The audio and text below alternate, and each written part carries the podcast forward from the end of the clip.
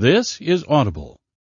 The Audio Partners Publishing Corporation is pleased to present The Lessons of History by Will and Ariel Durant, read by Grover Gardner, with exclusive interviews with the Durants at the end of each chapter and an introduction by editor John Little.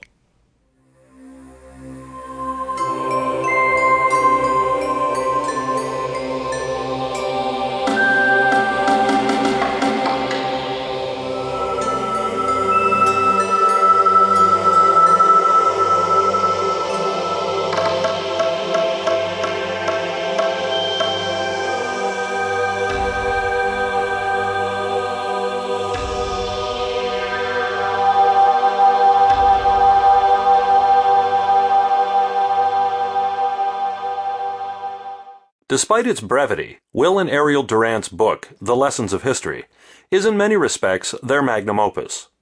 While the story of civilization, with its 10,000 pages of concentrated lore, is rich in lessons, sometimes, like a great painting, one can get so caught up in the colors and texture of the detail that one often loses sight of the overall patterns. The Lessons of History is the philosophy of history painted in the large, with bold and immediately recognizable strokes of insight, understanding, and real world reality and application. For those earnestly seeking answers to many of life's most perplexing questions, from racial issues to human nature to why we fight, they will find within these recordings cogent counsel indeed.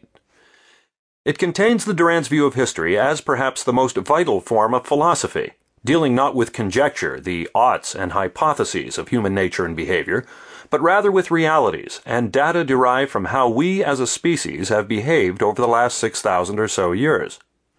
Durant lectured on this topic fairly extensively throughout his life, and after the publication of Lessons of History, both he and his wife were often asked for elaborations on certain key themes and lessons that they noted in their book. Fortunately, some of these expositions were recorded, and where applicable, these recordings and dialogues have been included after the appropriate section, allowing the Durants to have a further say and hand in how their legacies and teachings are being presented, interpreted, and perpetuated. Premiering with this new audio edition of The Lessons of History are two never before published essays written by Will Durant. The first was originally a radio address given on November 18, 1945, in Chicago, entitled Invitation to History. It is the best single essay presentation of his master thesis of history as a form of philosophy. The second is Today in the Light of History, crafted in the mid 1970s, in which the resolution on some problems of our present time is turned up a little higher, so that Americans might have some insight into the problems that continue to plague us as a nation, although they also apply to other Western countries as well. Welcome then to history as the greatest lesson in self knowledge that we possess, and the most reliable path to understanding the present and anticipating the problems of the future. Preface This postlude needs little preface. After finishing the story of civilization to 1789, we reread the ten volumes with a view to issuing a revised edition that would correct many errors of omission, fact, or print. In that process, we made note of events and comments that might illuminate present affairs, future probabilities, the nature of man, and the conduct of states. We tried to defer our conclusions until we had completed our survey of the narrative, but doubtless our preformed opinions influenced our selection of illustrative material. The following essay is the result. It repeats many ideas that we, or others before us, have already expressed. Our aim is not originality, but inclusiveness. We offer a survey of human experience, not a personal revelation. Here, as so often in the past, we must gratefully acknowledge the help and counsel given us by our daughter Ethel. Will and Ariel Durant. Chapter 1 Hesitations. As his studies come to a close, the historian faces the challenge of what use have your studies been? Have you found in your work only the amusement of recounting the rise and fall of nations and ideas, and retelling sad stories of the death of kings? Have you learned more about human nature than the man in the street can learn without so much as opening a book? Have you derived from history any illumination of our present condition? any guidance for our judgments and policies, any guard against the rebuffs of surprise or the vicissitudes of change? Have you found such regularities in the sequence of past events that you can predict the future actions of mankind or the fate of states? Is it possible that, after all, history has no sense, that it teaches us nothing, and that the immense past was only the weary rehearsal of the mistakes that the future is destined to make on a larger stage and scale? At times we feel so, and a multitude of doubts assail our enterprise. To begin with, do we really know what the past was, what actually happened? Or is history a fable not quite agreed upon?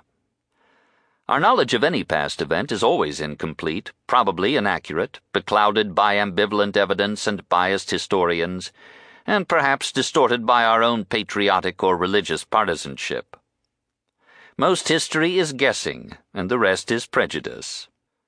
Even the historian who thinks to rise above partiality for his country, race, creed, or class betrays his secret predilection in his choice of materials and in the nuances of his adjectives.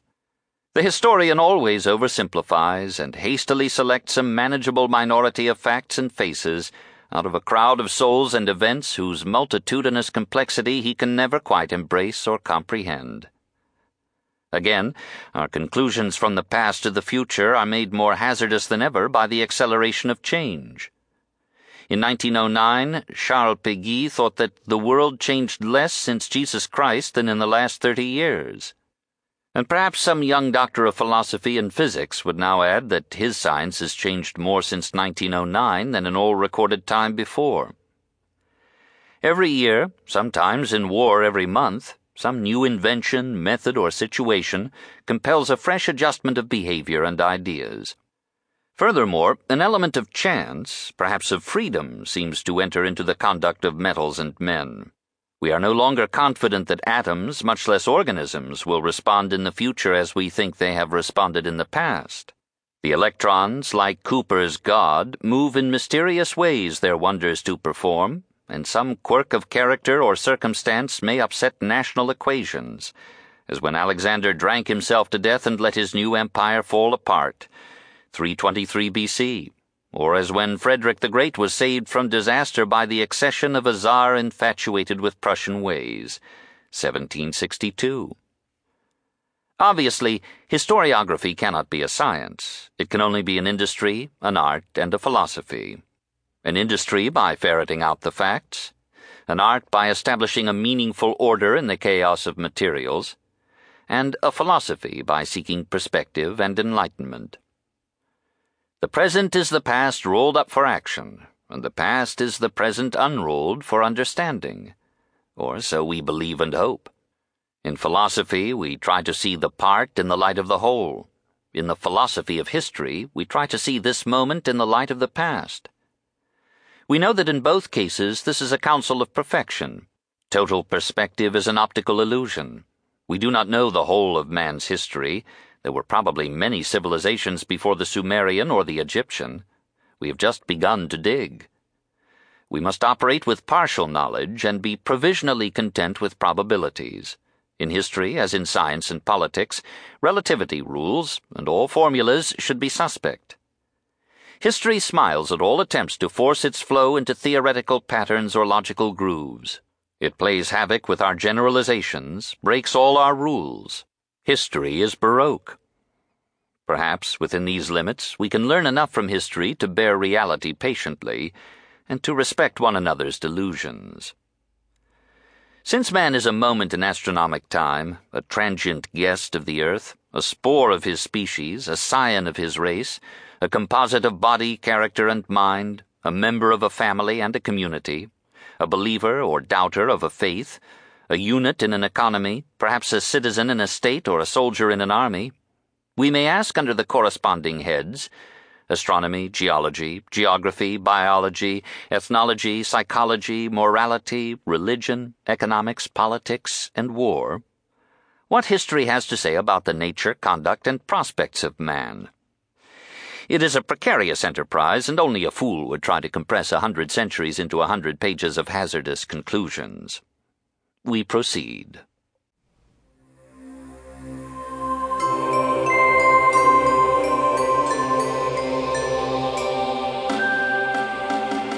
Is it possible, after all, that history has no sense? Does it make sense? Well, a lot of people have thought that. Voltaire thought that history is the record of the crimes and absurdities of mankind. I thought that was a very uh, unworthy definition. Uh, I should say that history is, is the record of the activities of mankind, uh, and it has two sides. One is the crimes and absurdities, the other is the contributions to civilization the lasting developments uh, which enabled each generation to proceed with a larger heritage than the one before. And that to me is the meaning of history.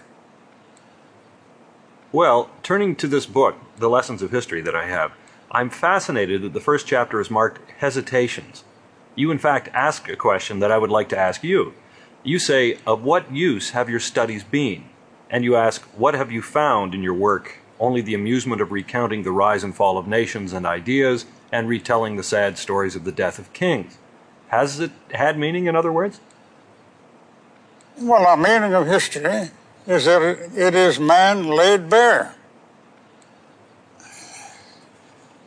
You see, there are two ways of arriving at a large perspective, which would be a definition of philosophy a large perspective. One is by studying the external world through science in all its aspects. You come to some general conclusion then, the way Herbert Spencer did, approaching it from that point of view as an engineer. The other is to examine how man has behaved for the last six or ten thousand years. And consequently, history becomes uh, the best guide we have to what man is. And we have to presume that one of the lessons of history is that he continues to behave, basically, in each generation as he behaved in the generations before. His instincts are the same, the basic situations that he faces are the same. Naturally, he makes similar responses. Makes political organizations he makes love affairs, marriages. and He overeats in each generation and so forth. So that uh, the present is the past rolled up for action. And the past is the present unrolled for understanding. Chapter 2 The Meaning of History History, said Henry Ford, is bunk. As one who has written history for 25 years and studied it for 45, I should largely agree with the great engineer who put half the world on wheels. History as studied in schools, history is a dreary succession of dates and kings, of politics and wars, of the rise and fall of states. This kind of history is verily a weariness of the flesh, stale and flat and unprofitable. No wonder so few students in school are drawn to it. No wonder so few of us learn any lessons from the past. But history as man's rise from savagery to civilization, history as the record of the lasting contributions made to man's knowledge, wisdom, arts, morals, manners, skills, history as a laboratory rich in a hundred thousand experiments in economics, religion, literature, science, and government, history as our roots and our illumination, as the road by which we came and the only light that can clarify the present and guide us into the future. That kind of history is not bunk. It is, as Napoleon said on St. Helena, the only true philosophy and the only true psychology. Other studies may tell us how man might behave, or how he should behave. History tells us how he has behaved for 6,000 years. One who knows that record is in large measure protected in advance against the delusions and disillusionments of his time. He has learned the limitations of human nature, and bears with equanimity the faults of his neighbors and the imperfections of states. He shares hopefully in the reforming enterprises of his age and people, but his heart does not break, nor his faith in life fade out when he perceives how modest are the results, and how persistently man remains what he has been for sixty centuries perhaps for a thousand generations. It is a mistake to think that the past is dead. Nothing that has ever happened is quite without influence at this moment. The present is merely the past rolled up and concentrated in this second of time. You too are your past. Often your face is your autobiography. You are what you are because of what you have been, because of your heredity stretching back into forgotten generations, because of every element of environment that has affected you, every man or woman that has met you, every book that you have read, every experience that you have had. All these are accumulated in your memory, your body, your character, your soul. So with a city, a country, a race. It is its past and cannot be understood without it. It is the present, not the past, that dies. This present moment, to which we give so much attention, is forever flitting from our eyes and fingers into that pedestal and matrix of our lives which we call the past. It is only the past that lives. Therefore, I feel that we of this generation give too much time to news about the transient present, too little to the living past. We are choked with news and starved of history. We know a thousand items about the day or yesterday. We learn the events and troubles and heartbreaks of a hundred peoples, the policies and pretensions of a dozen capitals, the victories and defeats of causes, armies, athletic teams. But how, without history, can we understand these events, discriminate their significance, sift out the large from the small, see the basic currents underlying surface movements and changes, and foresee the result sufficiently to guard against fatal error or the souring of unreasonable hopes? May I give you a few examples of how history illuminates the present? After the wars of Caesar and Pompey in the last century before Christ, Rome emerged the only strong power in the white man's world. Through that unchallenged supremacy, she was able to give two centuries of peace to her vast realm, a Roman Empire stretching from Scotland to the Euphrates, from Gibraltar to the Caucasus. This was the famous Pax Romana, or Roman peace, the greatest achievement in the history of statesmanship. Anyone knowing the history of Rome could have foreseen, some of us definitely predicted, that international affairs after this war would be more unstable, less pacific, than after the First World War, for the obvious reason that from this war two rival powers were emerging. The English speaking powers, supreme on the seas, and the power of Russia, supreme on the European continent. Two powers so dangerously balanced and in such irritating contact on a dozen frontiers that peace would be more difficult to organize than ever before. Even the statesmanship of an Augustus would hesitate to promise a Shangri La of international accord in this jungle of conflicting interests and distrustful power.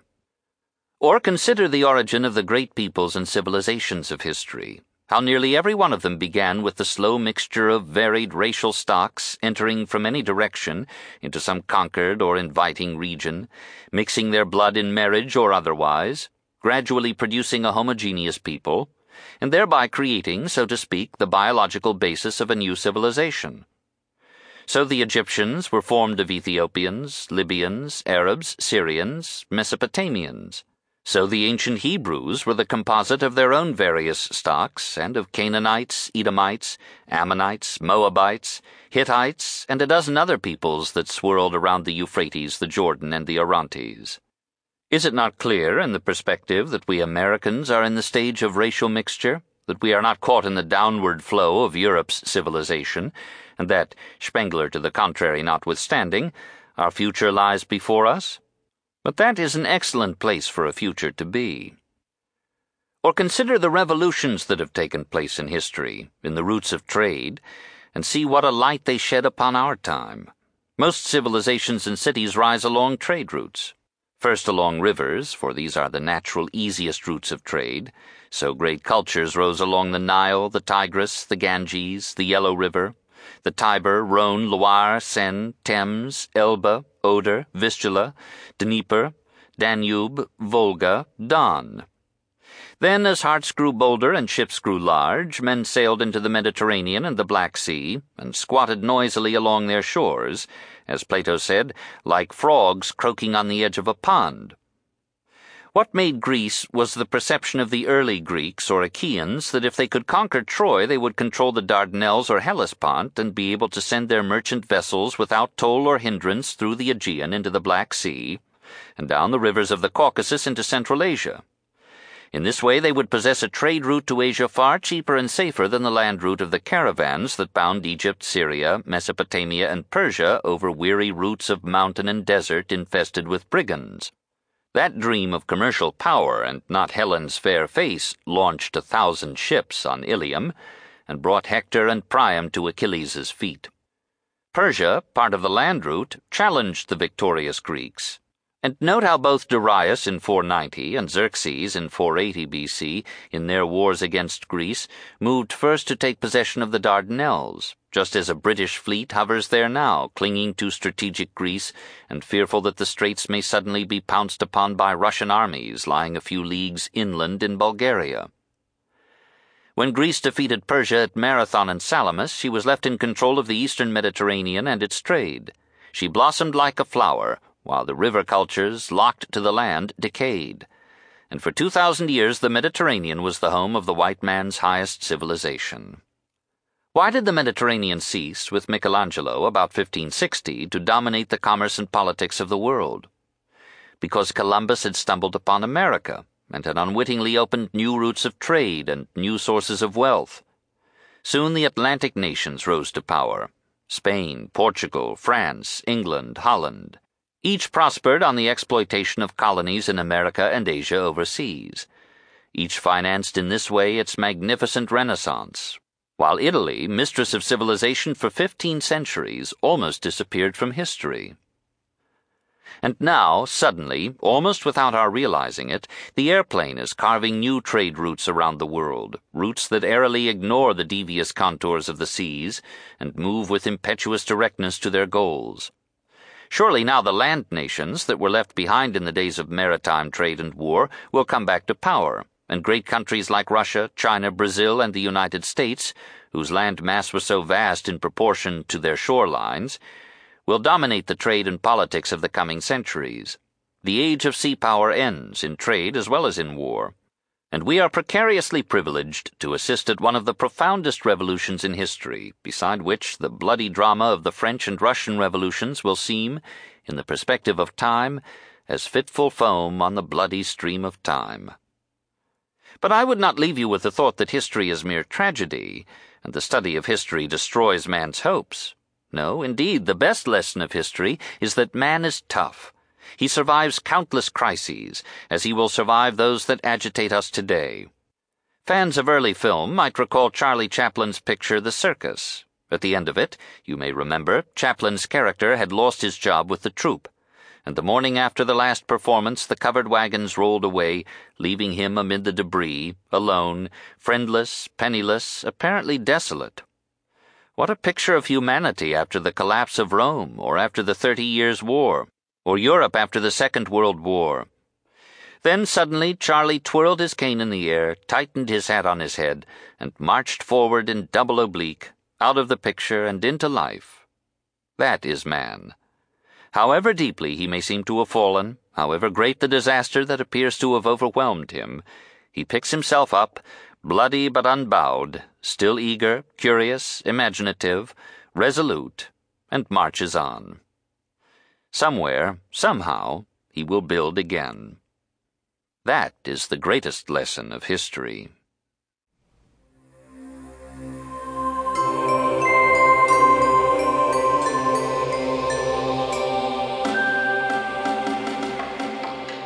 I'd like to hear how you got interested in history. What was it that made you get so interested in studying history? Well, that's very interesting. Uh, I was interested in philosophy. And uh, I studied it very faithfully. Wrote a little book called Story of Philosophy. And uh, I found that I wasn't getting any answers that I wanted. I wanted to know what kind of a man is man. Philosophy didn't tell me. It, it is true that it is. It attempted to deal with consciousness, which scientists never deal with, and yet it's the most astonishing thing in the world. Uh, but uh, I discovered that to find out how man behaves and how he will probably behave in the future, you have to study history. That is the, the map of human character. Dr. Durant, how, how did was it because he was so interested that you got interested, or were you interested before? No, I was uh, almost uh, a child bride, you know. I was much younger, and, I, and it took me time to try and catch up to what he really was saying. So that uh, when he talked, I most attentively listened. I knew that that was the, the beginning of my education. So I wouldn't, I couldn't take credit for any of his uh, early opinions. I didn't help make them, and it was a hard enough task to understand them. It's her way of saying she is not responsible. The history is the uh, has a double meaning. It can be the events of the past, or it can be the record of the past, and consequently, that double meaning is confuses very often.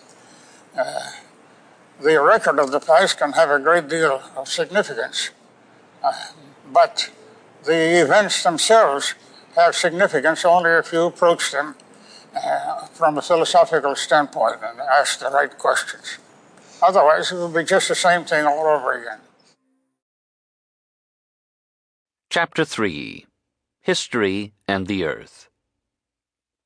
Let us define history, in its troublesome duplexity, as the events or record of the past.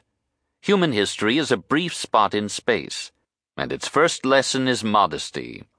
At any moment, a comet may come too close to the Earth and set our little globe turning topsy turvy in a hectic course, or choke its men and fleas with fumes or heat. Or a fragment of the smiling sun may slip off tangentially, as some think our planet did a few astronomic moments ago, and fall upon us in a wild embrace ending all grief and pain. We accept these possibilities in our stride, and retort to the cosmos in the words of Pascal. When the universe has crushed him, man will still be nobler than that which kills him, because he knows that he is dying, and of its victory the universe knows nothing. History is subject to geology. Every day the sea encroaches somewhere upon the land, or the land upon the sea. Cities disappear under the water, and sunken cathedrals ring their melancholy bells. Mountains rise and fall in the rhythm of emergence and erosion. Rivers swell and flood, or dry up, or change their course. Valleys become deserts, and isthmuses become straits. To the geologic eye, all the surface of the earth is a fluid form, and man moves upon it as insecurely as Peter walking on the waves to Christ. Climate no longer controls us as severely as Montesquieu and Buckle supposed, but it limits us. Man's ingenuity often overcomes geological handicaps. He can irrigate deserts and air condition the Sahara. He can level or surmount mountains and terrace the hills with vines. He can build a floating city to cross the ocean, or gigantic birds to navigate the sky. But a tornado can ruin in an hour the city that took a century to build. An iceberg can overturn or bisect the floating palace and send a thousand merrymakers gurgling to the great certainty. Let rain become too rare, and civilization disappears under sand, as in Central Asia. Let it fall too furiously, and civilization will be choked with jungle, as in Central America. Let the thermal average rise by 20 degrees in our thriving zones, and we should probably relapse into lethargic savagery. In a semi tropical climate, a nation of half a billion souls may breed like ants, but enervating heat may subject it to repeated conquest by warriors from more stimulating habitats. Generations of men establish a growing mastery over the earth, but they are destined to become fossils in its soil. Geography is the matrix of history, its nourishing mother and disciplining home.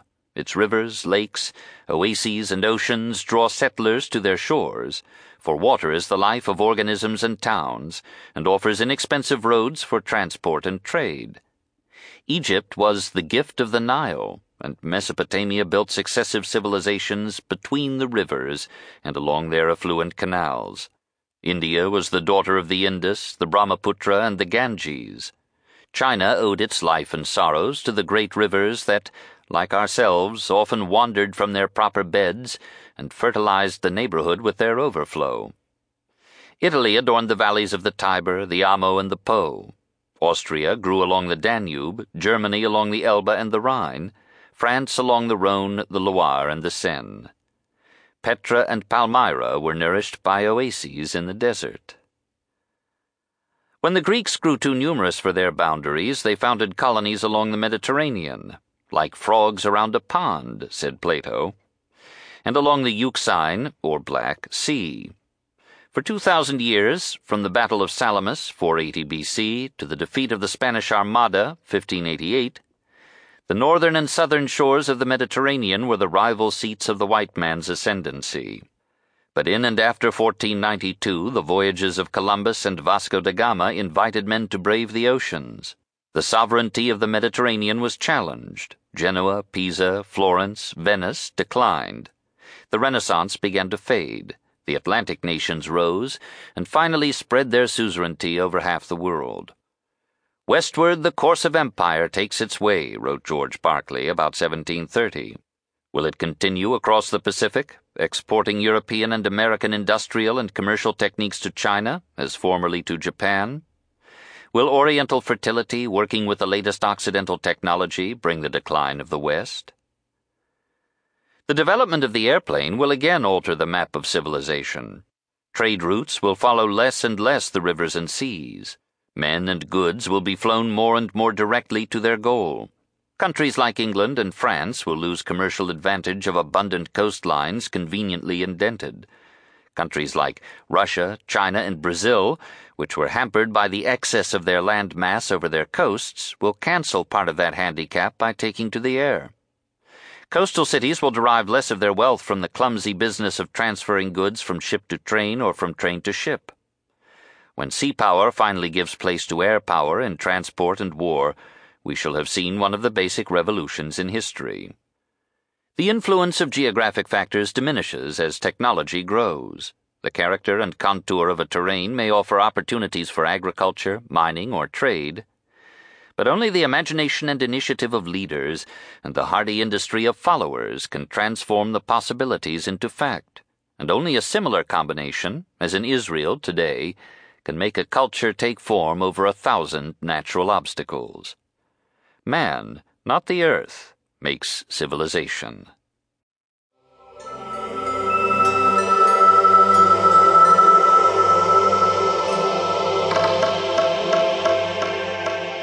We undoubtedly have increased our control over the environment. And in that sense, progress is real. The increasing ability of man to control the conditions of his life which would be by the definition of progress. But even with all that increase, he's still helpless before a great earthquake, and that's all of the game. Every organism eh, leads a dangerous life. At any moment, something can happen to destroy it, and it has to live within those limits. And it learns to do that without worrying about it. So it is just a conceit of man to think that he has come to master his environment. No, the environment is still master of the man, or maybe of the species. You can imagine changes in the environment that will lead to the extinction of a whole group of organisms. You say that geography is the matrix of history. Well, what does that mean exactly? Man is subject to his physical environment. If he lives on the coast, for example, he'll almost inevitably become uh, an addict of the sea. And uh, like a Britisher who could smell the ocean from almost any part of Great Britain, uh, he will take to the sea, control the sea, become the finest seaman in history, the finest naval warriors in history. Um, in almost all their great battles, they didn't have superior numbers, but they had superior seamanship. But does that mean that man is controlled by his geography? Oh, no. We are, we are controlled by everything around us and in us. But uh, neither one of those two uh, is, is, the whole story. And of course, when you say your environment, it depends again on how large you, you conceive it to be. If you think of it as uh, just Los Angeles, for example, the influence would be little. If you think of it as uh, the United States, it would still be little. Uh, if you think of it uh, since Darwin, it would be immense. You see? So, everything is involved in what made us. Not only Darwin, but the bishops that were against him. They had something too. They said, What are you going to put in place of God? Okay? And nobody's ever answered the bishop. Chapter 4 Biology and History History is a fragment of biology. The life of man is a portion of the vicissitudes of the organisms on land and sea. Sometimes, wandering alone in the woods on a summer day, we hear or see the movement of a hundred species of flying, leaping, creeping, crawling, burrowing things. The startled animals scurry away at our coming. The birds scatter, the fish disperse in the brook. Suddenly we perceive to what a perilous minority we belong on this impartial planet and for a moment we feel, as these very denizens clearly do, that we are passing interlopers in their natural habitat. Then all the chronicles and achievements of man fall humbly into the history and perspective of polymorphous life. All our economic competition, our strife for mates, our hunger and love and grief and war, are akin to the seeking, mating, striving, and suffering that hide under these fallen trees or leaves, or in the waters, or on the boughs. Therefore, the laws of biology are the fundamental laws of history. We are subject to the processes and trials of evolution, to the struggle for existence and the survival of the fittest to survive. If some of us seem to escape the strife or the trials, it is because our group protects us. But that group itself must meet the test of survival. So the first biological lesson of history is that life is competition. Competition is not only the life of trade, it is the trade of life, peaceful when food abounds, violent when the mouths outrun the food. Animals eat one another without qualm. Civilized men consume one another by due process of law. Cooperation is real and increases with social development, but mostly because it is a tool and form of competition. We cooperate in our group our family, community, club, church, party, race, or nation, in order to strengthen our group in its competition with other groups. Competing groups have the qualities of competing individuals acquisitiveness, pugnacity, partisanship, pride. Our states, being ourselves multiplied, are what we are. They write our natures in bolder type and do our good and evil on an elephantine scale. We are acquisitive, greedy, and pugnacious because our blood remembers millenniums through which our forebears had to chase and fight and kill in order to survive, and had to eat to their gastric capacity for fear they should not soon capture another feast. War is a nation's way of eating. It promotes cooperation because it is the ultimate form of competition. Until our states become members of a large and effectively protective group, they will continue to act like individuals and families in the hunting stage. The second biological lesson of history is that life is selection. In the competition for food, or mates, or power, some organisms succeed and some fail. In the struggle for existence, some individuals are better equipped than others to meet the tests of survival. Since nature, here meaning total reality and its processes, has not read very carefully the American Declaration of Independence or the French Revolutionary Declaration of the Rights of Man, we are all born unfree and unequal, subject to our physical and psychological heredity and to the customs and traditions of our group, diversely endowed in health and strength, in mental capacity and qualities of character. Nature loves difference as the necessary material of selection and evolution. Identical twins differ in a hundred ways, and no two peas are alike. Inequality is not only natural and inborn, it grows with the complexity of civilization. Hereditary inequalities breed social and artificial inequalities. Every invention or discovery is made or seized by the exceptional individual and makes the strong stronger and the weak relatively weaker than before. Economic development specializes functions, differentiates abilities, and makes men unequally valuable to their group. If we knew our fellow men thoroughly, we would select 30% of them whose combined ability would equal that of all the rest. Life and history do precisely that, with a sublime injustice reminiscent of Calvin's God. Nature smiles at the union of freedom and equality in our utopias, for freedom and equality are sworn and everlasting enemies, and when one prevails, the other dies. Leave men free, and their natural inequalities will multiply almost geometrically, as in England and America in the 19th century under laissez faire. To check the growth of inequality, liberty must be sacrificed, as in Russia after 1917. Even when repressed, inequality grows. Only the man who is below the average in economic ability desires equality. Those who are conscious of superior ability desire freedom. And in the end, superior ability has its way. Utopias of equality are biologically doomed, and the best that the amiable philosopher can hope for is an approximate equality of legal justice and educational opportunity. A society in which all potential abilities are allowed to develop and function will have a survival advantage in the competition of groups.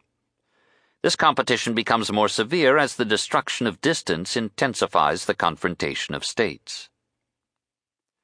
The third biological lesson of history is that life must breed. Nature has no use for organisms, variations, or groups that cannot reproduce abundantly. She has a passion for quantity as prerequisite to the selection of quality. She likes large litters and relishes the struggle that picks the surviving few. Doubtless, she looks on approvingly at the upstream race of a thousand sperms to fertilize one ovum.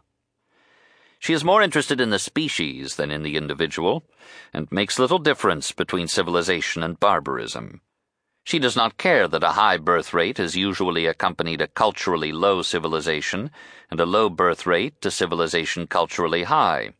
And she, here meaning nature as the process of birth, variation, competition, selection, and survival, sees to it that a nation with a low birth rate shall be periodically chastened by some more virile and fertile group.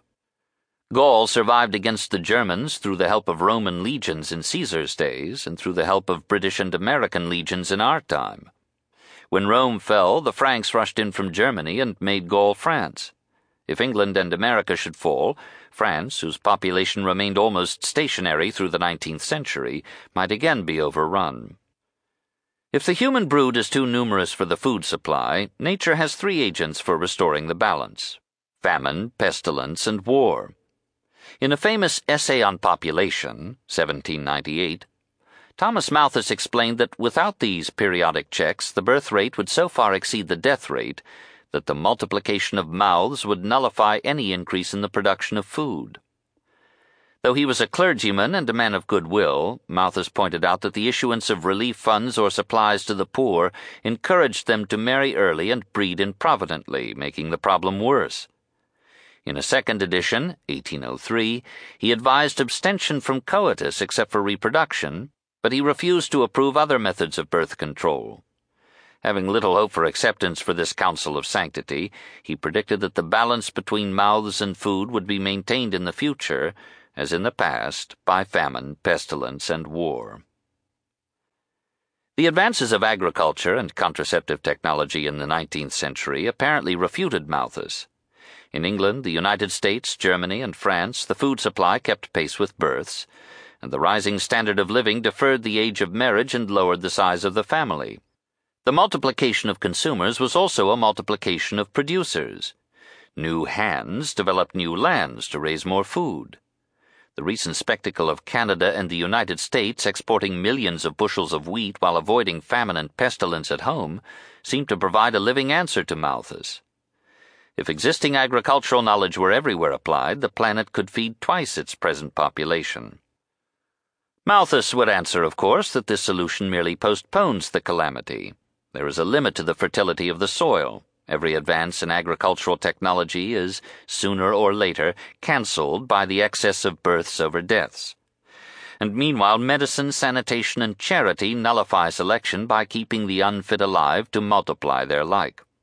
To which Hope replies, the advances of industry, urbanization, education, and standards of living, in countries that now endanger the world by their fertility, will probably have the same effect there, in reducing the birth rate, as they have had in Europe and North America.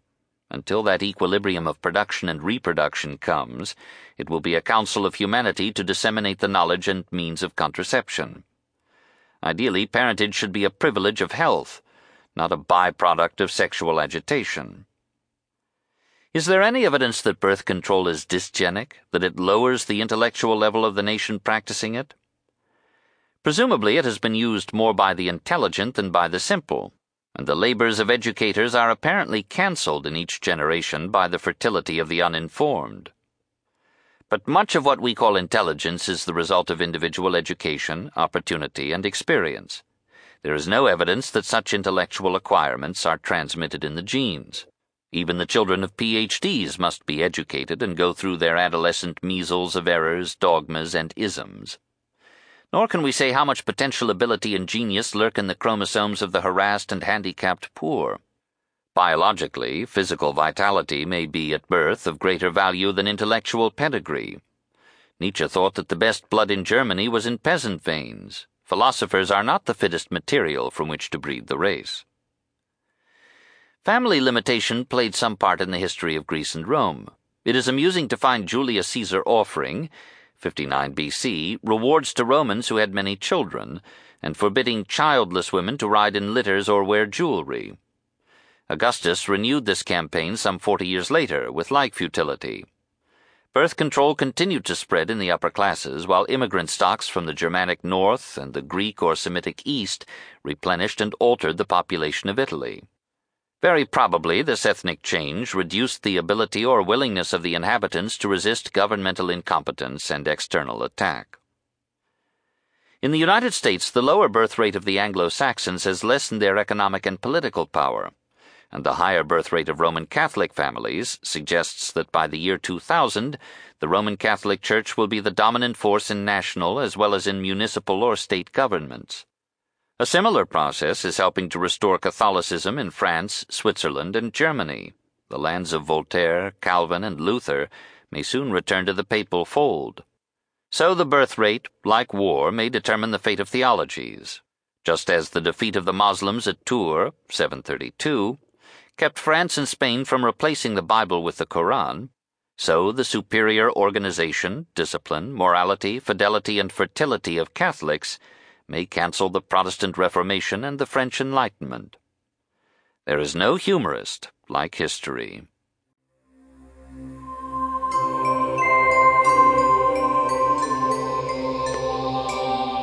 You also say history is a fragment of biology. Yes, because we are animals living uh, in, con- in conflict with an environment and in competition with thousands of other species. Think of the insects, which, according to Time magazine, will sooner or later get rid of the human species. You don't realize that, from a biological standpoint, all the history of mankind is a very short chapter in the history of life, and that's a chapter in the history of, of, of the planet. You take Mars, apparently no life on it, but it's had a history. You mentioned that the first biological lesson of history is that life is competition. That means our competition with the rest of the inhabitants of the earth? Yes, you see, I reject the uh, Marxian theory of history that history is the history of the class war. And that's only one, one part of the competitions of life. Uh, history is the activity of man in a struggle with other forms of life for the uh, possibilities and uh, gifts of the environment. And the competition is the, the, the basic law. Uh, competition, as I put it once, is the, the trade of life as well as the life of trade. And consequently, the whole Marxian theory of history falls onto one little element in the biology of man.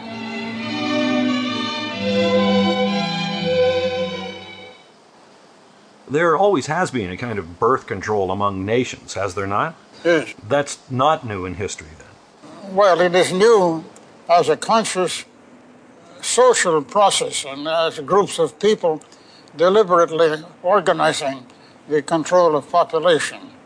But uh, as a, a, practice of man and wife, it, it is as old as history. And uh, Caesar was already offering um, prizes for parents who had three children. Uh, and uh, didn't do him any good. the difficulty was that the Romans obeyed him, and the non native stocks that were immigrants into Italy did not obey him, and the Romans disappeared, and the non natives inherited the earth. One of my favorite lines of yours is that there is no humorist like history. Could you explain this? You know, it often surprises us with the congruence of the incongruous. Now, let's see. How, for example, the most ignorant elements in the Roman Empire uh, outlasted the educated Romans. See? Naturally, you would expect that the educated would inherit the earth. The fertile inherit the earth. The fertile inherit the earth. What does that teach us? Yes, it teaches the law of biology that you have to breed as well as breathe.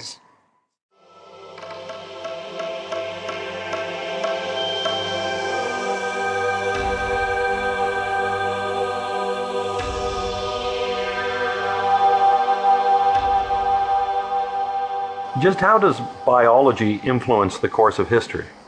Well, I suppose civilization exists with the permission of uh, the survival of the race. If your civilization does not contain uh, methods of survival, then it will not last very long.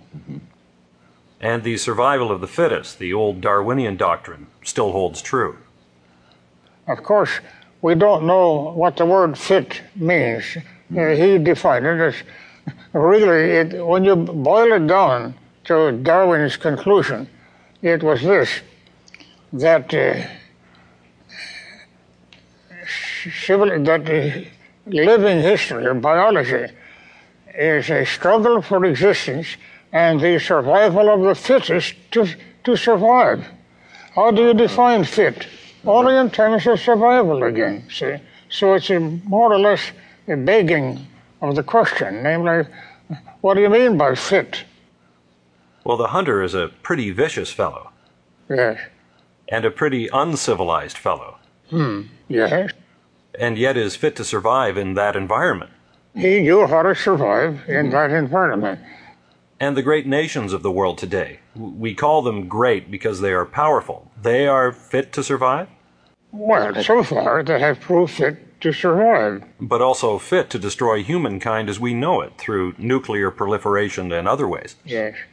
You see, competition used to be uh, among individuals, and then it was enlarged, it was among families.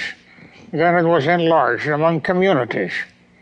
Cooperation is a tool of competition you cooperate within the community because the community itself is endangered mm-hmm. and must have your cooperation in order to compete with other communities like us with Russia, see?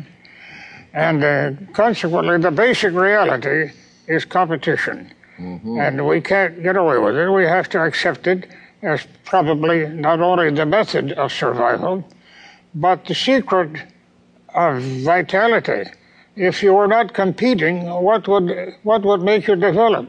So a certain degree of competition is inevitable and necessary. Yes. How do we account for man's dominance over the other species? Intelligence, I presume. Maybe the fact that he was able to stand up helped. He could use his hands because the hands are the instrument of education in the early life. The, the child learns through his hands. And even the simple worker, he learns through his hands. And was that dumb luck or was it the product? Where does the intelligence come from? That is the question. The intelligence is not exactly the cause, it is the product. Namely, when a man experiments and finds that he can get his results by certain means, and then he, under, he, he uses those results. That's, that, is, that is intelligence. It's not so much that he was intelligent, he becomes intelligent. Mm-hmm. And may, maybe the first part of the process is luck, accident. So you don't see any distinct pattern in this, no inevitability. The role of accident is very prominent then in the progress or the development of man to his present estate? Well, I should say its role diminishes in importance. Obviously, the role of education today in America is, is more important than the role of accident. Chapter 5 Race and History There are some two billion people of color on the earth, and some 900 million whites. However, many pale faces were delighted when Comte Joseph Arthur de Gobineau, in an essay sur l'inégalité des races humaines, 1853 55, announced that the species man is composed of distinct races inherently different like individuals, in physical structure, mental capacity, and qualities of character, and that one race, the Aryan, was by nature superior to all the rest. Everything great, noble, or fruitful in the works of man on this planet, in science, art, and civilization, derives from a single starting point, is the development of a single germ, it belongs to one family alone, the different branches of which have reigned in all the civilized countries of the universe. History shows that all civilization derives from the white race, that none can exist without its help, and that a society is great and brilliant only so far as it preserves the blood of the noble group that created it. Environmental advantages, argued Gobineau, cannot explain the rise of civilization. For the same kind of environment, e.g., soil fertilizing rivers, that watered the civilizations of Egypt and the Near East, produced no civilization among the Indians of North America, though they lived on fertile soil along magnificent streams. Nor do institutions make a civilization, for this has risen under a diversity, even a contrariety of institutions, as in monarchical Egypt and democratic Athens. The rise, success, decline, and fall of a civilization depend upon the inherent quality of the race. The degeneration of a civilization is what the word itself indicates a falling away from the genus, stock, or race. Peoples degenerate only in consequence of the various mixtures of blood which they undergo.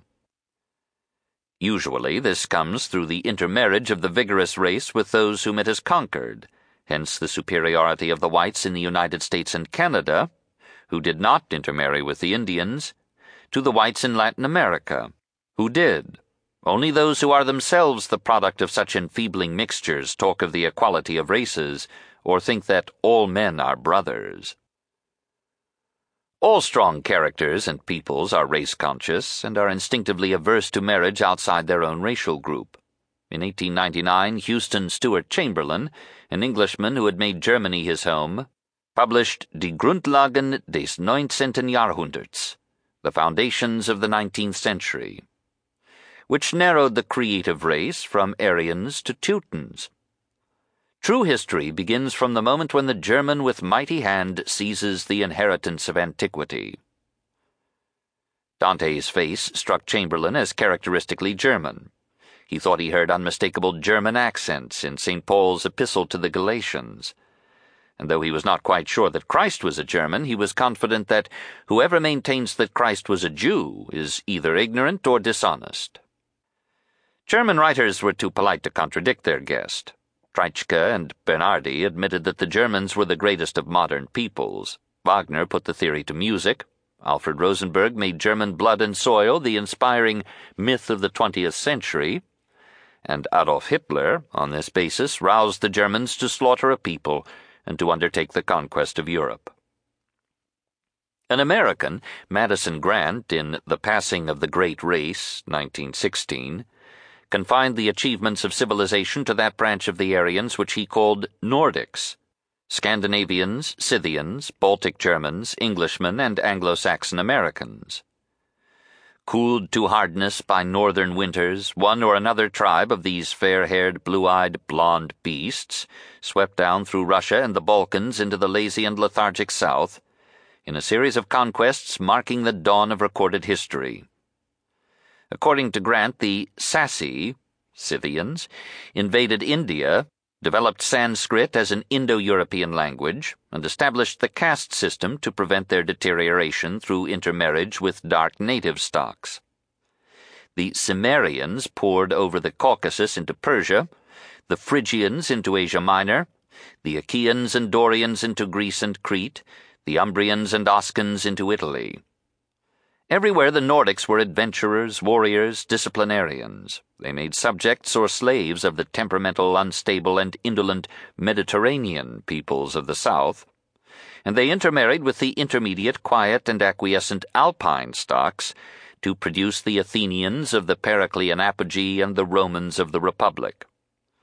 The Dorians intermarried least and became the Spartans, a martial Nordic caste ruling Mediterranean helots.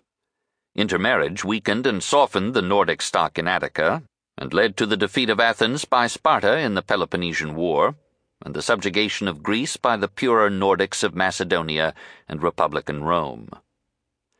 In another inundation of Nordics, from Scandinavia and northern Germany, Goths and Vandals conquered imperial Rome. Angles and Saxons conquered England and gave it a new name. Franks conquered Gaul and gave it their name. Still later, the Nordic Normans conquered France, England, and Sicily. The Nordic Lombards followed their long beards into Italy, intermarried, and vitalized Milan and Florence into a Renaissance.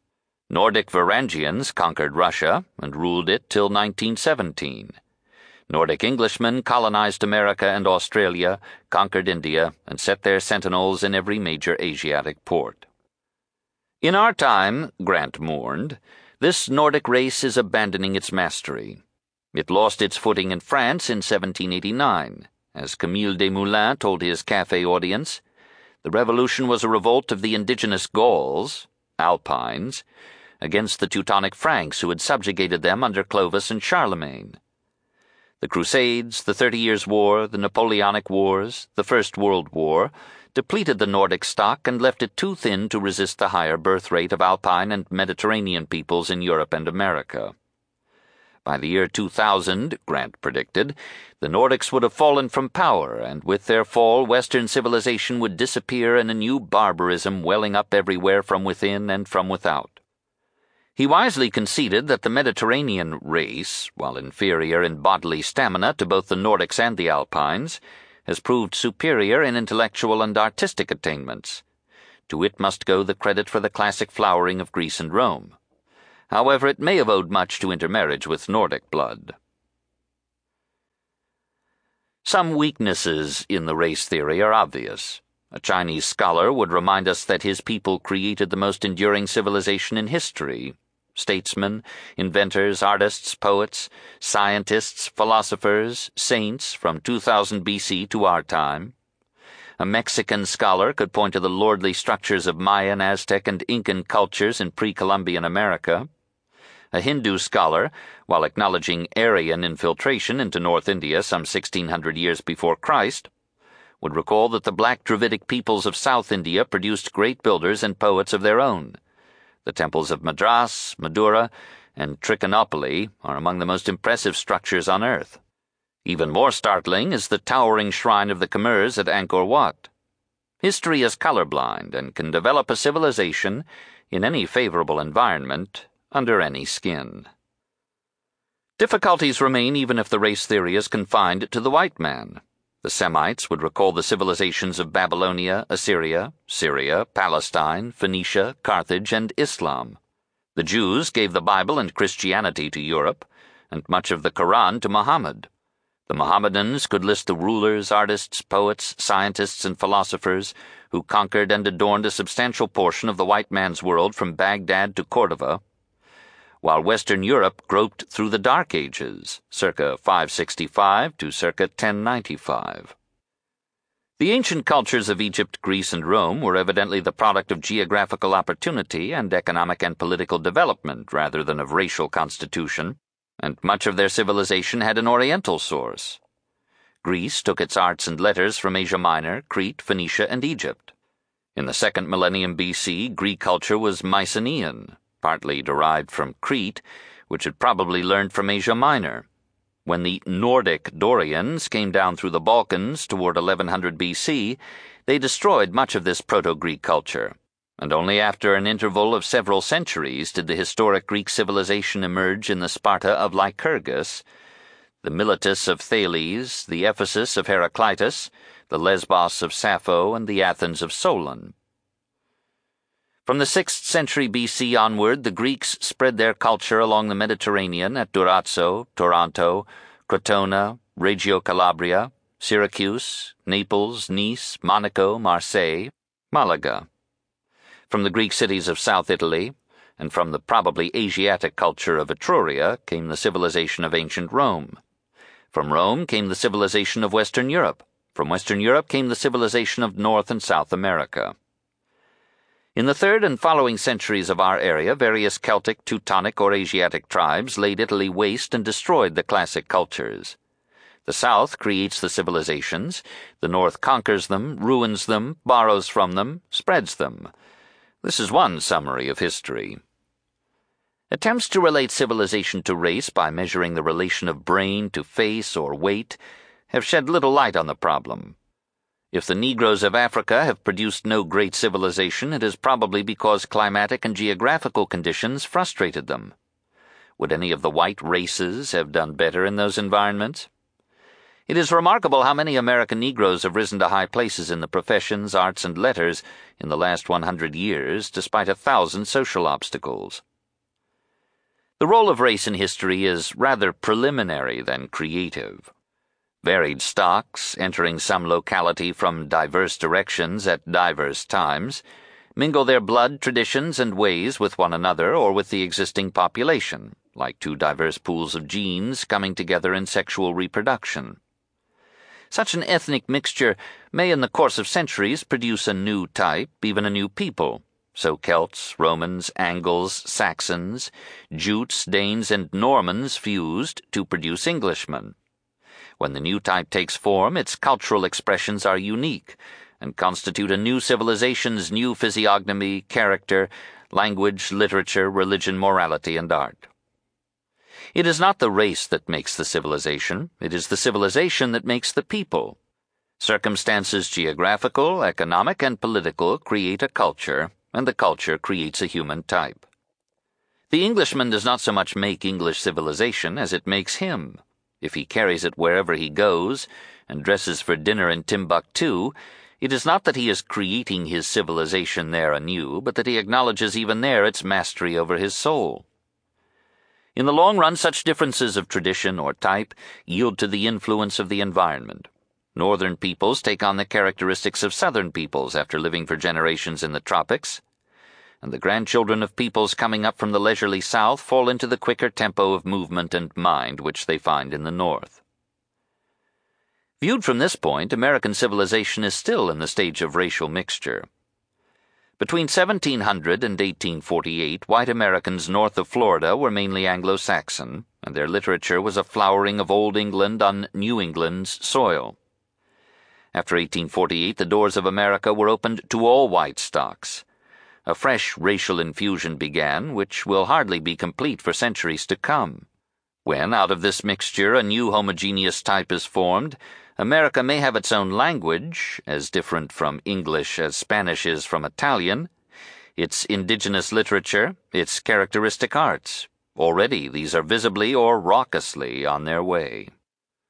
Racial antipathies have some roots in ethnic origin, but they are also generated, perhaps predominantly, by differences of acquired culture, of language, dress, habits, morals, or religion. There is no cure for such antipathies except a broadened education.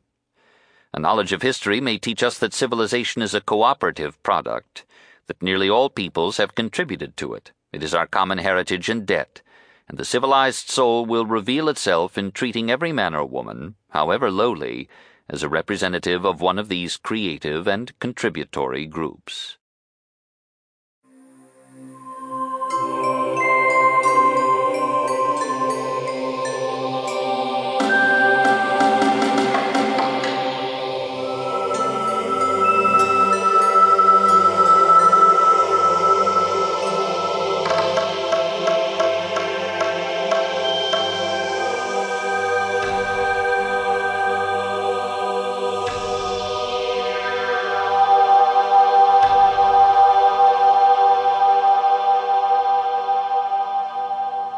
Why is it that racism has endured so long in every culture and continues even today in our so called modern enlightened societies? Racial distinctions are a part of the egotism that stimulates life. Everybody thinks his own color is the most wonderful. And uh, if he didn't believe that, he'd lose a part of the stimulus that carries him along. And just the same way with you and me. If we didn't have a little vanity, uh, we'd have less energy. We, we like to think that we're particularly special. Well, we do indeed. And yet there has been a general intermixing of cultures here, for example, in the United States and in the course of human history, has there not? Yes, it's going on, yes. So the racial ingredient, then, in the course of civilization, is just the product of egotism, or the biological competition that has always existed among organisms and species on our planet that you alluded to uh, in an earlier talk. Yes, I should say yes, simply yes. Uh, but I must, I must not say simply yes. I must say yes, provided you remember that if you have a pride of race, it can be a strengthening stimulus. If you had no pride of race and the other fellow had pride of race, he might get the better of you just through that difference. How have race and history been intertwined? Well, it enters history as the operation of collective egotism. But uh, whether the great achievements of history were due to the racial composition of the people that achieved these results is another question because if there's anything clear in history, it is that civilization and greatness have appeared under all kinds of skin and under all sorts of nationalities. Uh, and for example, uh, take Confucius, uh, it surely wasn't the same as a, uh, as a, a, Kansas City Yankee. And yet, uh, he was a pretty great man. Although the present Chinese don't quite agree with that, you know. you make the observation that perhaps there were no great intellectual civilizations in Africa where the blacks were. But perhaps if the population had been white, it, it wouldn't have made any difference. Is that correct?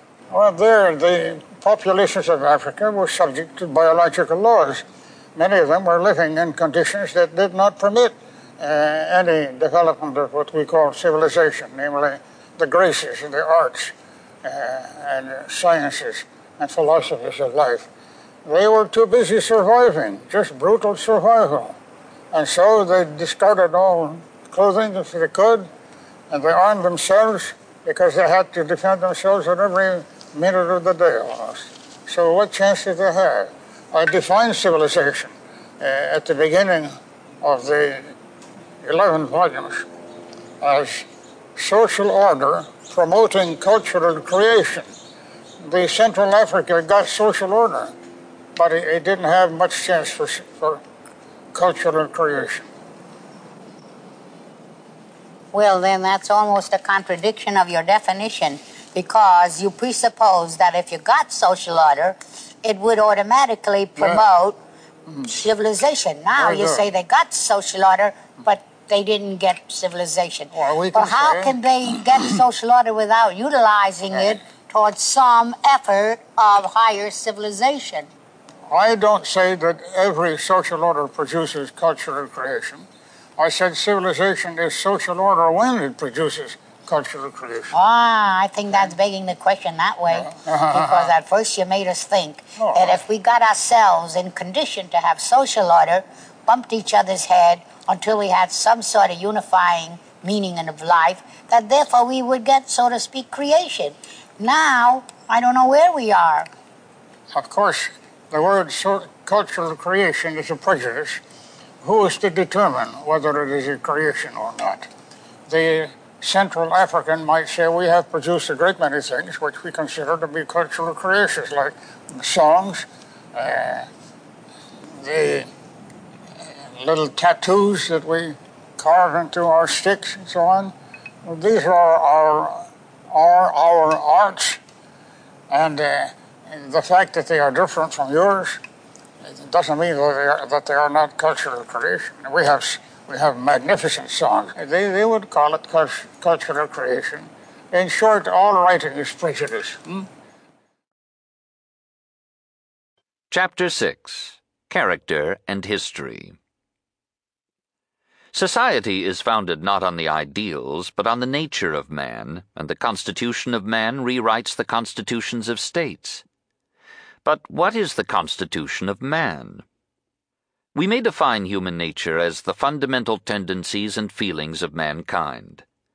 The most basic tendencies we shall call instincts, though we recognize that much doubt has been cast upon their inborn quality. We might describe human nature through a table of character elements. In this analysis, human beings are normally equipped by nature, here meaning heredity, with six positive and six negative instincts, whose function it is to preserve the individual, the family, the group, or the species. Listed in pairs of positive or negative, we could call these instincts action or sleep, fight or flight, acquisition or avoidance, association or privacy, mating or refusal, parental care, or filial dependence. In positive personalities, the positive tendencies predominate, but most individuals are armed with both sets of instincts to meet or to avoid, according to mood or circumstance, the basic challenges or opportunities of life. Each instinct generates habits and is accompanied by feelings. For instance, the first pair of instincts, action or sleep, positive or negative, might generate positive or negative habits such as play or rest work, or sloth, curiosity or indifference, manipulation or hesitation, thought or dreaming, innovation or imitation, art or disorder.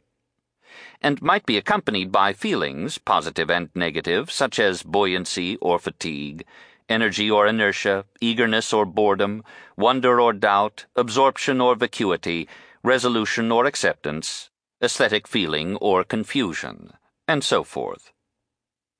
Their totality is the nature of man. But how far has human nature changed in the course of history? Theoretically, there must have been some change. Natural selection has presumably operated upon psychological as well as upon physiological variations. Nevertheless, known history shows little alteration in the conduct of mankind. The Greeks of Plato's time behaved very much like the French of modern centuries, and the Romans behaved like the English. Means and instrumentalities change, motives and ends remain the same to act or rest, to acquire or give, to fight or retreat, to seek association or privacy, to mate or reject, to offer or resent parental care. Nor does human nature alter as between classes. By and large, the poor have the same impulses as the rich, with only less opportunity or skill to implement them.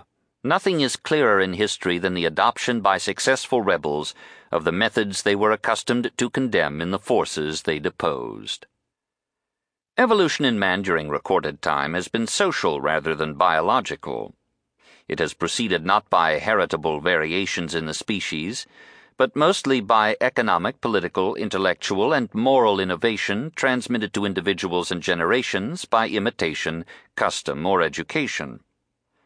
Custom and tradition within a group correspond to type and heredity in the species, and to instincts in the individual. They are ready adjustments to typical and frequently repeated situations. New situations, however, do arise, requiring novel, unstereotyped responses. Hence, development, in the higher organisms, requires a capacity for experiment and innovation, the social correlates of variation and mutation. Social evolution is an interplay of custom with origination. Here, the initiative individual, the great man, the hero, the genius, regains his place as a formative force in history.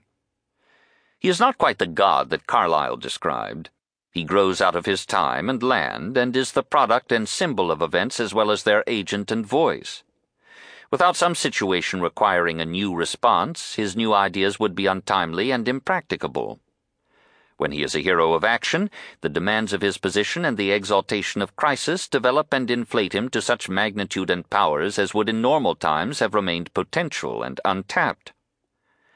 But he is not merely an effect. Events take place through him as well as around him. His ideas and decisions enter vitally into the course of history. At times, his eloquence, like Churchill's, may be worth a thousand regiments. His foresight in strategy and tactics, like Napoleon's, may win battles and campaigns and establish states. If he is a prophet like Mohammed, wise in the means of inspiring men, his words may raise a poor and disadvantaged people to unpremeditated ambitions and surprising power.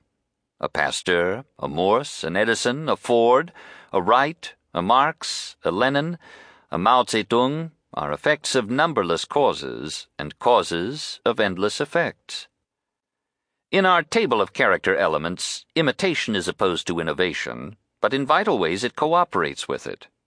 As submissive natures unite with masterful individuals to make the order and operation of a society, so the imitative majority follows the innovating minority, and this follows the originative individual in adapting new responses to the demands of environment or survival. History, in the large, is the conflict of minorities. The majority applauds the victor and supplies the human material of social experiment.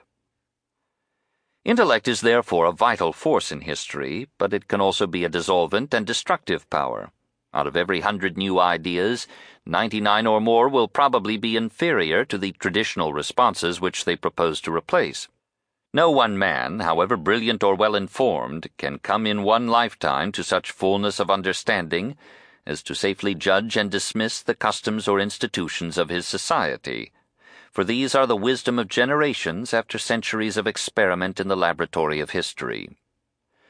A youth boiling with hormones will wonder why he should not give full freedom to his sexual desires and if he is unchecked by custom, morals, or laws, he may ruin his life before he matures sufficiently to understand that sex is a river of fire that must be banked and cooled by a hundred restraints, if it is not to consume in chaos both the individual and the group. So the conservative who resists change is as valuable as the radical who proposes it, perhaps as much more valuable as roots are more vital than grafts. It is good that new ideas should be heard, for the sake of the few that can be used. But it is also good that new ideas should be compelled to go through the mill of objection, opposition, and contumely. This is the trial heat which innovations must survive before being allowed to enter the human race. It is good that the old should resist the young, and that the young should prod the old.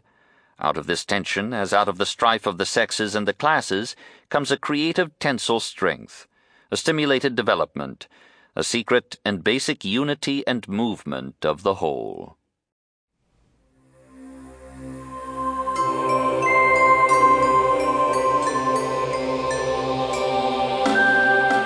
What do you mean when you say that society is founded not on ideals, but on the nature of man? Society is founded on the nature of man in this sense that by nature he is intended for the brute struggle for existence according to his individual powers. But by society, he is intended to check those individual instincts in order to be a social being. I catch that. One wonders, have we changed? Well, I, I should say the basic lesson of history is that man is essentially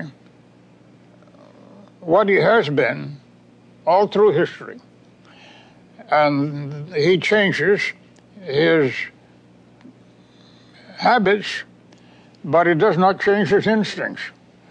And his instincts, that is, those tendencies of behavior that we seem to have with us in our blood from heredity, There's a great deal of discussion, of course, as to whether there are, whether there are any, distinct, any instincts or not. Mm-hmm. But uh, I have not place much confidence in the theory that we have no instincts. No. Obviously, acquisitiveness is instinctive. So you don't see that human nature has changed in the course of history? Human behavior has changed, but not human nature. And consequently, the basic responses of man are the same sexual, commercial. He's the same sort of person. The French are just the Greeks uh, revivi, uh, revived. The, the Germans or the Lacedaemonians revived, and so on. They behaved about the same way as those ancients did. Who are we revived then? We are the Romans. We are the Romans who imported uh, Greek civilization. We imported European civilization. And we, our chief function in history is apparently to be a, a transmission line for that great heritage. If we met someone who was wandering through the desert of 4,000 years ago, would he be like us? Would we be like him? Would he react to things in the same way? He, was, he would be competing for his next meal and his next mate. Uh, those are the essential things in our lives, too. I don't mean to say that all the activities of human beings are exactly the same as, as they were uh, 2,000 years ago or 20,000. You know, history is only about 20,000 years old. It's a moment, in uh, human history It's just a moment in the history of the planet. I mean, 20,000 years ago is like saying that the last minute of the day is is half the day. It isn't. It's just just the last minute. In terms of what makes the difference, you have a line in the book that intellect is a vital force in history, but it can also be a destructive power. What does that mean? It becomes an instrument for justifying impulse. Namely, you, you become smart, you can prove that what you really want to do, what you are itching to do, is just what should be done. Uh, haven't you ever done that in your life? Always. Always. the, the difficulty is that the intellect is an individualist. It learns how to protect the individual, and long before it ever thinks of protecting the group. That has to come later. It comes with the maturing of the mind. And consequently, uh, a civilization controlled by the intellectuals would commit suicide very soon. sure. That's a slap against yourself. You don't have to no, be so mean to yourself. I'm not an intellectual. What then are you, a plebeian? An intellectual, I suppose, is a man who mistakes ideas for realities. Nah, uh, that's selling them short. That's and, uh, not my idea of an intellectual. I, I'm trying to submit my ideas to reality. Of course, I may fool myself, but the only way to do it is by subjecting your ideas to the course of history. How do you do that? I read my books. Ah, you see or that? your books. I thought so. Why do you think we've been operating for the last 40, 50 years, trying to find out how has man really behaved?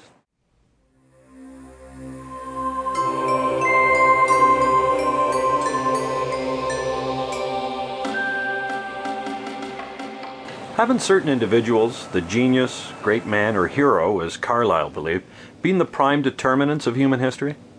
There are many cases, I think, in which individual characters have had a, a very significant results upon history.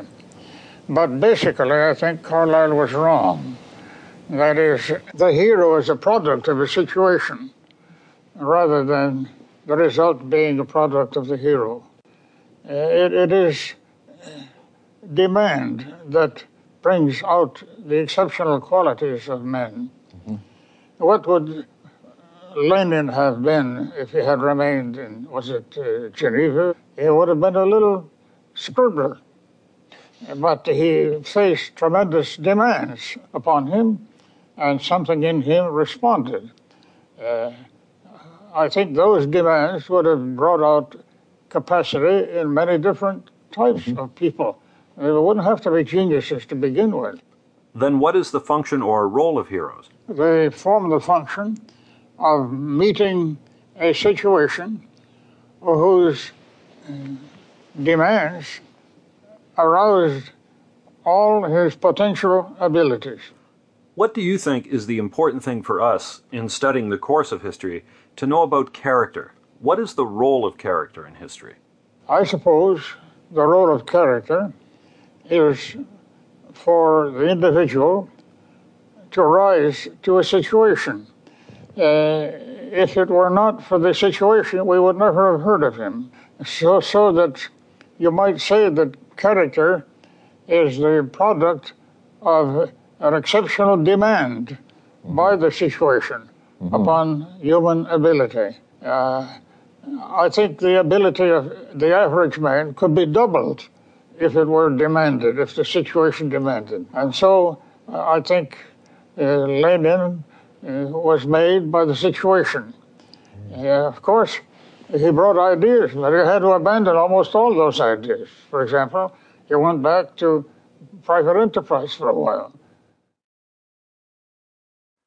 Chapter 7 Morals and History Morals are the rules by which a society exhorts, as laws are the rules by which it seeks to compel, its members and associations to behavior consistent with its order, security, and growth.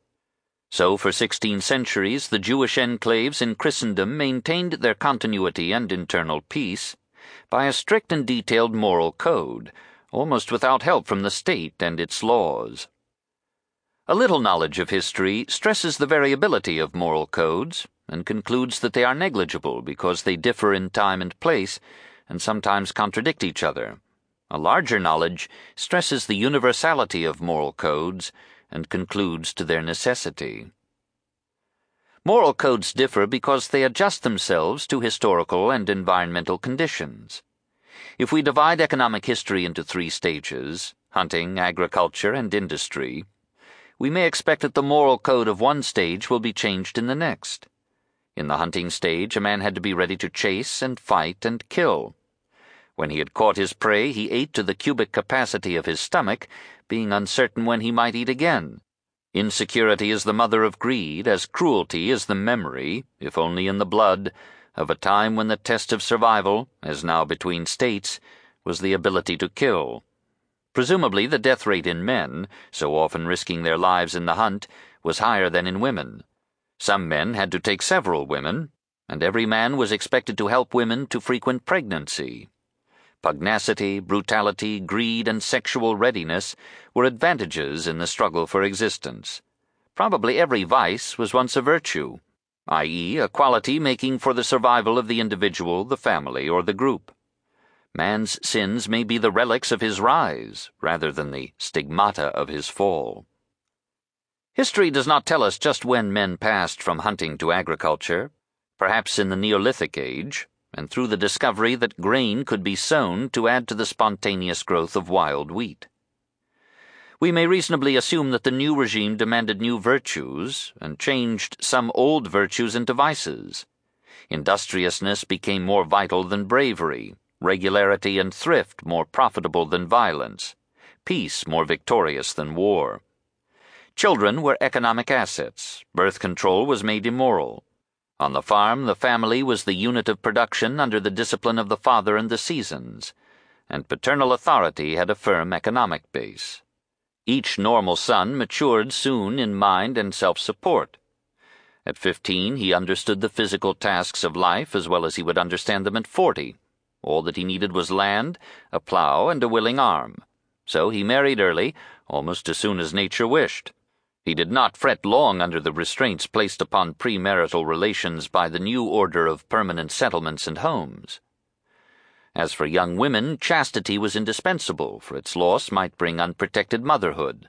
Monogamy was demanded by the approximate numerical equality of the sexes.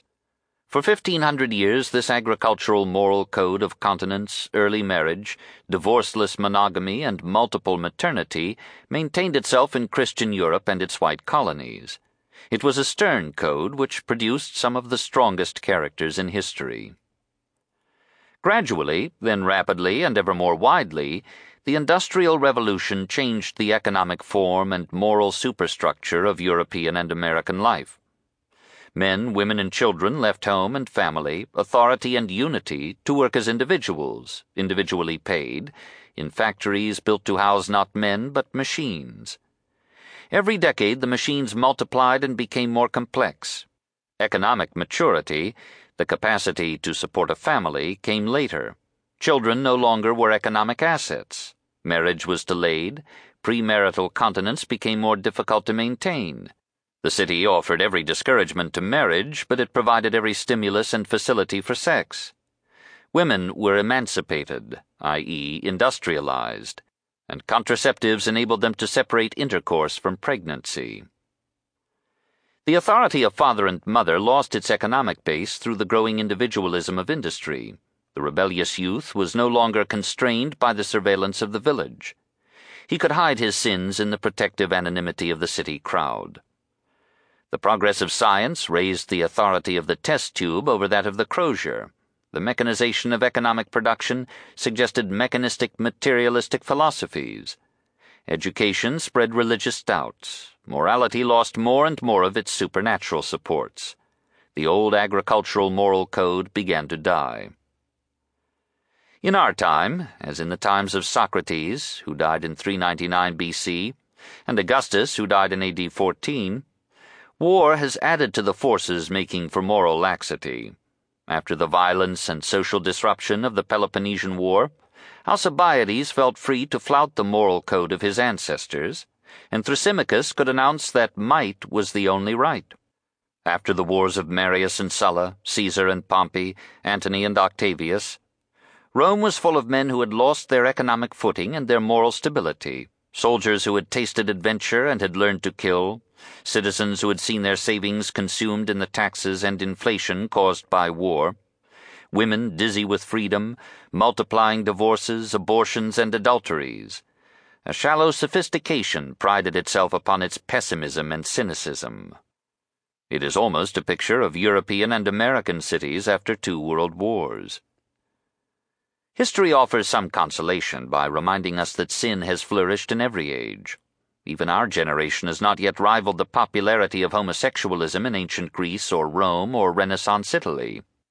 The humanists wrote about it with a kind of scholarly affection, and Ariosto judged that they were all addicted to it. Aretino asked the Duke of Mantua to send him an attractive boy.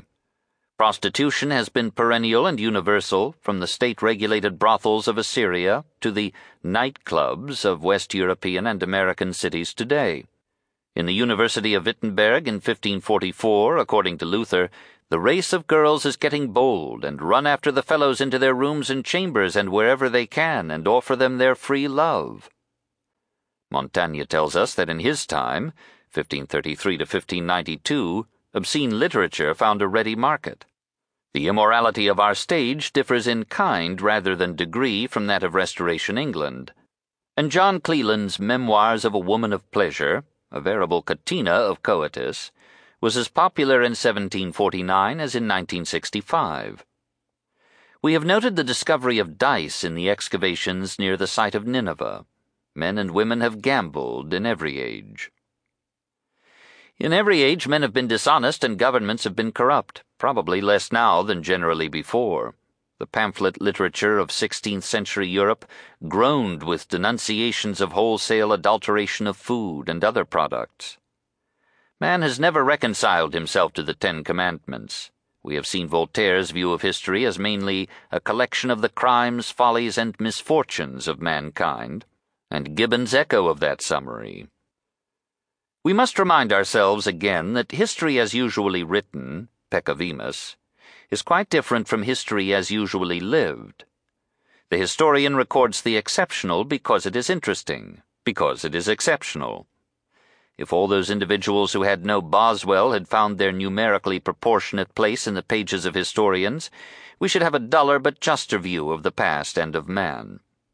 Behind the red facade of war and politics, misfortune and poverty, adultery and divorce, murder and suicide, were millions of orderly homes, devoted marriages, men and women kindly and affectionate, troubled and happy with children.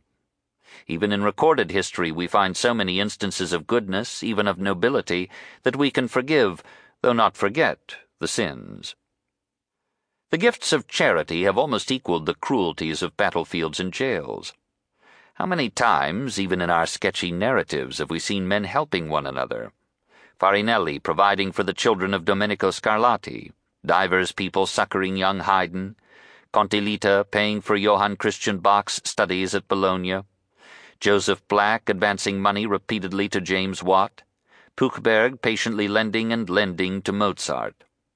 Who will dare to write a history of human goodness?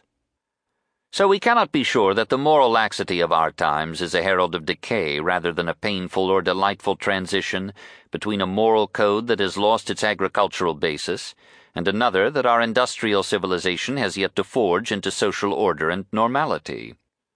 Meanwhile, history assures us that civilizations decay quite leisurely. For 250 years after moral weakening began in Greece with the Sophists, Hellenic civilization continued to produce masterpieces of literature and art. Roman morals began to decay soon after the conquered Greeks passed into Italy, 146 BC, but Rome continued to have great statesmen, philosophers, poets, and artists until the death of Marcus Aurelius, AD 180. Politically, Rome was at nadir when Caesar came, 60 BC, yet it did not quite succumb to the barbarians till AD 465. May we take as long to fall as did imperial Rome. Perhaps discipline will be restored in our civilization through the military training required by the challenges of war. The freedom of the part varies with the security of the whole. Individualism will diminish in America and England as geographical protection ceases. Sexual license may cure itself through its own excess.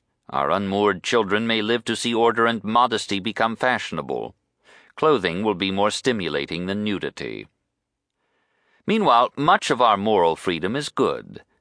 It is pleasant to be relieved of theological terrors, to enjoy without qualm the pleasures that harm neither others nor ourselves, and to feel the tang of the open air upon our liberated flesh.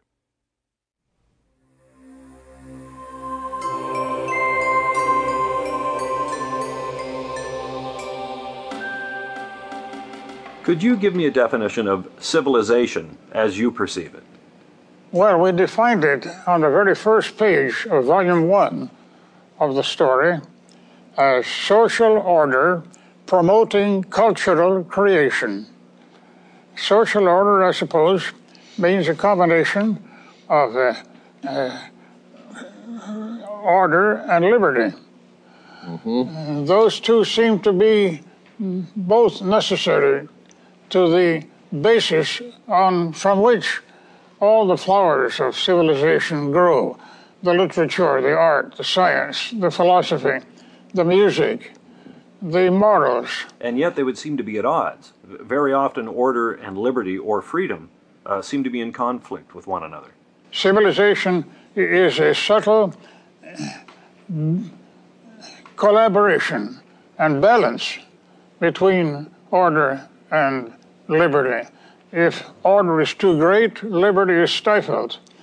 If order is too little, liberty becomes license, so that it becomes a matter of automatic wisdom in both of them to adjust each to the other.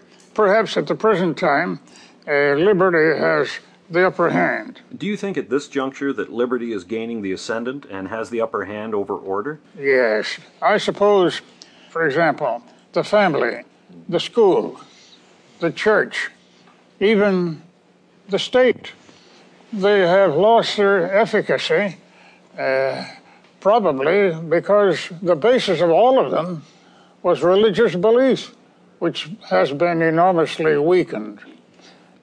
Well, how do you account for that, the weakening of religious belief? Oh, well, it's been going on ever since Copernicus discovered that we were just a drop uh, in an ocean of, of planets. Mm-hmm. And uh, we, we began to wonder uh, how is it that we became so important to God? Why did He choose this particular bit of mud as His home on, uh, on Earth? And of course, that was the beginning of it with Copernicus. What is it, about 1560? And uh, then if you jump uh, 400 years to Charles Darwin, you get another blow that was struck at our old beliefs, namely the revelation that we belonged to, to the animal kingdom and had a great deal of the animal left in us. And yet there are many people who would suggest that the animal in us is rather more civilized by any more reasonable definition of the term than the human. More civilized in the sense of being more at home with other animals and at home with its environment. Civilized man is extremely uncivilized, don't you think? Well, uh, you, from another standpoint, you can say remarkably civilized. Mm. I mean, civilization itself is the most remarkable thing that has ever happened on the planet, from our point of view. Certainly the most remarkable thing that man has done. But the trouble is that it is it requires a perpetual, delicate balance of the uh, social impulses with the animal impulses. Mm-hmm. After all, you see, we have a general idea that man was a hunter for hundreds of thousands of years. Mm-hmm. He's been a, an agriculturalist, a tiller of the soil only for some 30,000 years, so far as we know. Mm-hmm. And uh, it was in the agricultural regime that our social impulses were encouraged and developed. That's really the origin of civilization. The origin point. of civilization was, was uh, the agricultural development of the home and the social impulses. Mm-hmm. And uh, a civilization is always a perilous balance between the social and the individual impulses. In the hunting stage, we had to be individualists. Mm. There was a, a family, or a narrow family perhaps, but there was the picture that we have of man in, in those days, which may have lasted hundreds of thousands of years, that hunting stage. Generally, uh, the biologists or the sociologists picture man as uh, having lived at least a million years. Mm-hmm. And of those million years, at least 300,000 were in the stage of hunting. Yes. Uh, the agricultural, uh, relatively sm- short period. Mm-hmm. And in the hunting stage, we had to be animals almost. We had to be individualists. We had to go out with a club and be ready to fight our way to some food that we wanted to get. We had to face an animal sometimes and conquer it before we could eat it. And we ate it almost on the spot because we could never tell yes. what would happen. And uh, similarly, the, the man being a hunter was acquisitive, he was pugnacious, and he was sexually almost lawless. Mm-hmm. And uh, those qualities were necessary, they were virtues in the hunting stage. I should define a virtue as a quality that makes for survival. Survival then becomes one of the highest attainments of man. Yes. But in agriculture, those hunting qualities of pugnacity, aggressiveness, uh, sexual voracity, which were once virtues because they were necessary to survival. Uh, they became problems. We needed, we needed them still in some degree to give vigor to human life and activity. But we had to develop institutions to mitigate those hunting qualities. And uh, that, that is the problem, the, the persistent problem of civilization is by what institutions have we been able to mitigate those hunting qualities so that they might be useful but not excessive, not dangerous to us. But, and we had to develop social impulses, which were par- partly uh, in our blood in the sense that we inherit the affection of a man for a woman, perhaps the family. You might say that they are biologically rooted. But civilization is not biologically rooted. It depends upon the development of the mind, uh, educational systems. It depends upon religious belief. It depends upon social organization through the community and the state. Mm-hmm. And none of these was known to the hunter. But you yourself have challenged some of the prevailing religious beliefs of our time. Well, that was in my youth. Today, I should say that I know much less than I did then. Uh-huh. And I, I would not be so forward as to stand up and judge a religion, because a religion is a product of hundreds and thousands of years, the way Christianity is. And I have learned that it is very dangerous for an individual to think that his own individual mind can stand up and with the experience of some 30 or 40 years judge the experience of the race, which is that without supernatural beliefs, it's very difficult to control the animal instincts in us. And it may be that all through history, religions have helped society to control those animal instincts to enable the social instincts to cope with them and to make civilization possible.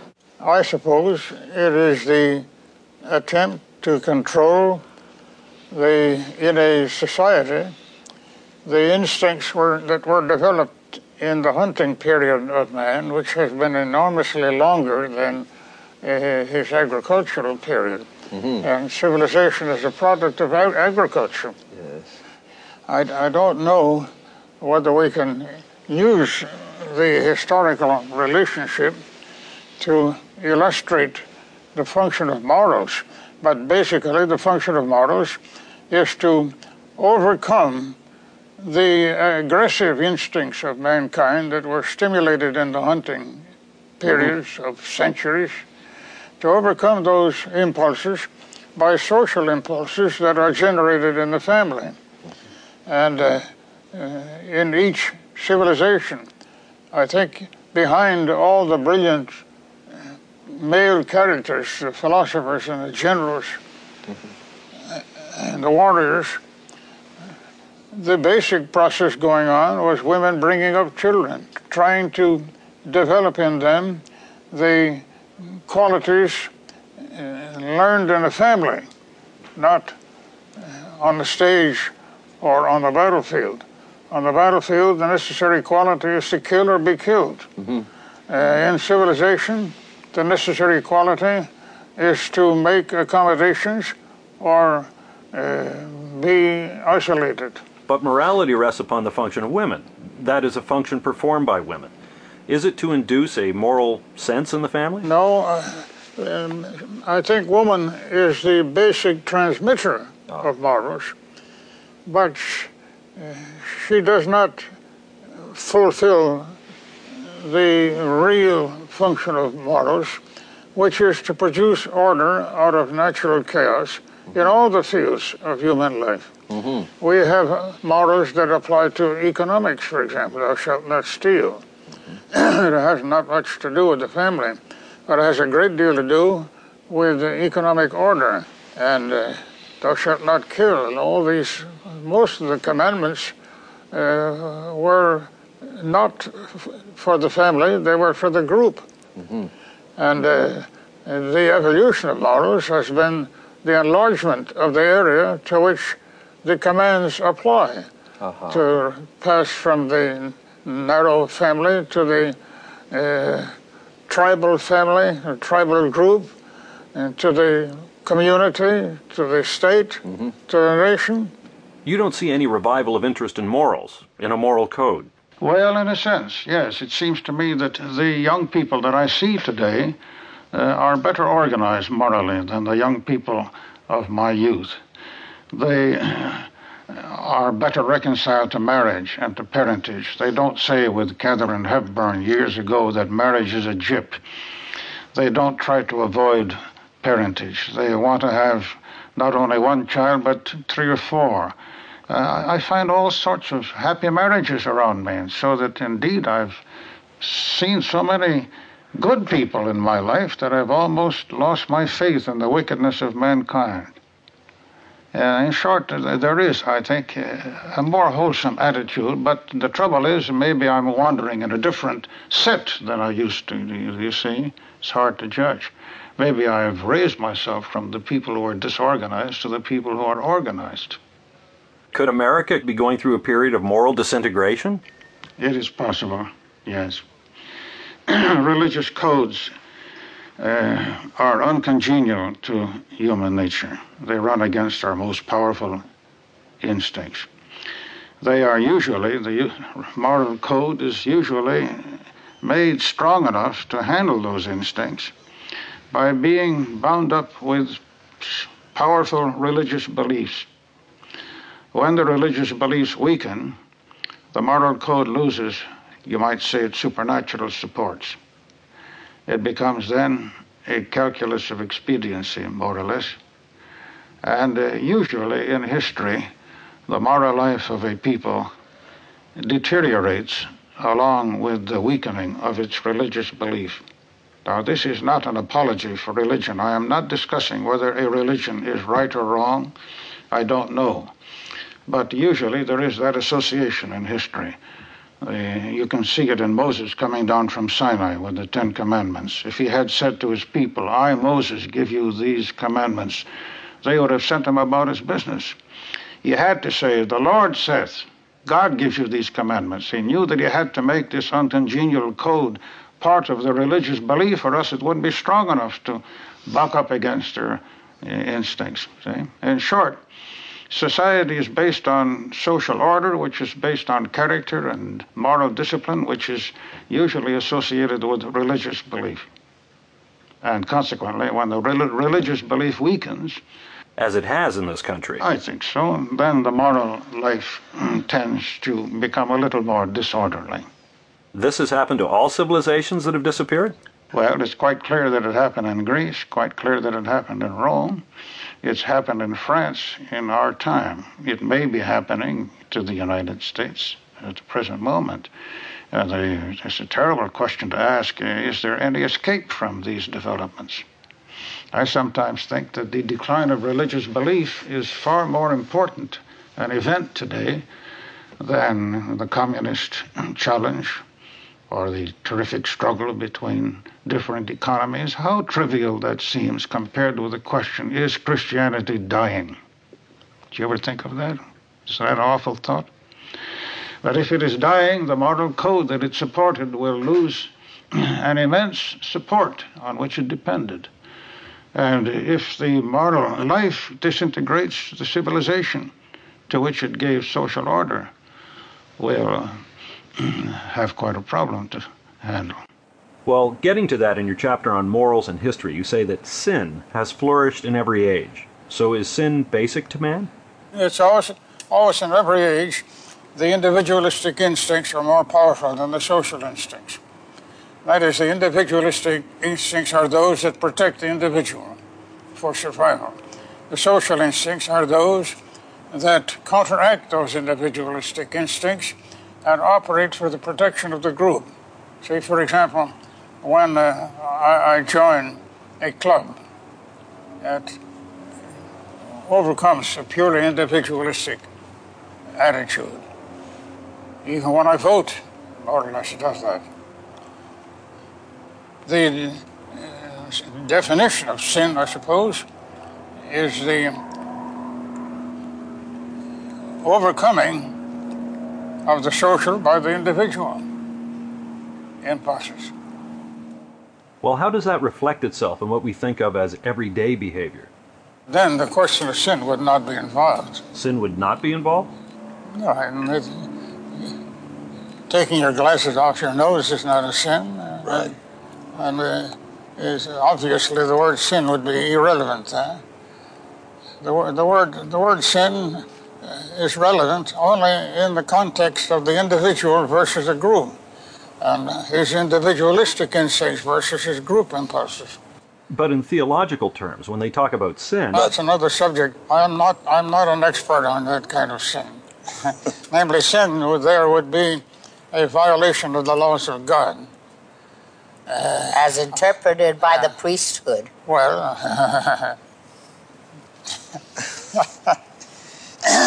behave yourself. Many philosophers have believed that human reason should be the sole arbiter of morality. Indeed, you even wrote a book on the age of reason. Did this experiment work? Do you agree that this was, in fact, an age of reason? in the sense that it was an age of great philosophers. It was an age of what we call rationalism, namely, the belief that reason should be the ultimate test of truth. That, I think, would be a fair definition of rationalism. It was an age of revolt against traditional beliefs, especially against traditional religious dogmas. And the age has received that name let us say the age from 1700 to 1900, has received the name the Age of Reason because uh, it included so many great philosophers like Descartes, Bacon, Hobbes, Spinoza, Leibniz, and then, of course, culminating in Voltaire and Diderot and the great encyclopedia of 1750, which attempted to subject the religious and his political beliefs of Europe to the test of reason. It created a great deal of disorder, of course. Now, whether I would call it an age of reason, yes, I think I would, but I would uh, put the word reason in quotation marks and uh, utter it with a smile, recognizing that there are many things profounder than reason, uh, which should enter into a man's judgment and understanding of life, and yet would not come under the name reason. Sentiment, for example, tenderness, affection, uh, mystery, these things that can hardly be reduced to any rational formula are just as important in our lives as reasoning. Reason is a tool, but character is based upon instincts and feelings into which reason seldom enters. And consequently, reason cannot be really the dominant aspect of any age or any man. It's an instrument. I wonder why so many people decided to call it the Age of Reason then. Because the philosophers themselves called it that at the time. They said that instead of determining truth by opening uh, scriptures or by accepting the teaching of a church, they decided that they would determine everything by examining their own reason. It was a tremendous adventure because no individual mind, however brilliant, can ever safely sit in judgment on the traditions of mankind because the traditions are the result of the trial and error thinking of hundreds of generations. So that every book of philosophy is an audacious, uh, wild enterprise, an uncalculated risk. It's like a drop of water suddenly standing up on the crest of a wave and announcing that it is going to analyze the sea. That's a wonderful analogy. Dr. Durant, you said it was an experiment, really, by the philosophers. Do you think it had a bad influence on us, their decision? That's a profound question, and who am I to judge? You know, you'd have to be 300 years into the future, really, to judge. The Age of Reason was a good influence, I think, in the sense that it cleared up a great many absurdities, liberated us to think freely. On the other hand, it was a danger in the sense that it was immodest, that it did not warn us while we were free to think that we should be mighty careful about this freedom because freedom is a trial, it's a terrific test. And uh, in an ideal world, it would be only commensurate with our intelligence. When we made ourselves free, we forgot to make ourselves intelligent, and thereby perhaps uh, hang many tales, including mine. Chapter 8 Religion and History Even the skeptical historian develops a humble respect for religion, since he sees it functioning and seemingly indispensable in every land and age. To the unhappy, the suffering, the bereaved, the old, it has brought supernatural comforts valued by millions of souls as more precious than any natural aid. It has helped parents and teachers to discipline the young. It has conferred meaning and dignity upon the lowliest existence, and through its sacraments has made for stability by transforming human covenants into solemn relationships with God. It has kept the poor, said Napoleon, from murdering the rich, for since the natural inequality of men dooms many of us to poverty or defeat, some supernatural hope may be the sole alternative to despair. Destroy that hope, and class war is intensified. Heaven and utopia are buckets in a well. When one goes down, the other goes up. When religion declines, communism grows. Religion does not seem at first to have had any connection with morals. Apparently, for we are merely guessing or echoing Petronius, who echoed Lucretius, it was fear that first made the gods. Fear of hidden forces in the earth, rivers, oceans, trees, winds, and sky. Religion became the propitiatory worship of these forces through offerings, sacrifice, incantation, and prayer. Only when priests used these fears and rituals to support morality and law did religion become a force vital and rival to the state. It told the people that the local code of morals and laws had been dictated by the gods. It pictured the god Thoth giving laws to Menes for Egypt, the god Shamash giving Hammurabi a code for Babylonia, Yahweh giving the Ten Commandments and 613 precepts to Moses for the Jews and the divine nymph Egeria giving Numa Pompilius laws for Rome. Pagan cults and Christian creeds proclaimed that earthly rulers were appointed and protected by the gods. Gratefully, nearly every state shared its lands and revenues with the priests. Some recusants have doubted that religion ever promoted morality, since immorality has flourished even in ages of religious domination. Certainly, sensuality, drunkenness, coarseness, greed, dishonesty, robbery, and violence existed in the Middle Ages, but probably the moral disorder born of half a millennium of barbarian invasion, war, economic devastation, and political disorganization would have been much worse without the moderating effect of the Christian ethic, priestly exhortations, saintly exemplars, and a calming, unifying ritual.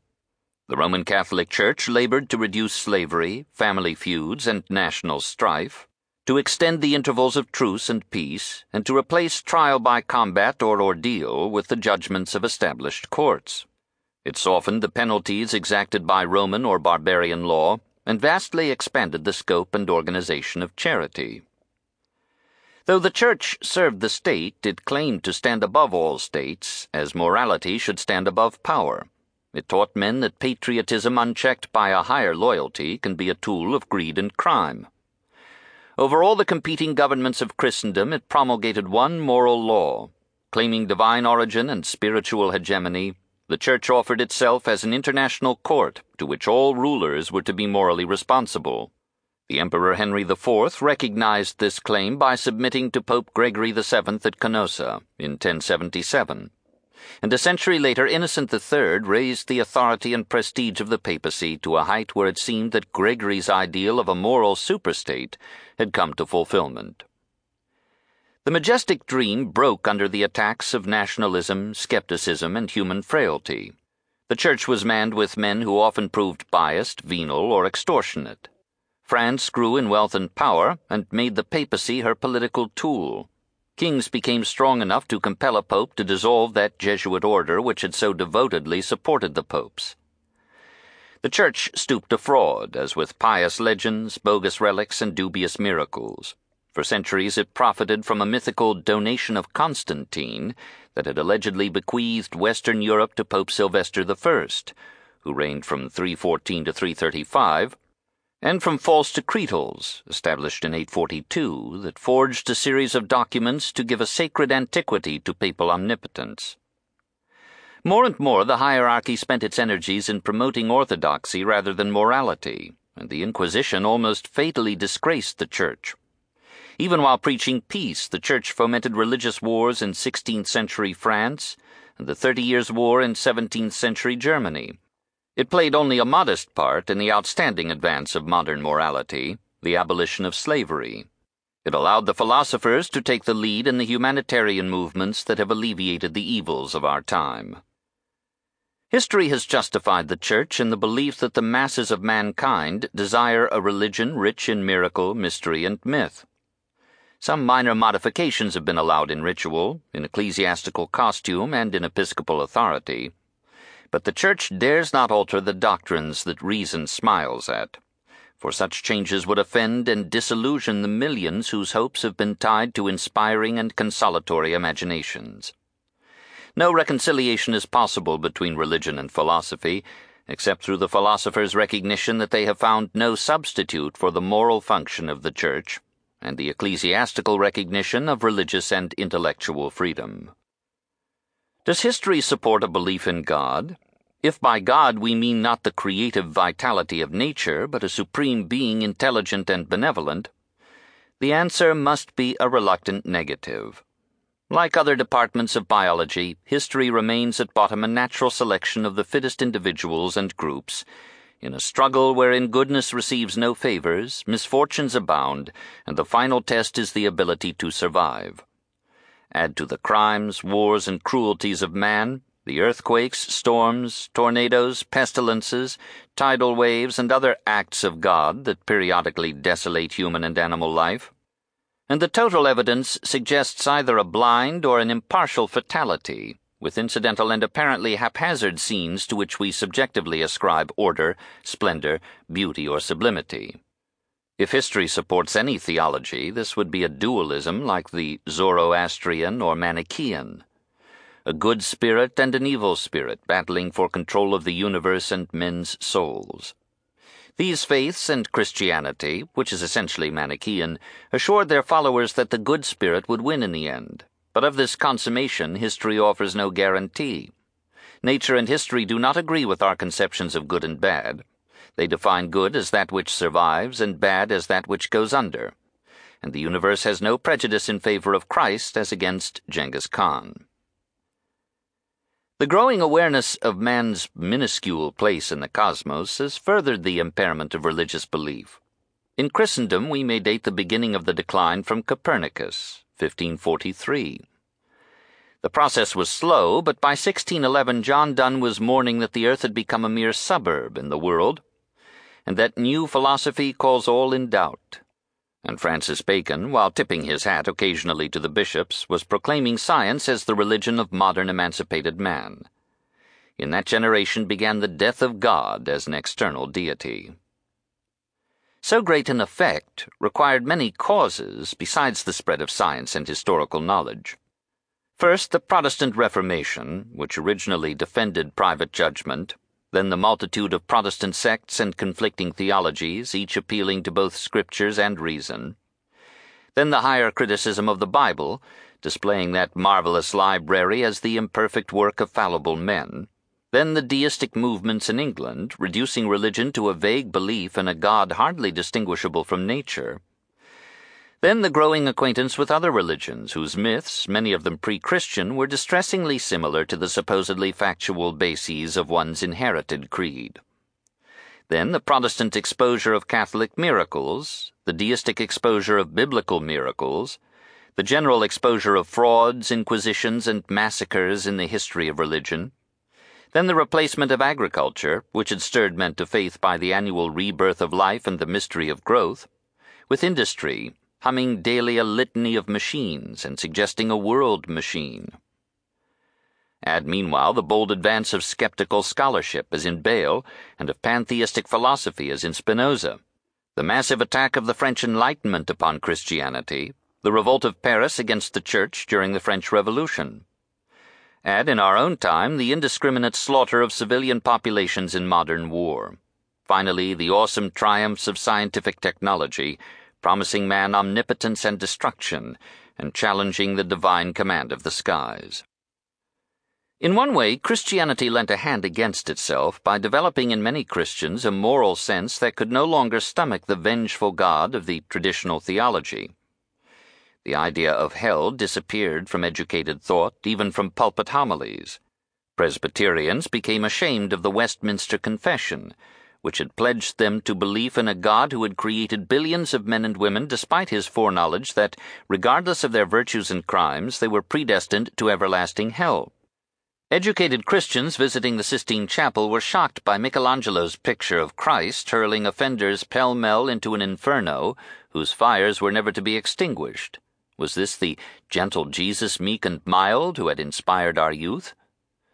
Just as the moral development of the Hellenes had weakened their belief in the quarrelsome and adulterous deities of Olympus, a certain proportion of mankind, wrote Plato, do not believe at all in the existence of the gods. So the development of the Christian ethic slowly eroded Christian theology. Christ destroyed Jehovah. The replacement of Christian with secular institutions is the culminating and critical result of the Industrial Revolution.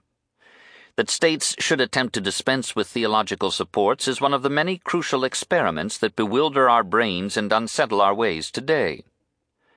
Laws which were once presented as the decrees of a God given king are now frankly the confused commands of fallible men. Education, which was the sacred province of God inspired priests, becomes the task of men and women shorn of theological robes and awe, and relying on reason and persuasion to civilize young rebels who fear only the policeman and may never learn to reason at all. Colleges, once allied to churches, have been captured by businessmen and scientists. The propaganda of patriotism, capitalism, or communism succeeds to the inculcation of a supernatural creed and moral code.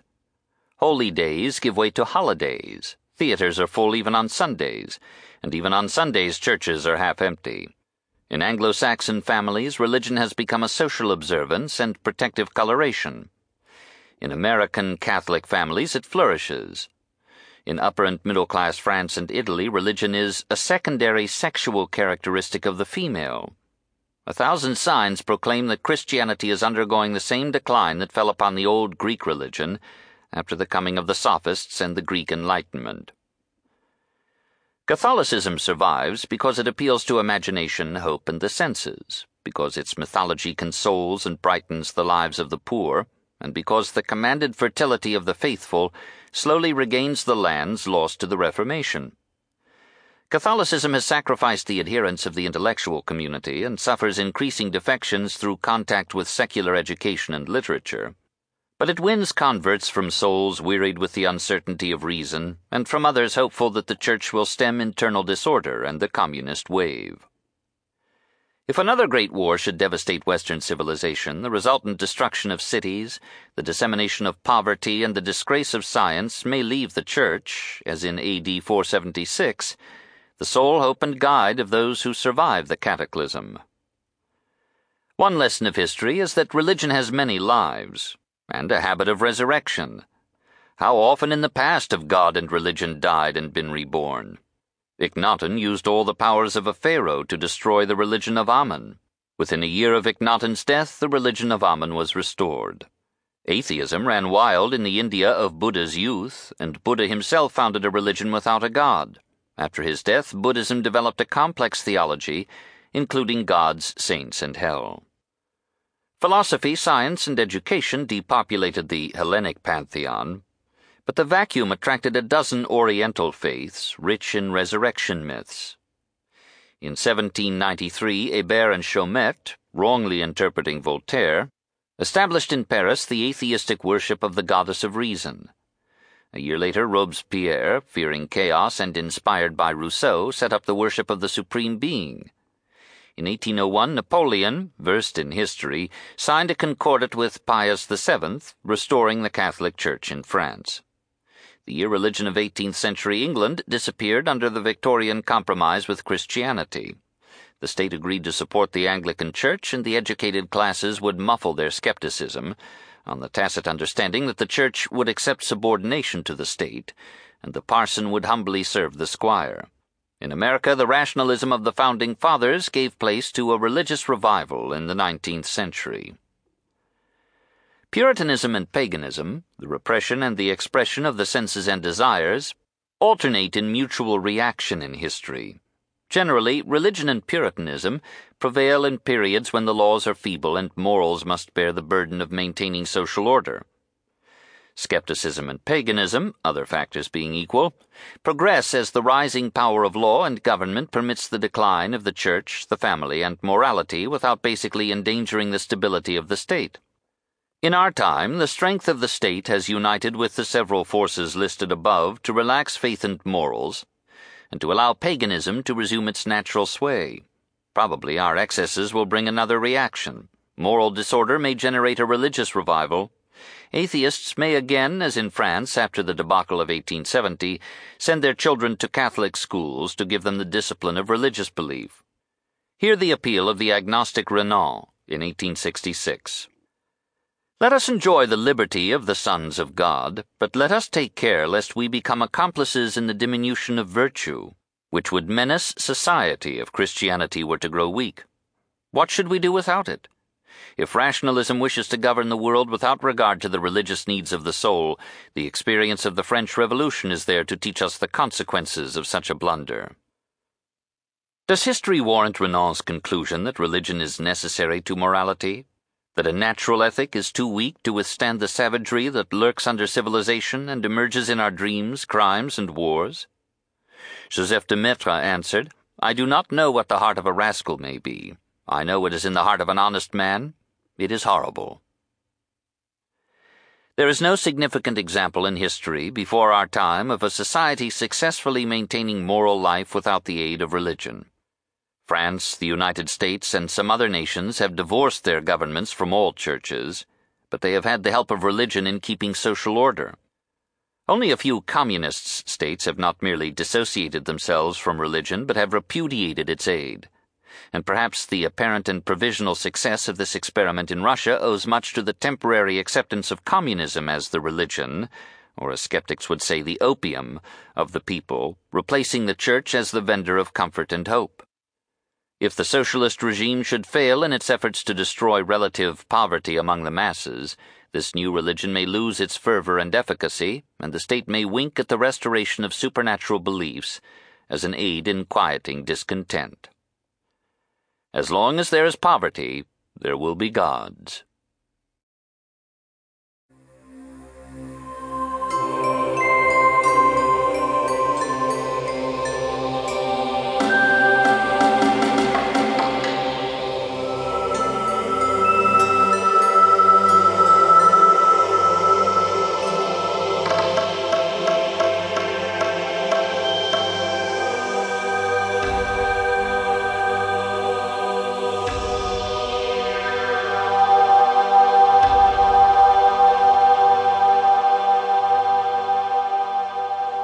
In your view, Dr. Durant, is morality a function of religion?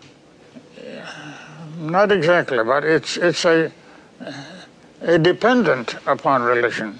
Mm-hmm. In in that sense, it's not a function of religion. Ah. The function of religion is, is quite different. I think it, it is to give man a belief that will enable him to tolerate life. New definition, isn't it? to enable man to bear reality, that's the first function. Practically every religion in history uh, has turned out to have been a delightful dream of happiness to come, or a, few, a delightful assumption that the individualistic instincts could be overcome by the social instincts. But uh, the individualistic instincts were formed in the hunting stage through hundreds of thousands of years. The social instincts are formed in the agricultural stage, which is only 25,000 years old. Mm-hmm. They are weaker than the individualistic instincts, enormously weaker. Mm-hmm. The social instincts need support and they get support from law, but law is not enough. Uh, law visibly fails today uh, in checking the individualistic instincts. And uh, religion came to the rescue of law by teaching man that uh, the individualistic instincts were contrary to law of God. It depended upon belief in a God who saw everything mm-hmm. and who could judge everything and could punish everything. Mm-hmm. And uh, when the belief in that declines, this moral order loses one of its strongest supports. And that is the condition in which we are today. Does studying history give you a great respect for religion or a lack of respect? A terrific respect. Why? I made a great fuss about leaving the religion that was bequeathed to me by my French Canadian parents. And uh, looking back upon it, I see that basically they were right and I was wrong. I was an individualist who felt that his, his little ideas, his studies uh, were sufficient, of sufficient depth and scope to be fit in, to sit in judgment upon the traditions of the race. And that was a mistake. I don't know what I, what I would do now if I were in the same situation with the brilliant mind that I have at the present moment. Uh, but I would like to feel that I would give tradition a better deal than I gave it. I would that's the eternal battle between between youth and old age. Yes. If you leave it up to the old, they would take back everything they ever had the courage to do Yes. when they were young and virile. So that you must never trust an old man uh, to Mm-hmm. be the judge, the judgment of youth. They Correct. would just nip it off before it ever expressed itself. I feel destroyed. Well, in every old man, there must be a boy still, I think. No, sir, not still a dead boy. Yes. Tradition is the memory of the race. Insanity is the loss of memory. That's the whole business, you see. Well, I'm putting Edmund Burke there in one line. You don't have to read his book now. Uh, Yeah, he, he wrote theory? the best analysis, I think, of uh, conservatism, the philosophical basis Mm-hmm. of conservatism. Uh, in short, he believed that the brake was more important than, the gas. the brake more important than the gas. It depends on whose gas.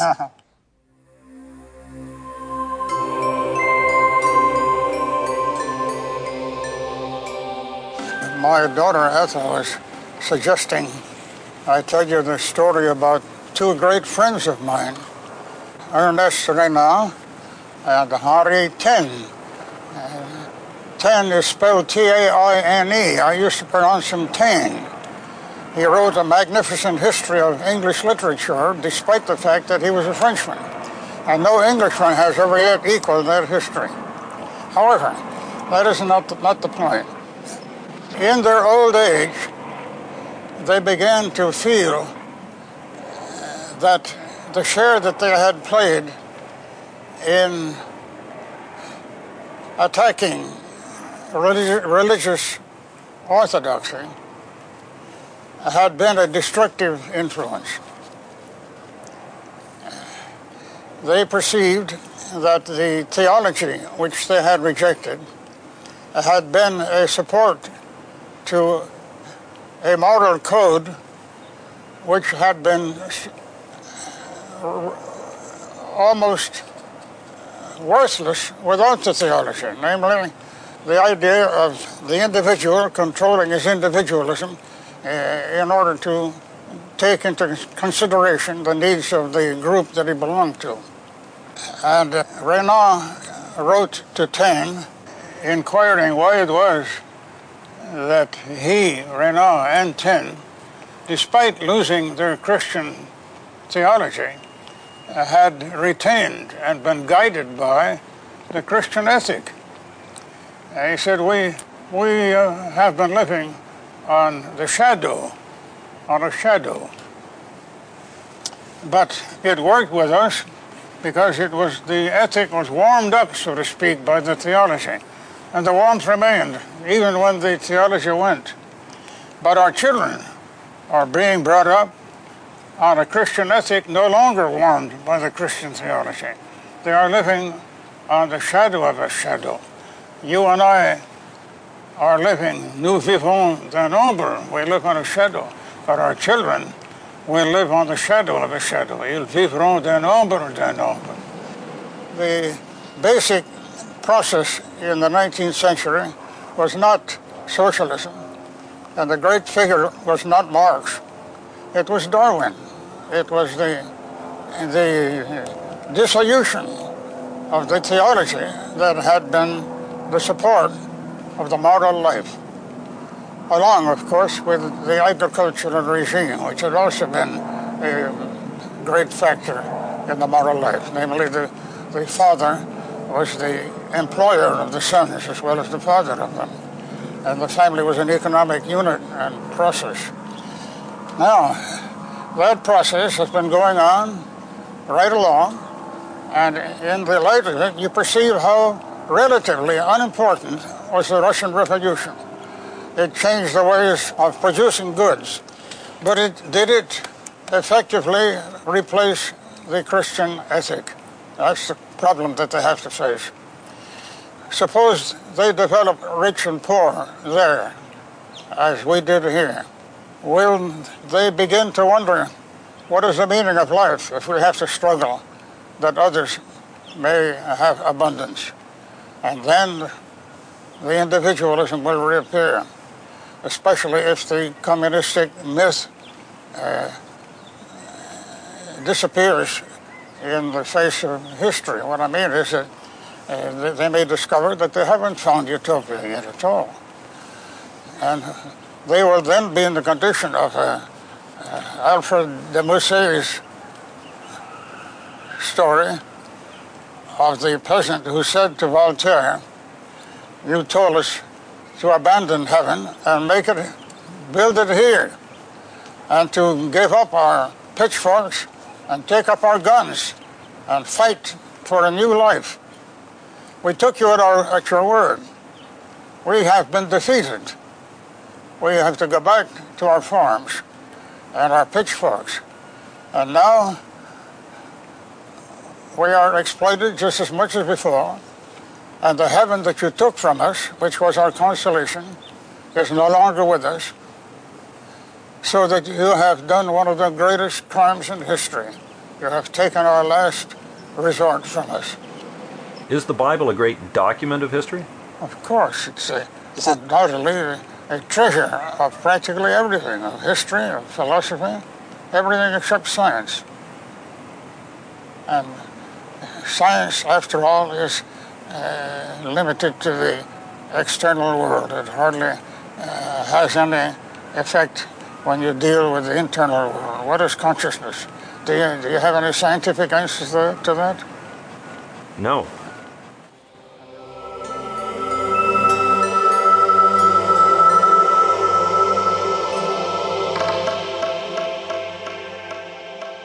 I believe in God, but I, I have my own definition. God, to me, is a creative force, wherever it appears and in whatever form. It might be in the growth of a little, uh, a little blade of grass between the cracks, uh, the cracks of a concrete sidewalk. Haven't you ever been moved by the, the sight of that? I looked at one one day and I said, "My God, there's God." and uh, of course, it has that creative force has all sorts of operations. I believe that it exists in the universe. I think everything is alive, basically, even matter. And that creative force running through matter and all the way up to Einstein. Uh, that's, that's the God I believe in. It's also been said quite often in our culture that God is love. Do you think God is love? What do you think of the relationship between love and God? Love is a creative force too, but it's only one form of creative force.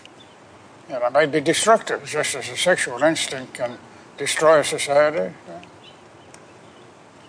No, it has to be creative before I would call it divine. It doesn't what? have to be merely instinctive. What do you think of that, Mrs. Durant? Well, to tell you the truth, I haven't uh, ever divided in my own mind, my own way of feeling. I have never divided love from uh, the aspect of creation. I, I, never thought there was creation without love, even if the love be, uh, so to speak, uh, inanimate or uh, an, a, a, not, a not very visible uh, element. Uh, but seems to me when two birds perched on a limb begin whispering to each other, there's love. It's, it's in, in, I imagine it's in everything that is alive. You also say in that chapter about religion that as long as there is poverty, there will be gods. Yes, as long as there is poverty, there will be gods, because human beings need some consolation and some inspiration to hope. And uh, if they are well fed and belong to the jet set, uh, they don't feel the need of a God. But if they're working in the fields, the Angelus is a great consolation to them. Still, the, uh, the desire to thank somebody when something is great or good or mm-hmm. marvelous or mysterious mm-hmm. is natural and instinctive. And in that respect, I believe that we unconsciously believe in something bigger, greater than ourselves, which we may call God. And to whom we wish to offer thanks. That's right. Has Marx removed God in vast areas of the world, really, or not? I don't think so. You mean socialistic movements have removed Yes. religious belief? Yes. Have they in fact removed the deep belief? I should say the other, the other way, that the decay of religious beliefs has promoted socialistic movements. I was just reading Thucydides' Peloponnesian War again, and it has a terrific chapter uh, about the uh, revolution in Corcyra. And uh, there was such cruelty on both sides. And then you discover that practically everybody at that time uh, had lost his religious belief. In the days of Pericles, you think Pericles took Zeus as a god? Zeus was a statue, and with a little gold in it, which could be used in a pinch, which they actually did use in the Peloponnesian War. But uh, he didn't take religion seriously. And uh, same way with Socrates, same way with Euripides. Euripides' dramas are full of agnosticism. Well, I have to ask you, who would be your favorite character in history? Oh my God. Do you have such a thing? Without any doubt, I would say Jesus Christ. Doesn't that sound funny? The old skeptic. Uh, But that's not back- history.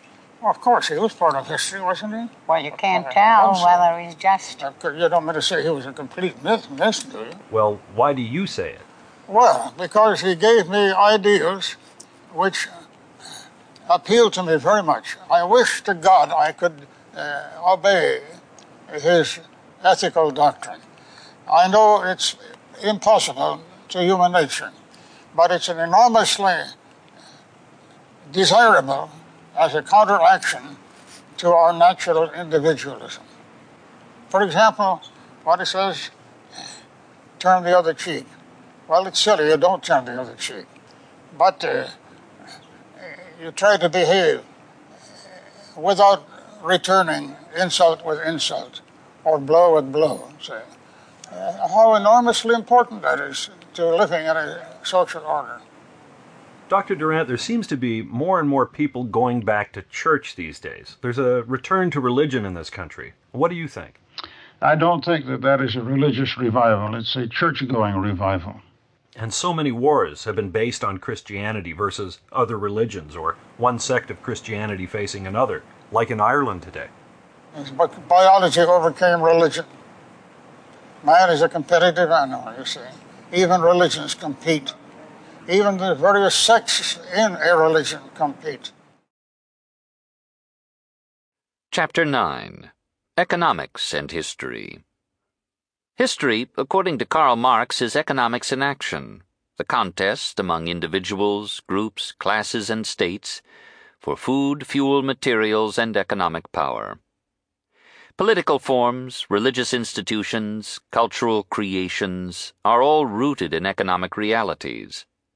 So the Industrial Revolution brought with it democracy, feminism, birth control, socialism, the decline of religion, the loosening of morals, the liberation of literature from dependence upon aristocratic patronage, the replacement of romanticism by realism in fiction, and the economic interpretation of history. The outstanding personalities in these movements were effects, not causes. Agamemnon, Achilles, and Hector would never have been heard of had not the Greeks sought commercial control of the Dardanelles. economic ambition, not the face of Helen, fairer than the evening air clad in the beauty of a thousand stars, launched a thousand ships on Ilium, those subtle Greeks knew how to cover naked economic truth with the fig leaf of a phrase. Unquestionably, the economic interpretation illuminates much history. The money of the Delian Confederacy built the Parthenon. The treasury of Cleopatra's Egypt revitalized the exhausted Italy of Augustus, gave Virgil an annuity and Horace a farm. The Crusades, like the wars of Rome with Persia, were attempts of the West to capture trade routes to the East. The discovery of America was a result of the failure of the Crusades. The banking house of the Medici financed the Florentine Renaissance. The trade and industry of Nuremberg made Durer possible. The French Revolution came not because Voltaire wrote brilliant satires and Rousseau sentimental romances, but because the middle classes had risen to economic leadership, needed legislative freedom for their enterprise and trade, and itched for social acceptance and political power. Marx did not claim that individuals were always actuated by economic interest. He was far from imagining that material considerations led to Abelard's romance, or the Gospel of Buddha, or the poems of Keats. But perhaps he underestimated the role played by non economic incentives in the behavior of masses. By religious fervor, as in Moslem or Spanish armies, by nationalistic ardor, as in Hitler's troops or Japan's kamikazes, by the self fertilizing fury of mobs, as in the Gordon riots of June 2nd to 8th, 1780, in London, or the massacres of September 2nd to 7th, 1792, in Paris. In such cases, the motives of the usually hidden leaders may be economic, but the result is largely determined by the passions of the mass. In many instances, political or military power was apparently the cause rather than the result of economic operations, as in the seizure of Russia by the Bolsheviks in 1917, or in the army coups that punctuate South American history. Who would claim that the Moorish conquest of Spain, or the Mongol conquest of Western Asia, or the Mughal conquest of India was the product of economic power? In these cases, the poor proved stronger than the rich Military victory gave political ascendancy, which brought economic control. The generals could write a military interpretation of history. Allowing for these cautions, we may derive endless instructions from the economic analysis of the past. We observe that the invading barbarians found Rome weak because the agricultural population, which had formerly supplied the legions with hardy and patriotic warriors fighting for land, had been replaced by slaves laboring listlessly on vast farms owned by one man or a few. Today, the inability of small farms to use the best machinery profitably is again forcing agriculture into large scale production under capitalistic or communistic ownership. It was once said that civilization is a parasite on the man with the hoe, but the man with the hoe no longer exists. He is now a hand at the wheel of a tractor or a combine. Agriculture becomes an industry, and soon the farmer must choose between being the employee of a capitalist and being the employee of a state. At the other end of the scale, history reports that the men who can manage men manage the men who can manage only things, and the men who can manage money manage all. So the bankers, watching the trends in agriculture, industry, and trade, inviting and directing the flow of capital, putting our money doubly and trebly to work, controlling loans and interest and enterprise, running great risks to make great gains, rise to the top of the economic pyramid.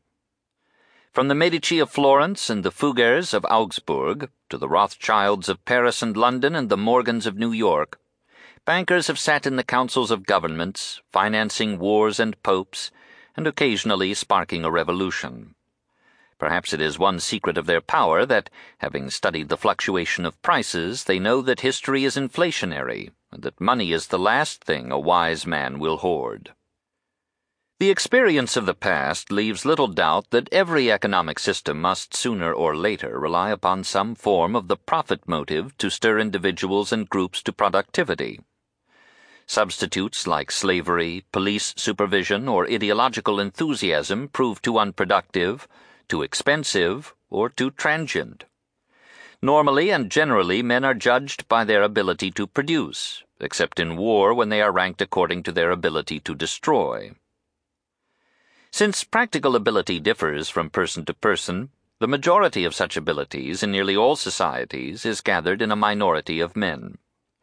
The concentration of wealth is a natural result of this concentration of ability and regularly recurs in history.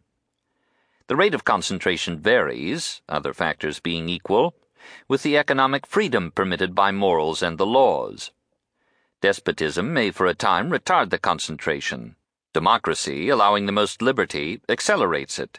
The relative equality of Americans before 1776 has been overwhelmed by a thousand forms of physical, mental, and economic differentiation, so that the gap between the wealthiest and the poorest is now greater than at any time since imperial plutocratic Rome.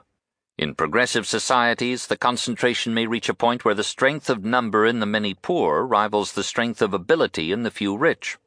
Then the unstable equilibrium generates a critical situation which history has diversely met by legislation redistributing wealth or by revolution distributing poverty.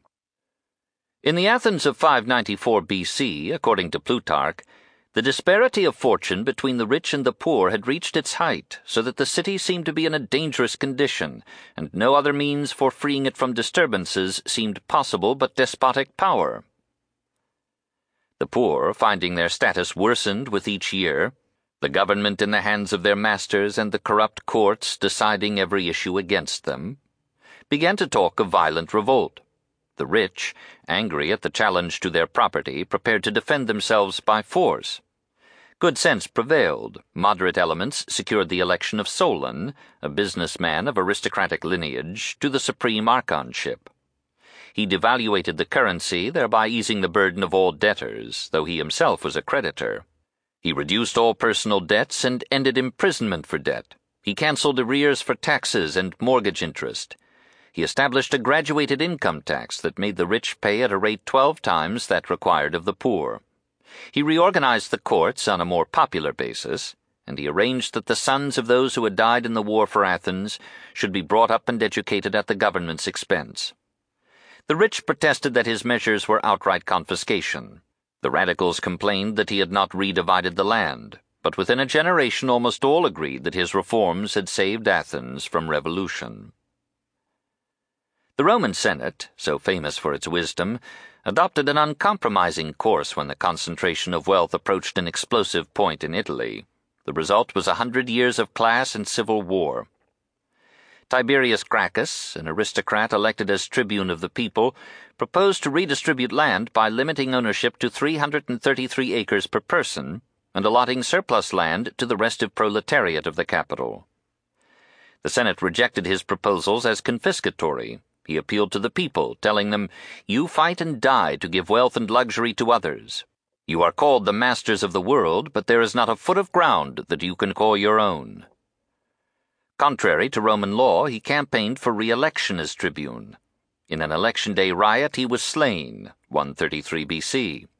His brother Caius, taking up his cause, failed to prevent a renewal of violence and ordered his servant to kill him. The slave obeyed and then killed himself, 121 BC. 3,000 of Caius's followers were put to death by senatorial decree. Marius became the leader of the plebs, but withdrew when the movement verged on revolution. Catiline, proposing to abolish all debts, organized a revolutionary army of wretched paupers. He was inundated by Cicero's angry eloquence and died in battle against the state, 62 BC. Julius Caesar attempted a compromise but was cut down by the patricians, 44 BC, after five years of civil war. Mark Antony confused his support of Caesar's policies with personal ambitions and romance.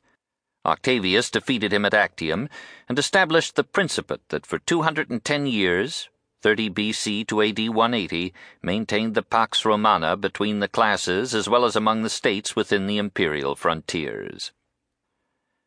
After the breakdown of political order in the Western Roman Empire, AD 476, centuries of destitution were followed by the slow renewal and reconcentration of wealth, partly in the hierarchy of the Catholic Church.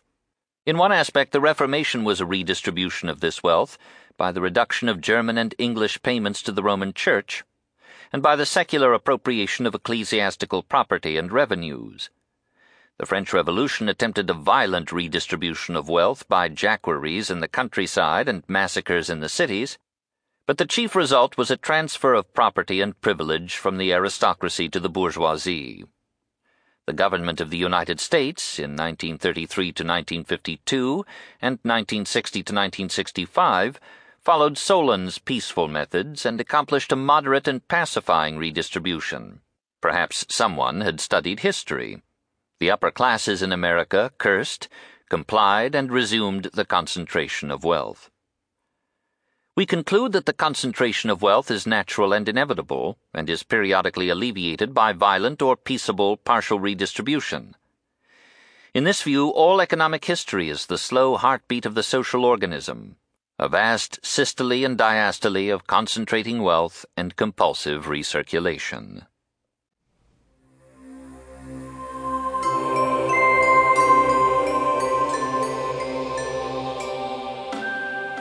The community attempts to apply it to various families the rules of living together in a family. And the problems of the community are that they can't completely replace the rules of the family or extend them to the whole community because the family is an escape from the, the trials of evolution, but the community cannot escape. It cannot give everything to cooperation. It has to leave something to competition, because without the competition, there would be no evolution. And consequently, when the young man goes out of the home into the world of struggle and business, or whatever it may be, he looks back to the home with longing. Mm-hmm. And uh, he dreams of a community that would give him all the security, all the friendliness, all the mutual aid uh, of the family. That is what most of our utopias uh, amount to. It would be the dream that the family should be large enough to en- en- enclose the community. The difficulty is that the family protects the individual from competition and survival. The community must not because then it would lose uh, agility, not agility, it would lose ability to meet new situations, and it would be lost in the competition of communities. Mm-hmm. Yes, liberty is possible uh, when security has been achieved. But until you have achieved that, you, you're up against competition as we are competing let us say, the United States with Soviet Russia, or uh, let us say, uh, one author with another. Mm-hmm. it is only because of competition that we developed the abilities demanded. Chapter 10 Socialism and History the struggle of socialism against capitalism is part of the historic rhythm in the concentration and dispersion of wealth. The capitalist, of course, has fulfilled a creative function in history. He has gathered the savings of the people into productive capital by the promise of dividends or interest. He has financed the mechanization of industry and agriculture and the rationalization of distribution. And the result has been such a flow of goods from producer to consumer as history has never seen before. He has put the liberal gospel of liberty to his use by arguing that businessmen left relatively free from transportation tolls and legislative regulation can give the public a greater abundance of food, homes, comfort, and leisure than has ever come from industries managed by politicians, manned by governmental employees, and supposedly immune to the laws of supply and demand. In free enterprise, the spur of competition and the zeal and zest of ownership arouse the productiveness and inventiveness of men. Nearly every economic ability sooner or later finds its niche and reward in the shuffle of talents and the natural selection of skills. And a basic democracy rules the process insofar as most of the articles to be produced and the services to be rendered are determined by public demand rather than by governmental decree. Meanwhile, competition compels the capitalist to exhaustive labor and his products to ever rising excellence. There is much truth in such claims today, but they do not explain why history so resounds with protests and revolts against the abuses of industrial mastery, price manipulation, business chicanery, and irresponsible wealth. These abuses must be hoary with age, for there have been socialistic experiments in a dozen countries and centuries. We read that in Sumeria, about 21 BC, the economy was organized by the state most of the arable land was the property of the crown. Laborers received rations from the crops delivered to the royal storehouses. For the administration of this vast state economy, a very differentiated hierarchy was developed, and records were kept of all deliveries and distributions of rations. Tens of thousands of clay tablets inscribed with such records were found in the capital Ur itself, in Lagash, Umma. Foreign trade also was carried out in the name of the central administration. In Babylonia, circa 1750 BC, the law code of Hammurabi fixed wages for herdsmen and artisans, and the charges to be made by physicians for operations. In Egypt, under the Ptolemies, 323 BC to 30 BC, the state owned the soil and managed agriculture. The peasant was told what land to till, what crops to grow. His harvest was measured and registered by government scribes, was threshed on royal threshing floors, and was conveyed by a living chain of fellaheen into the granaries of the king. The government owned the mines and appropriated the ore. It nationalized the production and sale of oil, salt, papyrus, and textiles. All commerce was controlled and regulated by the state. Most retail trade was in the hands of state agents selling state produced goods. Banking was a government monopoly, but its operation might be delegated to private firms. Taxes were laid upon every person, industry, process, product, sale, and legal document. To keep track of taxable transactions and income, the government maintained a swarm of scribes and a complex system of personal and property registration. The revenue of this system made the Ptolemaic the richest state of the time. Great engineering enterprises were completed, agriculture was improved, and a large proportion of the profits went to develop and adorn the country and to finance its cultural life. About 290 BC, the famous Museum and Library of Alexandria were founded. Science and literature flourished. At uncertain dates in this Ptolemaic era, some scholars made the Septuagint translation of the Pentateuch into Greek. Soon, however, the pharaohs took to expensive wars, and after 246 BC they gave themselves to drink and venery, allowing the administration of the state and the economy to fall into the hands of rascals who ground every possible penny out of the poor. Generation after generation, the government's exactions grew. Strikes increased in number and violence. In the capital, Alexandria, the populace was bribed to peace by bounties and spectacles, but it was watched by a large military force, was allowed no voice in the government, and became in the end a violent mob. Agriculture and industry decayed through lack of incentive. Moral disintegration spread, and order was not restored until Octavius brought Egypt under Roman rule, 30 BC. Rome had its socialistic interlude under Diocletian.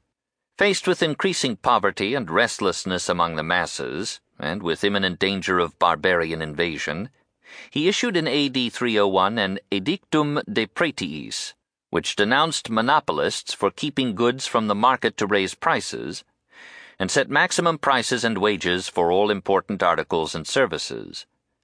Extensive public works were undertaken to put the unemployed to work, and food was distributed gratis or at reduced prices to the poor.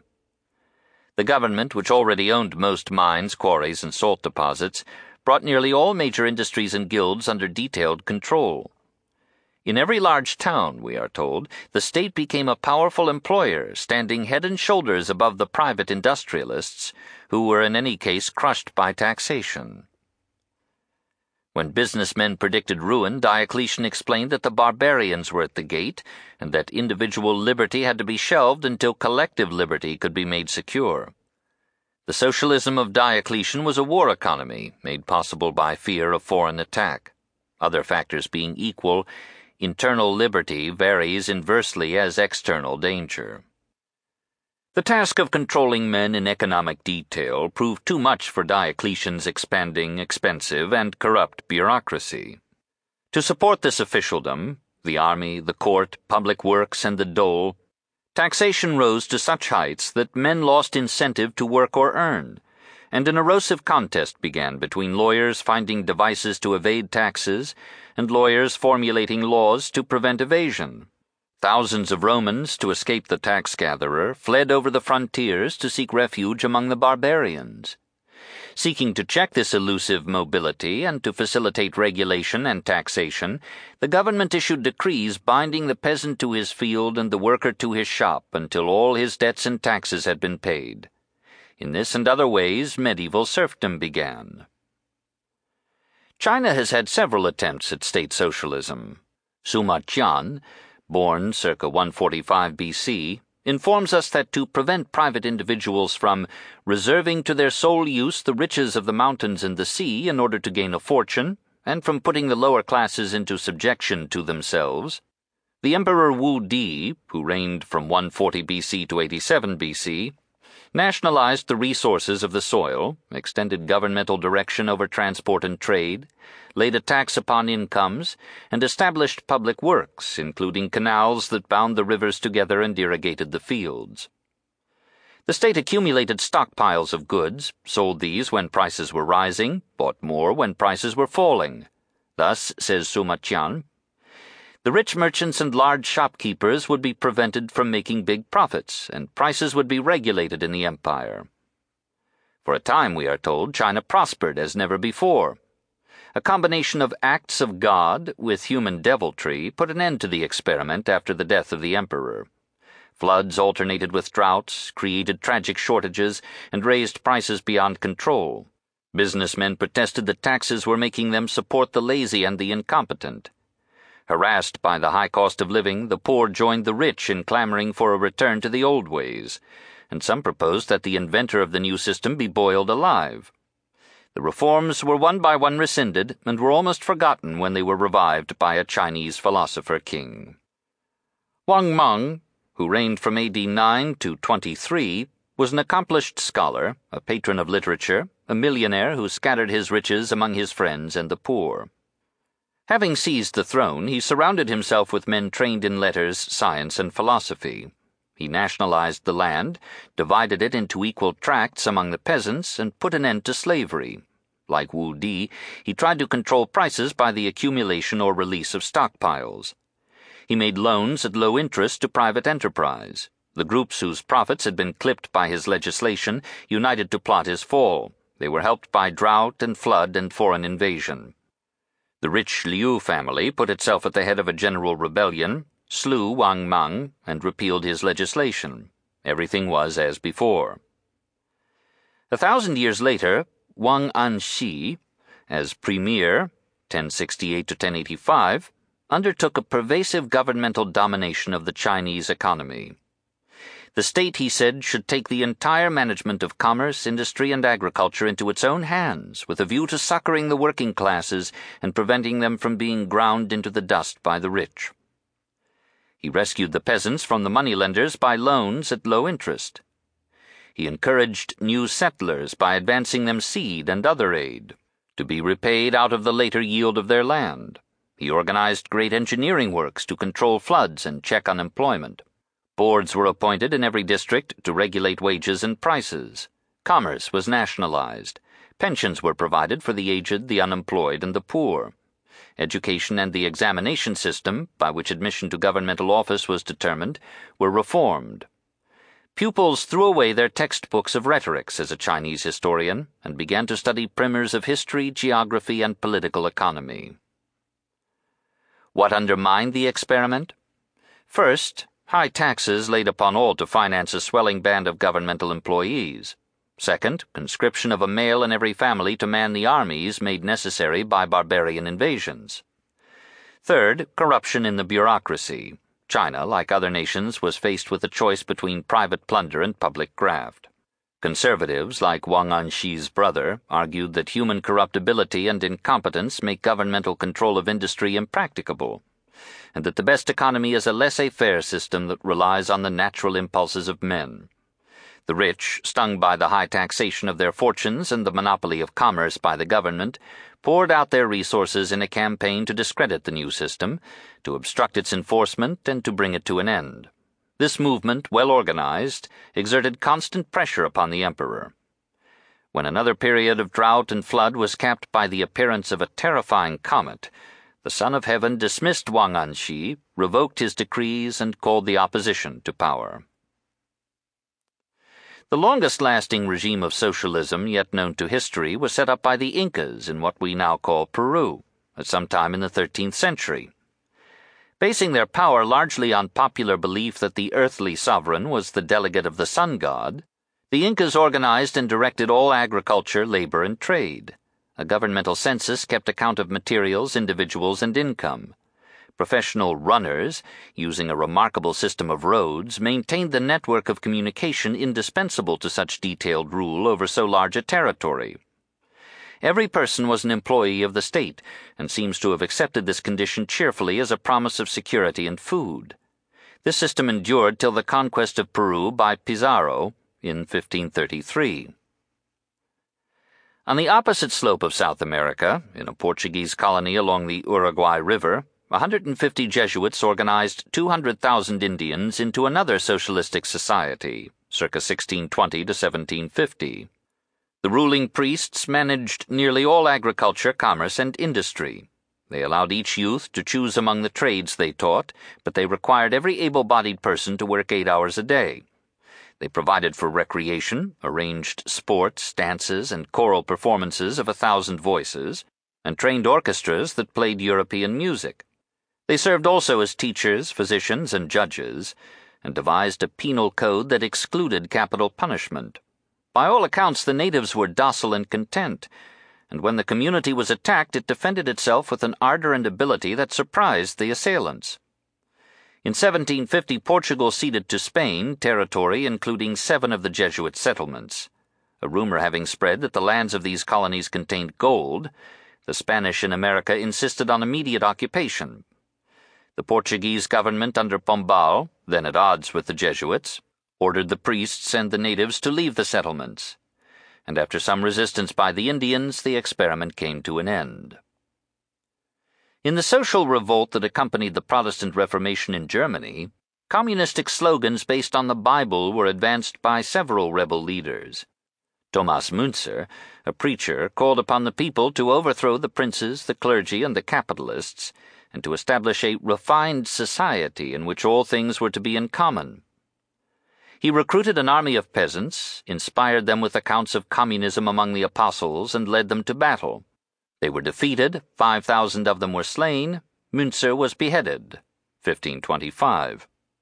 Hans Hut, accepting Münzer's teachings, organized at Austerlitz an Anabaptist community that practiced communism for almost a century, circa 1530 to 1622.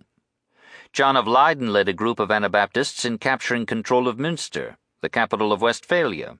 There, for 14 months, they maintained a communistic regime, 1534 to 1535.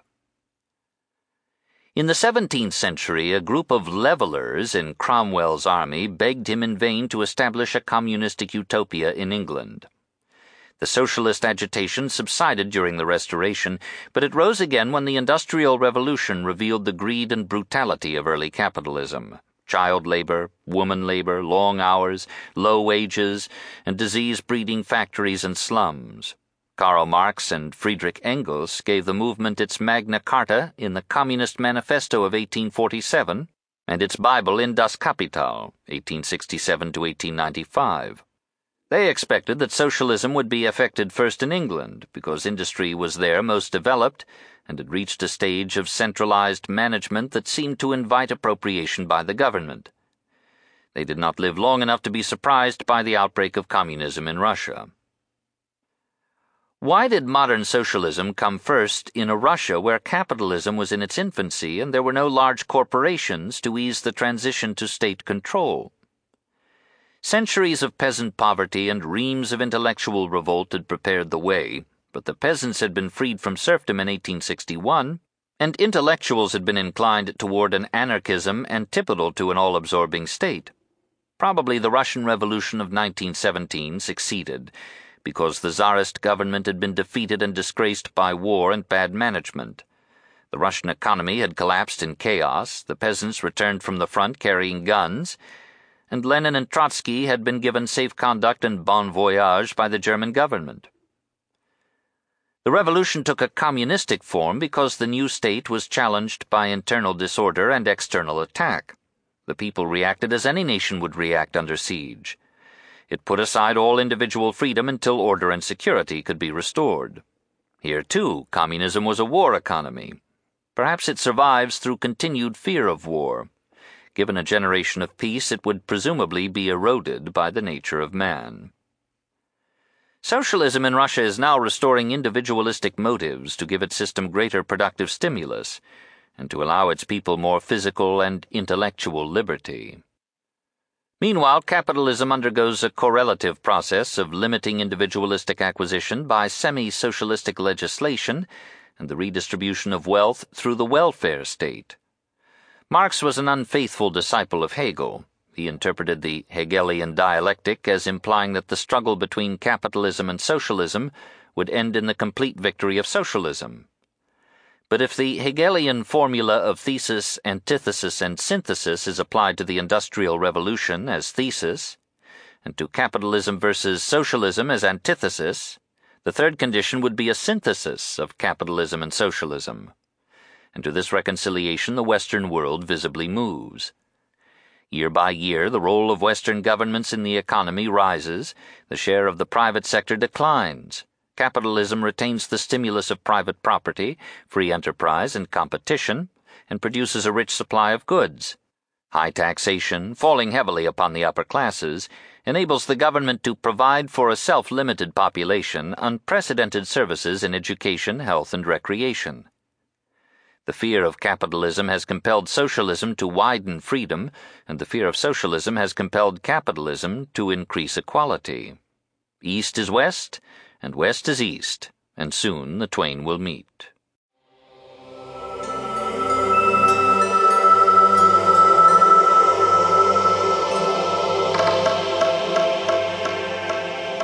Do you think that we North Americans are getting closer to the Russians and the Russians are getting closer to us? Is there a meeting place taking place, or are we splitting off? Oh, yes. I think in all, all history, as Hegel would remind us, uh, is a process in which uh, a condition, which he calls a thesis, splits into opposing elements, as, for example, socialism and capitalism. And the third condition, synthesis, is a combination of the two opposing elements. When you when you go back to Hegel and beyond Marx, if Marx fa- failed to make the last step in his analysis, he said, here's our economic woe.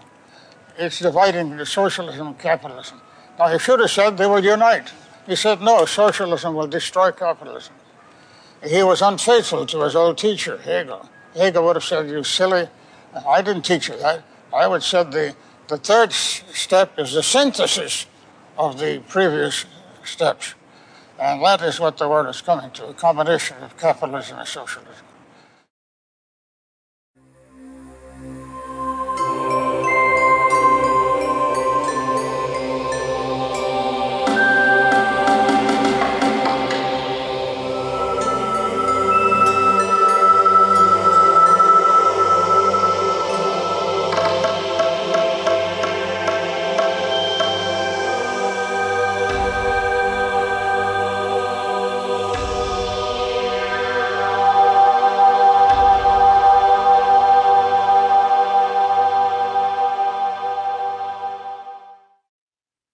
Chapter 11 Government and History Alexander Pope thought that only a fool would dispute over forms of government. History has a good word to say for all of them, and for government in general. Since men love freedom, and the freedom of individuals in society requires some regulation of conduct, the first condition of freedom is its limitation. Make it absolute, and it dies in chaos. So the prime task of government is to establish order. Organized central force is the sole alternative to incalculable and disruptive force in private hands. Power naturally converges to a center, for it is ineffective when divided, diluted, and spread, as in Poland under the liberum veto. Hence, the centralization of power in the monarchy by Richelieu or Bismarck, over the protest of feudal barons, has been praised by historians. A similar process has centered power in the federal government in the United States. It was of no use to talk of states' rights when the economy was ignoring state boundaries and could be regulated only by some central authority. Today, international government is developing as industry, commerce, and finance override frontiers and take international forms. Monarchy seems to be the most natural kind of government, since it applies to the group the authority of the father in a family or of the chieftain in a warrior band. If we were to judge forms of government from their prevalence and duration in history, we should have given the palm to monarchy. Democracies, by contrast, have been hectic interludes. After the breakdown of Roman democracy and the class wars of the Gracchi, Marius, and Caesar, Augustus organized, under what in effect was monarchical rule, the greatest achievement in the history of statesmanship, that Pax Romana which maintained peace from 30 BC to AD 180 throughout an empire ranging from the Atlantic to the Euphrates and from Scotland to the Black Sea. After him, monarchy disgraced itself under Caligula, Nero, and Domitian, but after them came Nerva, Trajan, Hadrian, Antoninus Pius, and Marcus Aurelius. The finest succession of good and great sovereigns, Renan called them, that the world has ever had. If, said Gibbon, a man were called upon to fix the period during which the condition of the human race was most happy and prosperous, he would without hesitation name that which elapsed from the accession of Nerva to the death of Marcus Aurelius. Their united reigns are possibly the only period of history in which the happiness of a great people was the sole object of government. In that brilliant age, when Rome's subjects complimented themselves on being under her rule, monarchy was adoptive the emperor transmitted his authority not to his offspring, but to the ablest man he could find. He adopted this man as his son, trained him in the functions of government, and gradually surrendered to him the reins of power. The system worked well, partly because neither Trajan nor Hadrian had a son, and the sons of Antoninus Pius died in childhood. Marcus Aurelius had a son, Commodus, who succeeded him because the philosopher failed to name another heir. Soon Chaos was king. We should add that some historians consider the age of the Antonines as an unsuccessful rally in the decay of Rome, such as Arnold J. Toynbee in his A Study of History. All in all, monarchy has had a middling record. Its wars of succession brought mankind as much evil as the continuity or legitimacy of the monarchy brought good.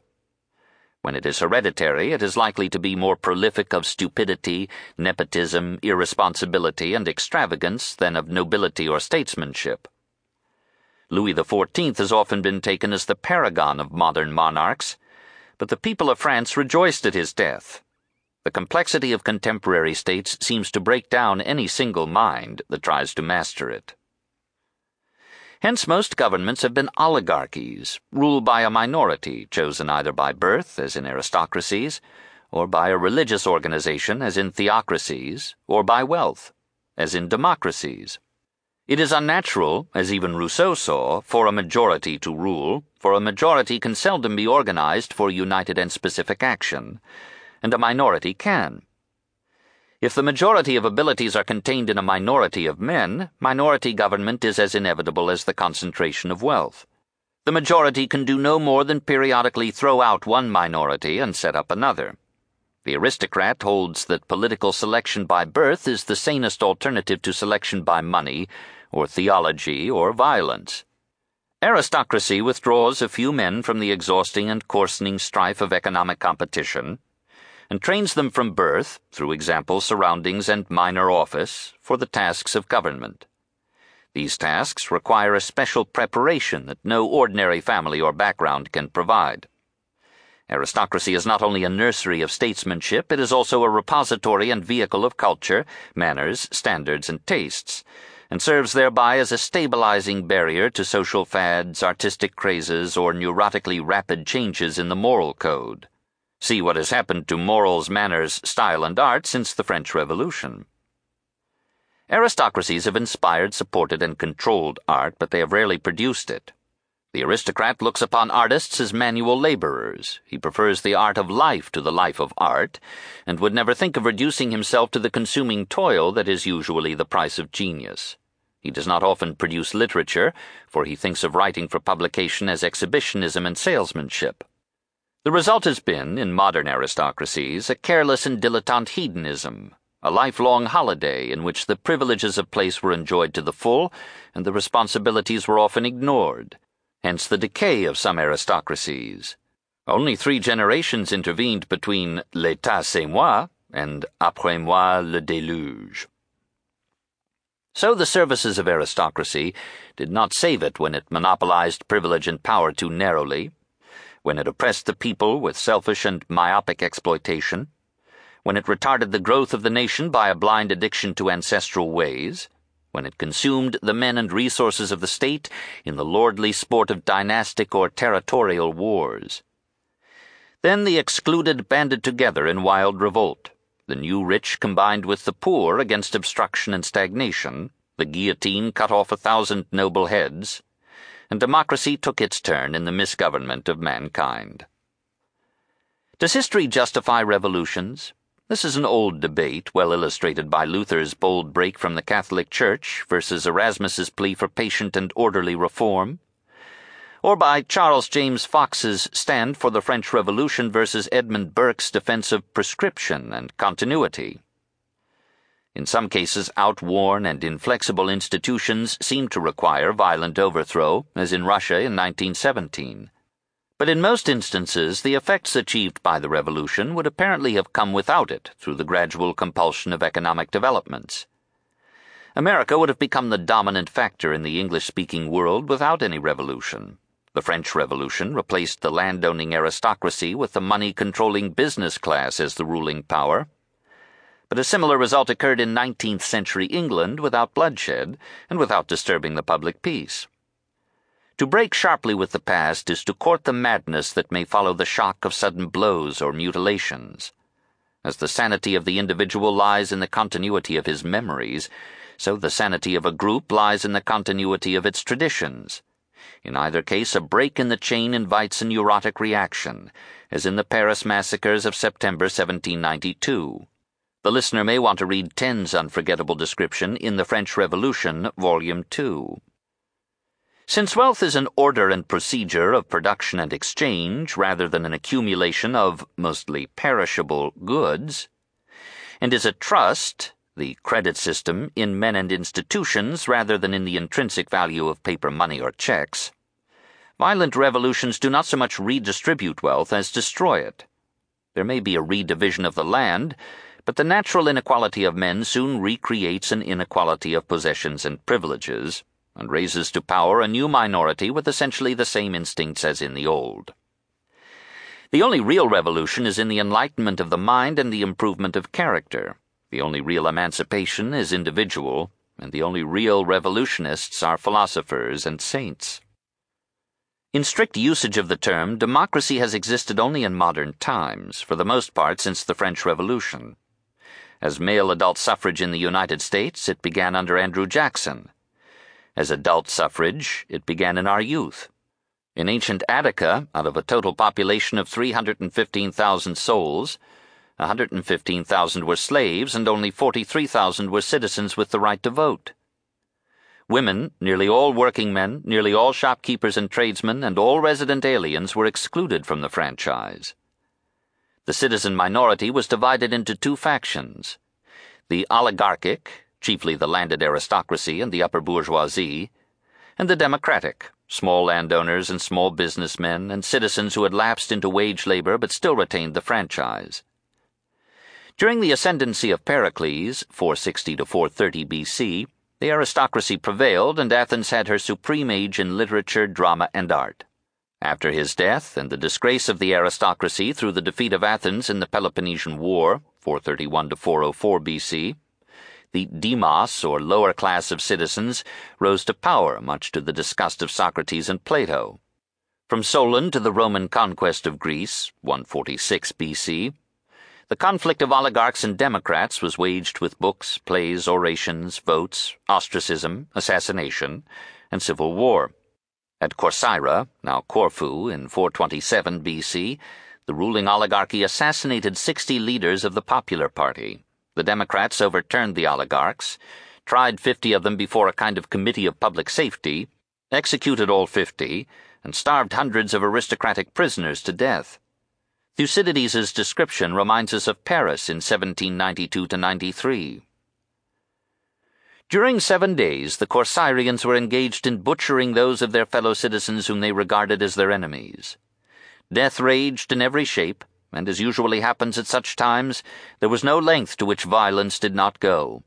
Sons were killed by their fathers, and suppliants were dragged from the altar or slain on it. Revolution thus ran its course from city to city, and the places where it arrived last, from having heard what had been done before, carried to a still greater excess the atrocity of their reprisals. Corcyra gave the first example of these crimes, of the revenge exacted by the governed, who had never experienced equitable treatment or indeed aught but violence from their rulers, and of the savage and pitiless excesses into which men were hurried by their passions. Meanwhile, the moderate part of the citizens perished between the two warring groups. The whole Hellenic world was convulsed. In his Republic, Plato made his mouthpiece, Socrates, condemn the triumphant democracy of Athens as a chaos of class violence, cultural decadence, and moral degeneration. The Democrats contemptuously rejected temperance as unmanliness Insolence they term breeding, and anarchy liberty, and waste magnificence, and impudence courage. The father gets accustomed to descend to the level of his sons and to fear them, and the son to be on a level with his father, having no shame or fear of his parents. The teacher fears and flatters his scholars, and the scholars despise their masters and tutors. The old do not like to be thought morose and authoritative, and therefore they imitate the young. Nor must I forget to tell of the liberty and equality of the two sexes in relation to each other. The citizens chafe impatiently at the least touch of authority, and at length they cease to care even for the laws, written or unwritten. And this is the fair and glorious beginning out of which springs dictatorship, tyrannis. The excessive increase of anything causes a reaction in the opposite direction. Dictatorship naturally arises out of democracy, and the most aggravated form of tyranny and slavery out of the most extreme form of liberty. By the time of Plato's death, 347 BC, his hostile analysis of Athenian democracy was approaching apparent confirmation by history. Athens recovered wealth, but this was now commercial rather than landed wealth. Industrialists, merchants, and bankers were at the top of the reshuffled heap. The change produced a feverish struggle for money, a pleonexia, as the Greeks called it, an appetite for more and more. The nouveau riche, neoplutoi, built gaudy mansions, bedecked their women with costly robes and jewelry, spoiled them with dozens of servants, rivaled one another in the feasts with which they regaled their guests. The gap between the rich and the poor widened. Athens was divided, as Plato put it, into two cities, one the city of the poor, the other of the rich, the one at war with the other.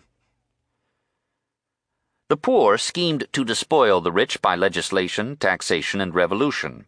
The rich organized themselves for protection against the poor. The members of some oligarchic organizations, says Aristotle, took a solemn oath.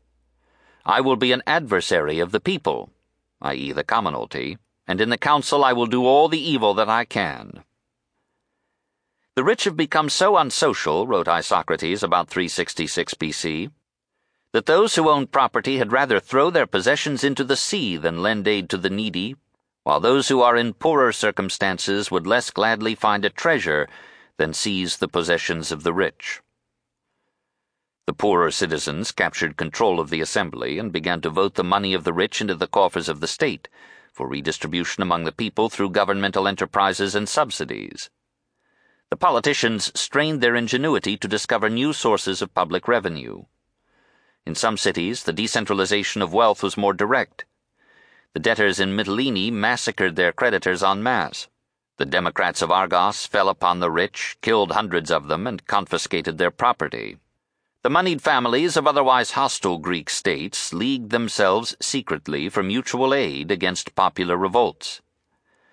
The middle classes, as well as the rich, began to distrust democracy as empowered envy, and the poor distrusted it as a sham equality of votes nullified by a gaping inequality of wealth. The rising bitterness of the class war left Greece internally as well as internationally divided when Philip of Macedon pounced down upon it in 338 BC and many rich Greeks welcomed his coming as preferable to revolution. Athenian democracy disappeared under Macedonian dictatorship. Plato's reduction of political evolution to a sequence of monarchy, aristocracy, democracy, and dictatorship found another illustration in the history of Rome. During the third and second centuries before Christ, a Roman oligarchy organized a foreign policy and a disciplined army, and conquered and exploited the Mediterranean world. The wealth so won was absorbed by the patricians, and the commerce so developed raised to luxurious opulence the upper middle class. Conquered Greeks, Orientals, and Africans were brought to Italy to serve as slaves on the latifundia.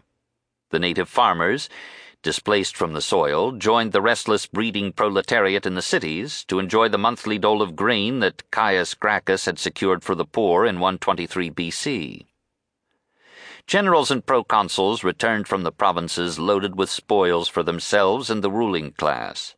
Millionaires multiplied Mobile money replaced land as the source or instrument of political power.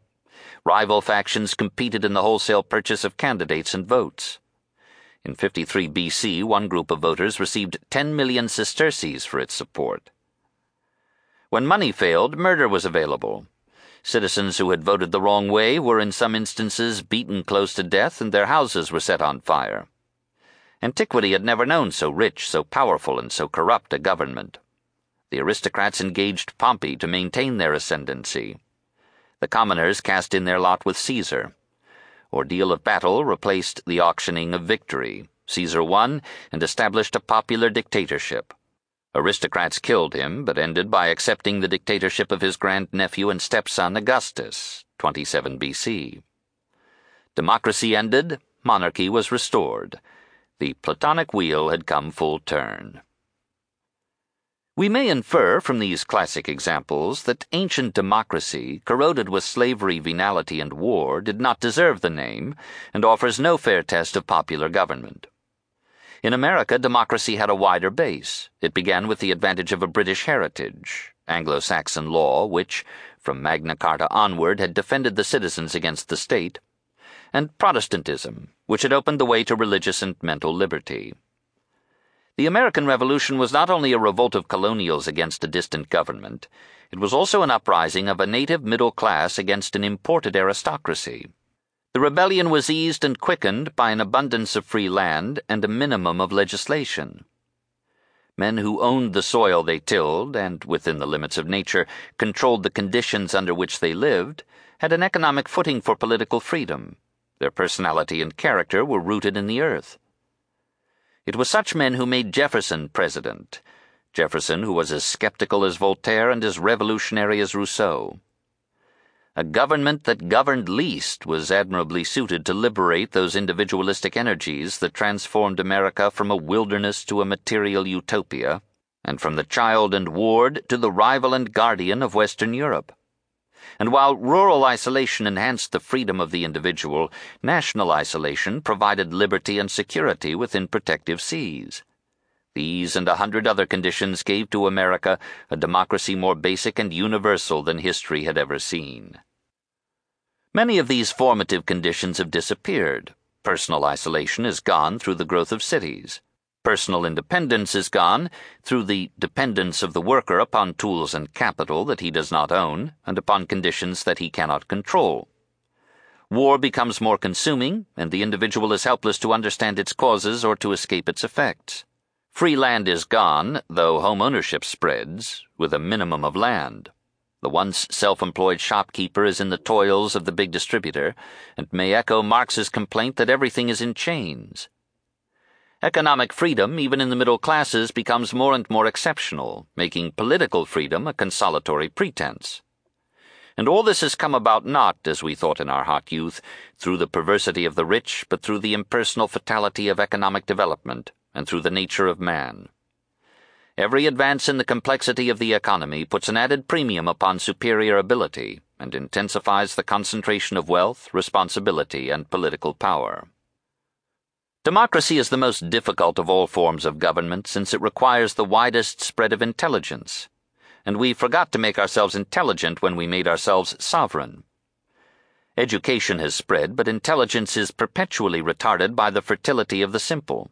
A cynic remarked that you mustn't enthrone ignorance just because there is so much of it. However, ignorance is not long enthroned, for it lends itself to manipulation by the forces that mold public opinion. It may be true, as Lincoln supposed, that you can't fool all the people all the time, but you can fool enough of them to rule a large country. Is democracy responsible for the current debasement of art? The debasement, of course, is not unquestioned. It is a matter of subjective judgment. And those of us who shudder at its excesses, its meaningless blotches of color, its collages of debris, its babbles of cacophony, are doubtless imprisoned in our past and dull to the courage of experiment. The producers of such nonsense are appealing not to the general public, which scorns them as lunatics, degenerates, or charlatans, but to gullible middle class purchasers who are hypnotized by auctioneers and are thrilled by the new, however deformed. Democracy is responsible for this collapse only in the sense that it has not been able to develop standards and tastes to replace those with which aristocracies once kept the imagination and individualism of artists within the bounds of intelligible communication the illumination of life, and the harmony of parts in a logical sequence and a coherent whole. If art now seems to lose itself in bizarrerie, this is not only because it is vulgarized by mass suggestion or domination, but also because it has exhausted the possibilities of old schools and forms, and flounders for a time in the search for new patterns and styles, new rules and disciplines. All deductions having been made, democracy has done less harm and more good than any other form of government.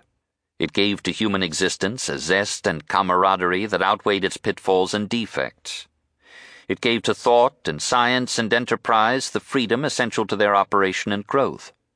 It broke down the walls of privilege and class, and in each generation it raised up ability from every rank and place. Under its stimulus, Athens and Rome became the most creative cities in history and America, in two centuries, has provided abundance for an unprecedentedly large proportion of its population. Democracy has now dedicated itself resolutely to the spread and lengthening of education and to the maintenance of public health. If equality of educational opportunity can be established, democracy will be real and justified. For this is the vital truth beneath its catchwords that though men cannot be equal, their access to education and opportunity can be made more nearly equal. The rights of man are not rights to office and power, but the rights of entry into every avenue that may nourish and test a man's fitness for office and power. A right is not a gift of God or nature, but a privilege which it is good for the group that the individual should have. In England and the United States, in Denmark, Norway, and Sweden, in Switzerland and Canada, democracy is today sounder than ever before. It has defended itself with courage and energy against the assaults of foreign dictatorship and has not yielded to dictatorship at home. But if war continues to absorb and dominate it, or if the itch to rule the world requires a large military establishment and appropriation, the freedoms of democracy may one by one succumb to the discipline of arms and strife. If race or class war divides us into hostile camps, changing political argument into blind hate, one side or the other may overturn the hustings with the rule of the sword. If our economy of freedom fails to distribute wealth as ably as it has created it, the road to dictatorship will be open to any man who can persuasively promise security to all. And a martial government, under whatever charming phrases, will engulf the democratic world.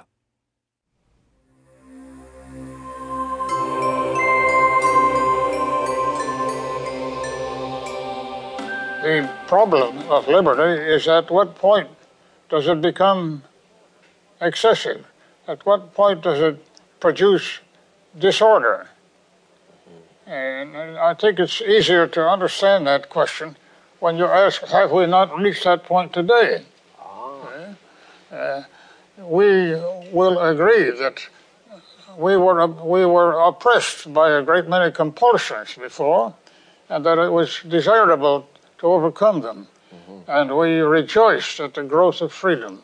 We turned our whole national psychology upon the idea of freedom.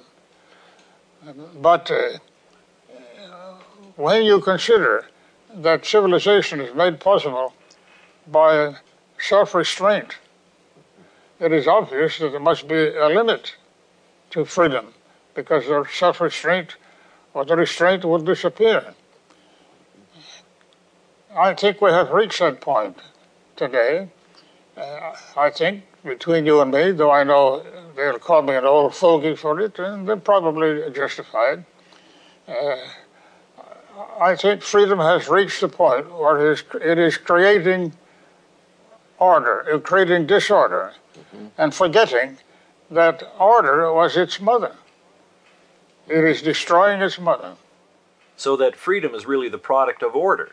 Yes, certainly. And you could be free if, if, if we didn't have a degree of order that keeps me from uh, knocking you down, see? Mm-hmm. Besides other reasons. Yes, yes, there might be other reasons. but you can't then consider freedom without its relationship to order. Correct. And the limits imposed on the interests of order. Freedom has to be moderated or it destroys itself. There's no question. Who determines the limits? Events.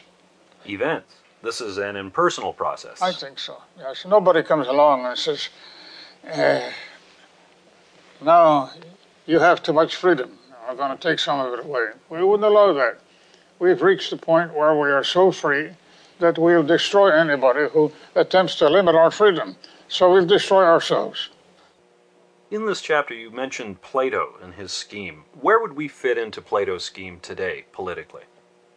Uh, we have rule by men who have succeeded in business and have learned how to meet problems, get around them somehow or other, and they are subject to the fourth form of government in Plato's description, which is democracy, ruled by the demos, the mm-hmm. common man. Well, I'm not quite sure that uh, the common man is ruling today. Common people never rule anything. But uh, what, what we mean is that government has fallen more and more into the hands of the more and more common denominator of humanity. Not entirely. Uh, obviously, the businessman is still at the realm today. He can order and get things done. The average man uh, is still in a condition where he needs to be told what can be done and how to do it. And uh, usually he appreciates getting uh, information of that sort and following instruction. If, if he rebels entirely against uh, order, he's an undeveloped individual and we'll have to forget about him. And now, what, what Plato does there is to uh, express the view of an aristocrat about democracy because he, he himself was born of a rich family. he never had to worry about his food. So he went on to describe what happens if the common man gets power. And you, you can see the result by uh, looking first at what he does to manners. Manners disappear. What he does to literature it, it, it, deteriorates a little bit. Uh, what is poetry today? It's a medley of deliberately unintelligible lines. Now you are not sounding very much like the socialist that you were some 50 or no, 60 years ago. nothing to do with socialism. Uh, I am arguing against formless behavior, the formlessness in life, in, in manners in literature, in art. Uh, I detest meaningless art. But that has nothing to do with democracy or socialism. I just like meaning. I think an artist should have something to say and should tell us what it is, not splash a canvas with indiscriminate colors and rely upon the colors themselves to teach us significance. So, given the choice between an excess of liberty and an excess of order, you would lean in the direction of order. Yes, because if you have excess order, you still have order. But if you have excess liberty, you have chaos. So, if you could tell me what art is in essence, I understand it to be a function of order. And if art is not orderly, then there is no art. That's the basis of your dissatisfaction, isn't it? art is freer than ever before, and so it is in chaos. And before your eyes, a man throws paint upon a canvas and thinks that that's art. Or he puts lines down, mm-hmm. 15 lines, one like another. Uh-huh. Uh, he gets thousands of dollars for that. That's not art, that's chaos, in, in your judgment. That's, that's uh, disintegration, I should say. Or when, when I ask uh, an artist, what does that mean? He refuses to answer. He says, You have no right to ask me what it means. Well, I should say, if, you, if, you, if it didn't have any meaning, why did you do it? And he answers, because it is a, a pleasure in itself, and even the meaningless is beautiful. Can be, I, can't, I, I don't agree with that. Uh, I think that the, the essence of beauty is order. I see. So for you, order is primary in these matters. No. Freedom and order are equal in uh. desirability. You can imagine uh, that uh, order can be excessive, and then you demand freedom. And uh, to a certain extent, you're achieving a higher line. Mm-hmm. It was good that uh, artists became free, that they were even, uh what you would say, emancipated from uh, following some great figure like Michelangelo, so that things, everybody was doing the same thing. But uh, they went to the extreme of doing things that, uh, to which you could apply no significance. You learned nothing from, from viewing them. And uh, yet, I think that the essence of art is the uh, giving permanence to significance. Chapter 12 History and War War is one of the constants of history and is not diminished with civilization or democracy. In the last 3,421 years of recorded history, only 268 have seen no war. We have acknowledged war as at present the ultimate form of competition and natural selection in the human species. Polemos pater panton, said Heraclitus. War or competition is the father of all things, the potent source of ideas, inventions, institutions, and states. Peace is an unstable equilibrium, which can be preserved only by acknowledged supremacy or equal power. The causes of war are the same as the causes of competition among individuals acquisitiveness, pugnacity, and pride, the desire for food, land, materials, fuels, mastery. The state has our instincts without our restraints. The individual submits to restraints laid upon him by morals and laws and agrees to replace combat with conference because the state guarantees him basic protection in his life, property, and legal rights. The state itself acknowledges no substantial restraints, either because it is strong enough to defy any interference with its will or because there is no superstate to offer it basic protection, and no international law or moral code wielding effective force. In the individual, pride gives added vigor in the competitions of life. In the state, nationalism gives added force in diplomacy and war. When the states of Europe freed themselves from papal overlordship and protection, each state encouraged nationalism as a supplement to its army and navy. If it foresaw conflict with any particular country, it fomented in its people hatred of that country, and formulated catchwords to bring that hatred to a lethal point. Meanwhile, it stressed its love of peace.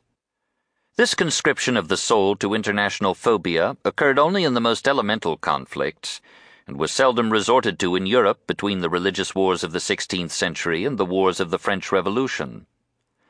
During that interval, the peoples of conflicting states were allowed to respect one another's achievements in civilization. Englishmen traveled safely in France while France was at war with England, and the French and Frederick the Great continued to admire each other while they fought each other in the Seven Years' War. In the 17th and 18th centuries, war was a contest of aristocracies rather than of peoples. In the 20th century, the improvement of communication, transport, weapons, and means of indoctrination made war a struggle of peoples, involving civilians as well as combatants, and winning victory through the wholesale destruction of property and life. One war can now destroy the labor of centuries in building cities, creating art, and developing habits of civilization. In apologetic consolation, war now promotes science and technology, whose deadly inventions, if they are not forgotten in universal destitution and barbarism, may later enlarge the material achievements of peace. In every century, the generals and the rulers, with rare exceptions like Ashoka and Augustus, have smiled at the philosopher's timid dislike of war. In the military interpretation of history, war is the final arbiter and is accepted as natural and necessary by all but cowards and simpletons. What but the victory of Charles Martel at Tours, 732, kept France and Spain from becoming Mohammedan? What would have happened to our classic heritage if it had not been protected by arms against Mongol and Tatar invasions? We laugh at generals who die in bed, forgetting that they are more valuable alive than dead. But we build statues to them when they turn back a Hitler or a Genghis Khan. It is pitiful, says the general, that so many young men die in battle, but more of them die in automobile accidents than in war, and many of them riot and rot for lack of discipline. They need an outlet for their combativeness, their adventurousness, their weariness with prosaic routine. If they must die sooner or later, why not let them die for their country in the anesthesia of battle and the aura of glory? Even a philosopher, if he knows history, will admit that a long peace may fatally weaken the martial muscles of a nation. In the present inadequacy of international law and sentiment, a nation must be ready at any moment to defend itself, and when its essential interests are involved, it must be allowed to use any means it considers necessary to its survival. The Ten Commandments must be silent when self preservation is at stake. It is clear, continues the General, that the United States must assume today the task that Great Britain performed so well in the 19th century the protection of Western civilization from external danger. Communist governments, armed with old birth rates and new weapons, have repeatedly proclaimed their resolve to destroy the economy and independence of non communist states. Young nations, longing for an industrial revolution to give them economic wealth and military power, are impressed by the rapid industrialization of Russia under governmental management. Western capitalism might be more productive in the end, but it seems slower in development. The new governors, eager to control the resources and manhood of their states, are likely prey to communist propaganda infiltration and subversion. Unless this spreading process is halted, it is only a matter of time before nearly all Asia, Africa, and South America will be under communist leadership, and Australia, New Zealand, North America, and Western Europe will be surrounded by enemies on every side. Imagine the effect of such a condition upon Japan, the Philippines, and India, and upon the powerful Communist Party of Italy. Imagine the effect of a communist victory in Italy upon the communist movement in France. Great Britain, Scandinavia, the Netherlands, and West Germany would be left at the mercy of an overwhelmingly communist continent. Should North America, now at the height of its power, accept such a future as inevitable, withdraw within its frontiers, and let itself be encircled by hostile states controlling its access to materials and markets, and compelling it, like any besieged people, to imitate its enemies and establish governmental dictatorship over every phase of its once free and stimulating life? Should the leaders of America consider only the reluctance of this Epicurean generation to face so great an issue? Or should they consider also what future generations of Americans would wish that these leaders had done? Is it not wiser to resist at once, to carry the war to the enemy, to fight on foreign soil, to sacrifice, if it need be, a hundred thousand American lives and perhaps a million non combatants, but to leave America free to live its own life in security and freedom? Is not such a far-sighted policy fully in accord with the lessons of history? The philosopher answers, yes, and the devastating results will be in accord with history, except that they will be multiplied in proportion to the increased number and mobility of the engaged forces, and the unparalleled destructiveness of the weapons used. There is something greater than history. Somewhere, sometime, in the name of humanity, we must challenge a thousand evil precedents and dare to apply the golden rule to nations, as the Buddhist king Ashoka did, 262. Or at least do what Augustus did when he bade Tiberius desist from further invasion of Germany, AD 9. Let us refuse at whatever cost to ourselves to make a hundred Hiroshimas in China. Magnanimity in politics, said Edmund Burke, is not seldom the truest wisdom, and a great empire and little minds go ill together. Imagine an American president saying to the leaders of China and Russia, If we should follow the usual course of history, we should make war upon you for fear of what you may do a generation hence. Or we should follow the dismal precedent of the Holy Alliance of 1815 and dedicate our wealth and our soundest youth to suppressing any revolt against the existing order anywhere. But we are willing to try a new approach. We respect your peoples and your civilizations as among the most creative in history. We shall try to understand your feelings and your desire to develop your own institutions without fear of attack. We must not allow our mutual fears to lead us into war for the unparalleled murderousness of our weapons and yours brings into the situation an element unfamiliar to history. We propose to send representatives to join with yours in a persistent conference for the adjustment of our differences, the cessation of hostilities and subversion, and the reduction of our armaments. Wherever outside our borders we may find ourselves competing with you for the allegiance of a people, we are willing to submit to a full and fair election of the population concerned. Let us open our doors to each other and organize cultural exchanges that will promote mutual appreciation and understanding. We are not afraid that your economic system will displace ours, nor need you fear that ours will displace yours.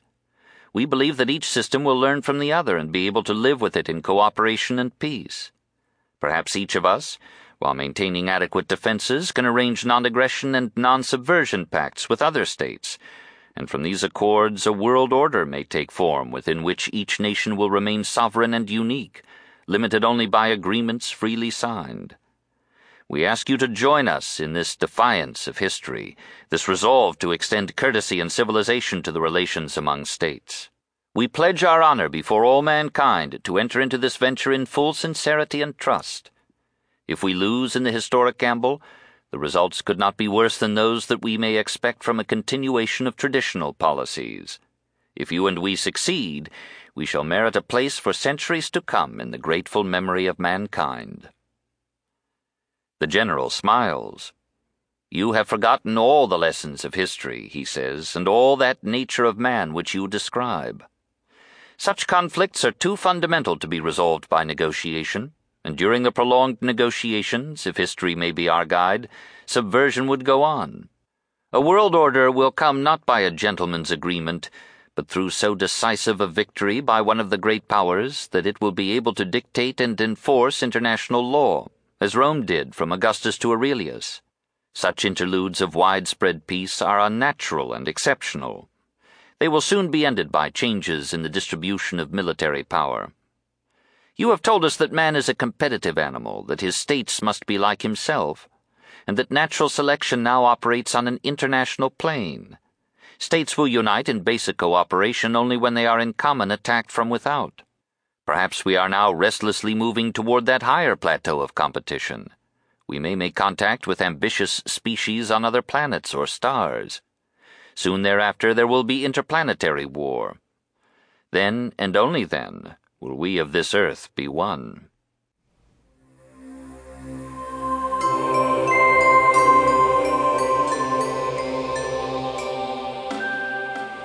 Dr. Durant, is peace possible? Is it unrealistic to hope for world peace? It's not, un, not unrealistic, provided you know that you're up against all the lessons of history. But it's a good, good thing to try for perhaps we improve conditions, even if we don't realize the complete elimination of war. Has war ever really solved any basic problems? No, it, it replaces one possessor by another, and he will be replaced by another, and so on, until the terrain is exhausted. Mm, until the terrain is exhausted, or until we've obliterated mankind. Do you think of that as a realistic possibility? I don't think man will be obliterated by a war. Be obliterated by pestilence or earthquakes. But not by a thermonuclear holocaust. No, he will preserve to the last minute the pressure of uh, killing his brother. Do you think that war ever serves a really useful purpose? It may be in the sense that it exhausts the pugnacity of the participants. As a siphon, then? Yes, if they didn't have war, they'd do something else, which conceivably could be different because in many centuries, war affected only a small part of the population. And there were certain rules about it that every gentleman uh, observed. Uh, you remember the days when the English used to visit France even when they were at war with France. They actually was. uh, a man uh, like uh, Robert uh, Walpole, who was the man who wrote all those famous letters, Horace Walpole. Yeah. Robert was the prime minister, but uh-huh. Horace Walpole visited Paris uh, when England was at war with France, I think. Mm-hmm. You know, there were several cases of that. Of course, this was a highly civilized kind of manifestation in a time of limited warfare. Yes. Aha, the civilized rules of war. Yes. Between you and me, the, the nicest warriors were the mercenaries mm-hmm. because they were paid to do a job and they did as little of it as possible and they have no objection to peace if they had been properly paid.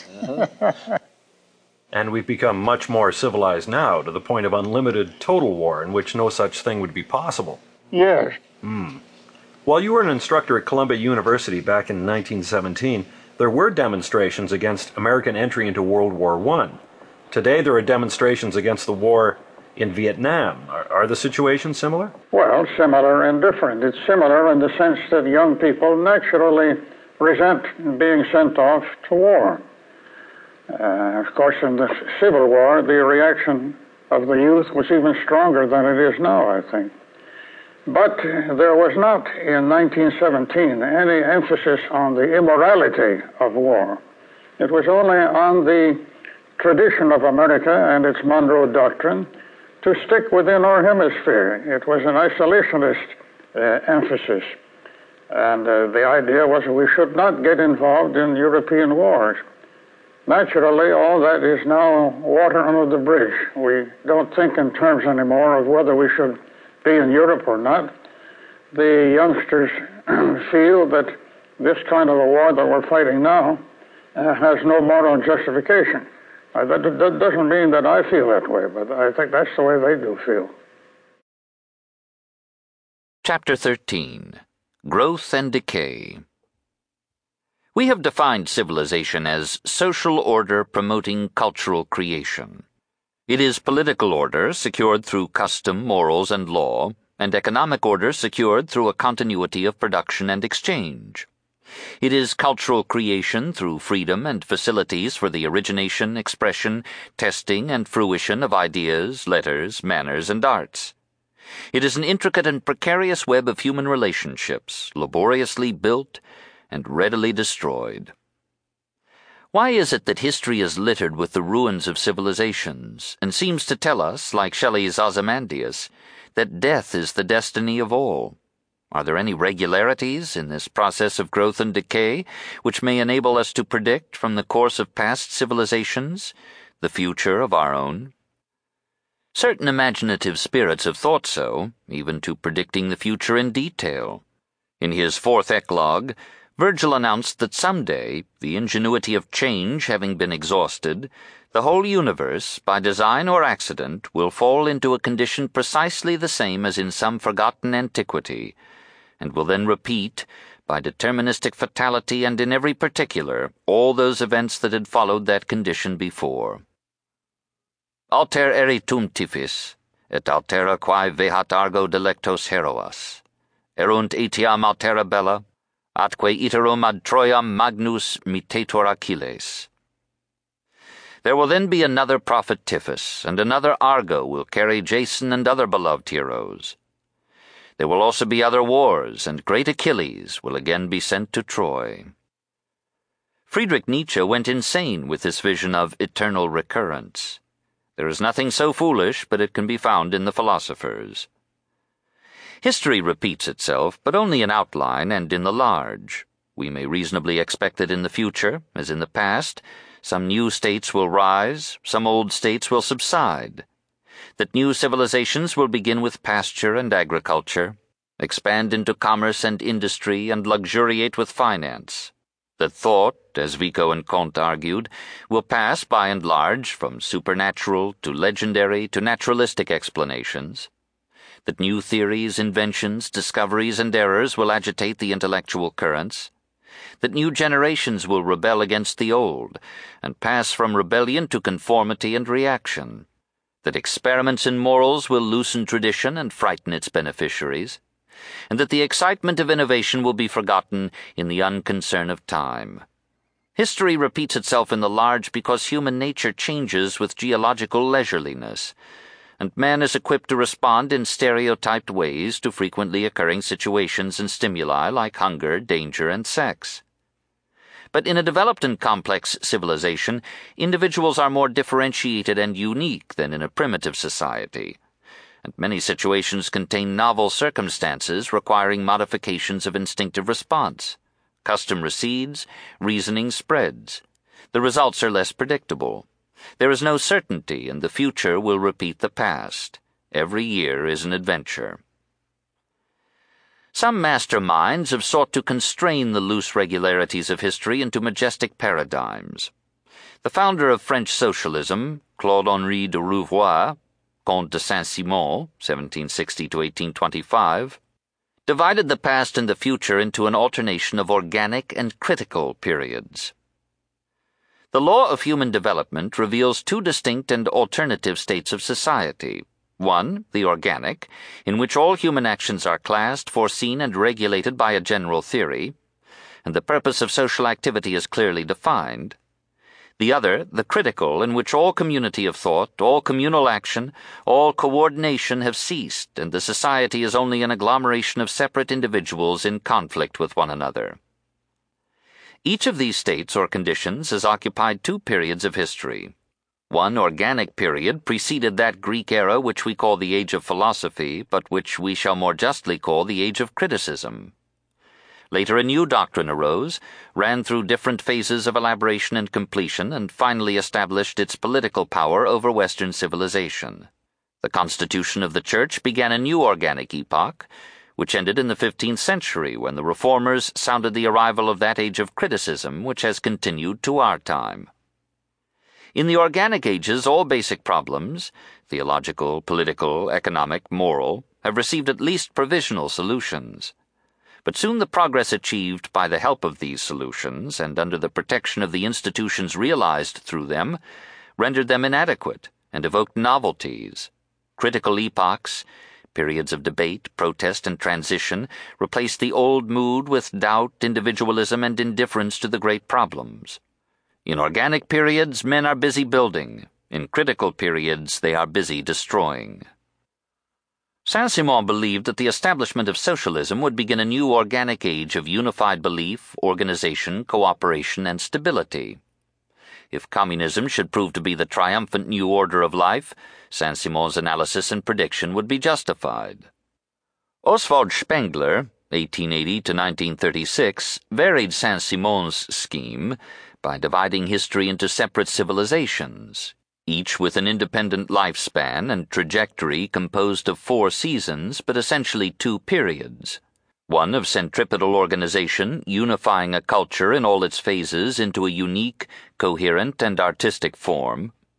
The other, a period of centrifugal disorganization, in which creed and culture decompose in division and criticism, and end in a chaos of individualism, skepticism, and artistic aberrations.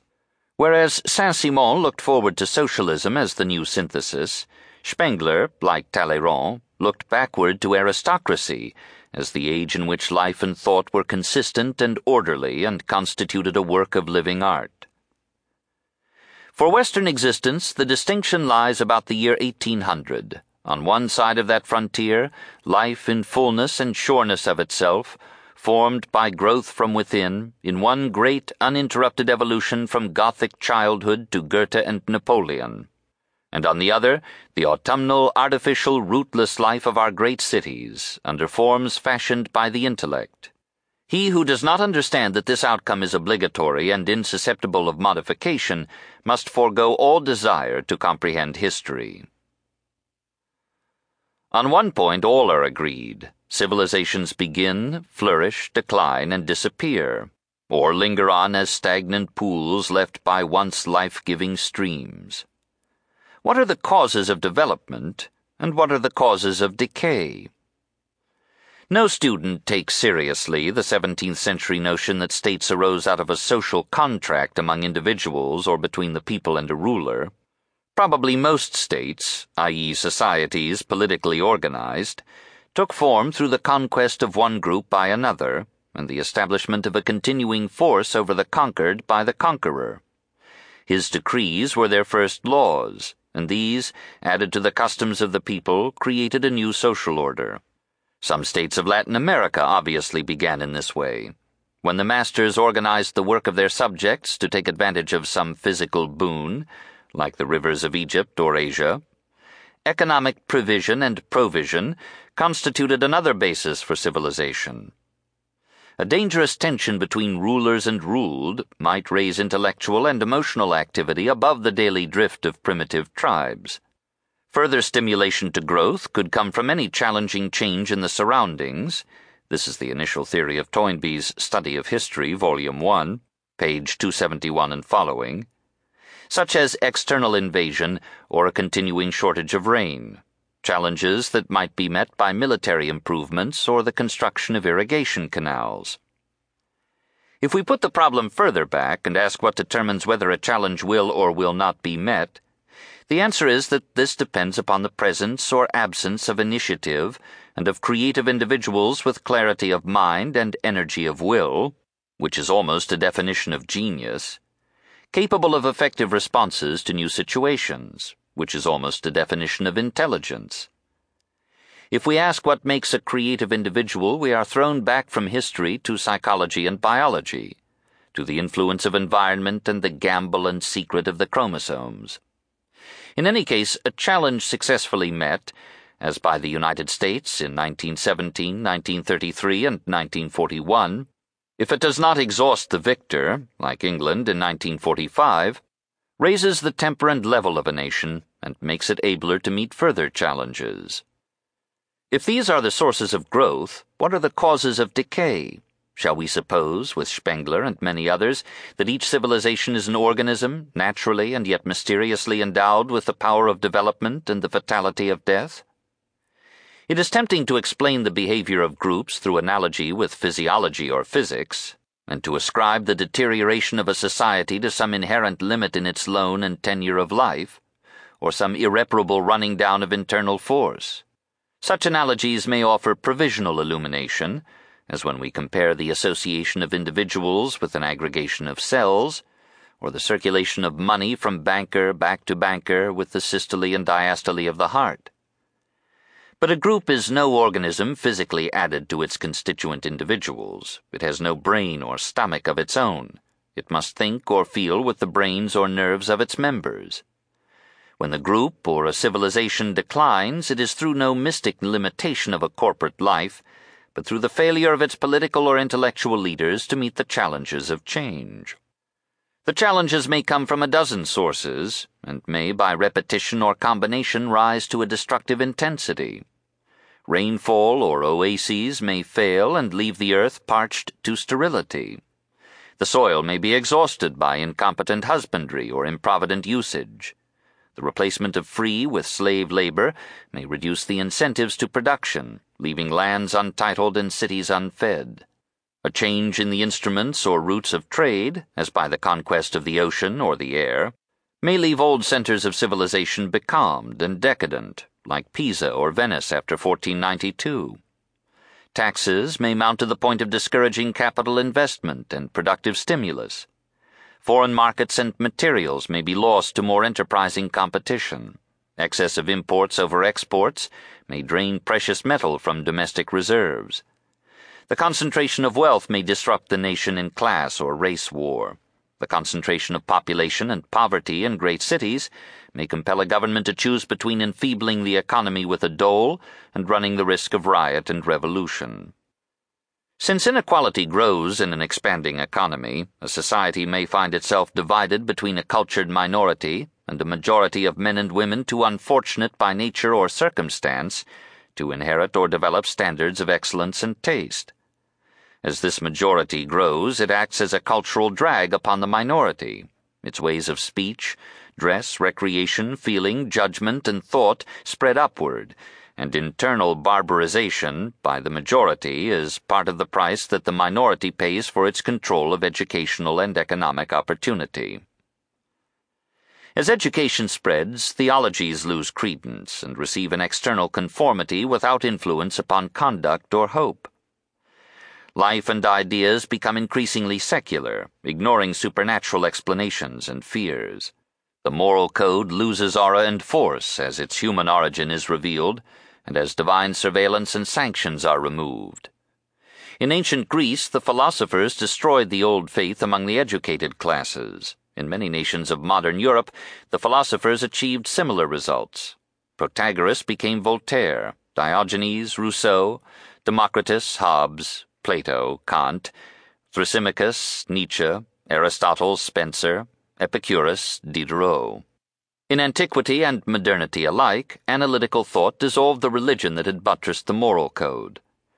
New religions came, but they were divorced from the ruling classes and gave no service to the state. An age of weary skepticism and Epicureanism followed the triumph of rationalism over mythology in the last century before Christianity, and follows a similar victory today in the first century after Christianity. Caught in the relaxing interval between one moral code and the next, an unmoored generation surrenders itself to luxury, corruption, and a restless disorder of family and morals, in all but a remnant clinging desperately to old restraints and ways. Few souls feel any longer that it is beautiful and honorable to die for one's country. A failure of leadership may allow a state to weaken itself with internal strife.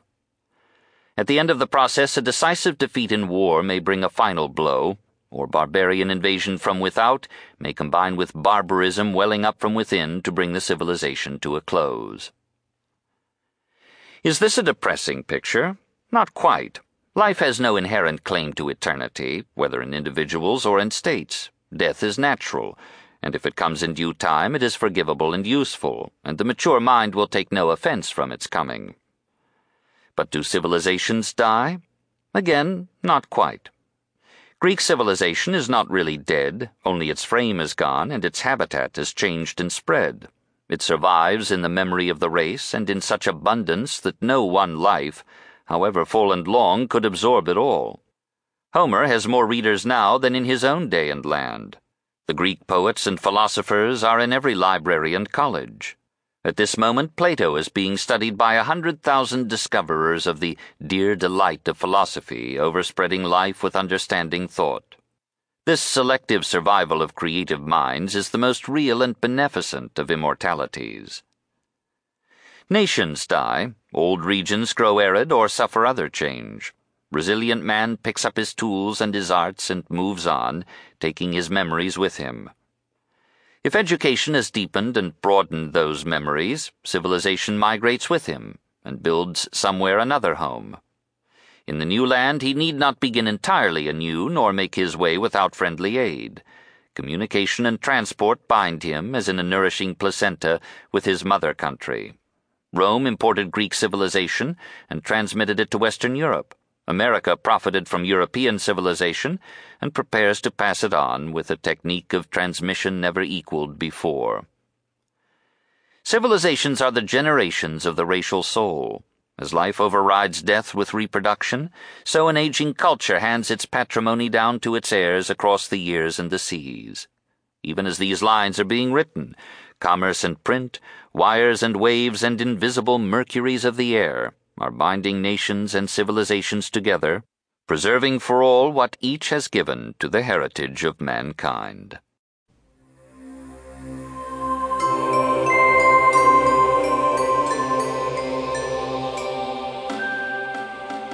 What I wonder is that we hear so much about the fact that perhaps American civilization is dying.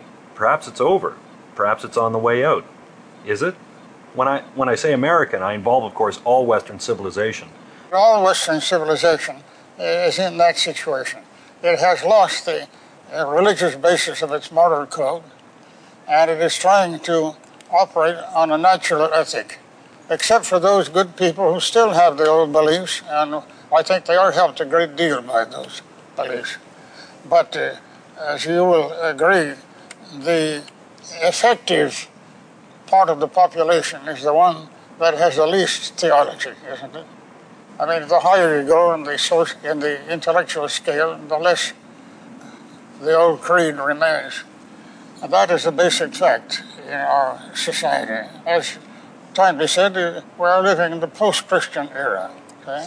Many civilizations that we know of uh, have had obvious periods of growth and obvious periods of decay, or have then disappeared. But uh, whether it's a cyclical process is open to question. Uh, as you know, many of the uh, great thinkers on that subject, like Spengler, uh, Vico, uh, have had different notions of, of the cycles. Mm. I was interested to find that a socialist about 1780 conceived a, a, plan according to which he felt all civilizations developed. They first had an organic, no, no, they had a, they, they had a critical stage in which they discussed what should be done. Mm-hmm. Took two or three hundred years to discuss. And then a, an organic period in which they had made up their minds and then that would collapse, and the, it would collapse as criticism resurrected. Uh-huh. And so it had another age of criticism, and so on. So he thought the Middle Ages were a stable age of mm-hmm. organic unity and development. Uh, the, you know, from 1500 years until now, we have a critical stage in which the mind knocks to pieces any positive idea that you can give. Beginning with the Renaissance and Reformation. The Renaissance perhaps uh, criticized the whole medieval view mm. and wanted to go back to the classics. The Reformation also uh, wanted to make a change, but strange to say, it went back to many medieval ideas, mm-hmm. it, like St. Augustine, for example, more than any other of the uh, fathers of the church. And in a sense, that was a return to mm-hmm. old ways uh, as, as a way of getting away from Rome. I guess this is why I think of the whole concept of growth and decay in terms of cycles, because so much of what is new, critical, innovative, and that seems to represent a turning point of history, looks back. Well, I think we can agree with uh, Saint Simon that uh, there are organic ages and there are critical ages. Obviously, we live in a critical age. Indeed, we are busily occupied in tearing our traditions and our foundations to pieces. In the name of freedom. Yes, of course, uh, the age of uh, criticism is an age of freedom. The age of order is an age of stability.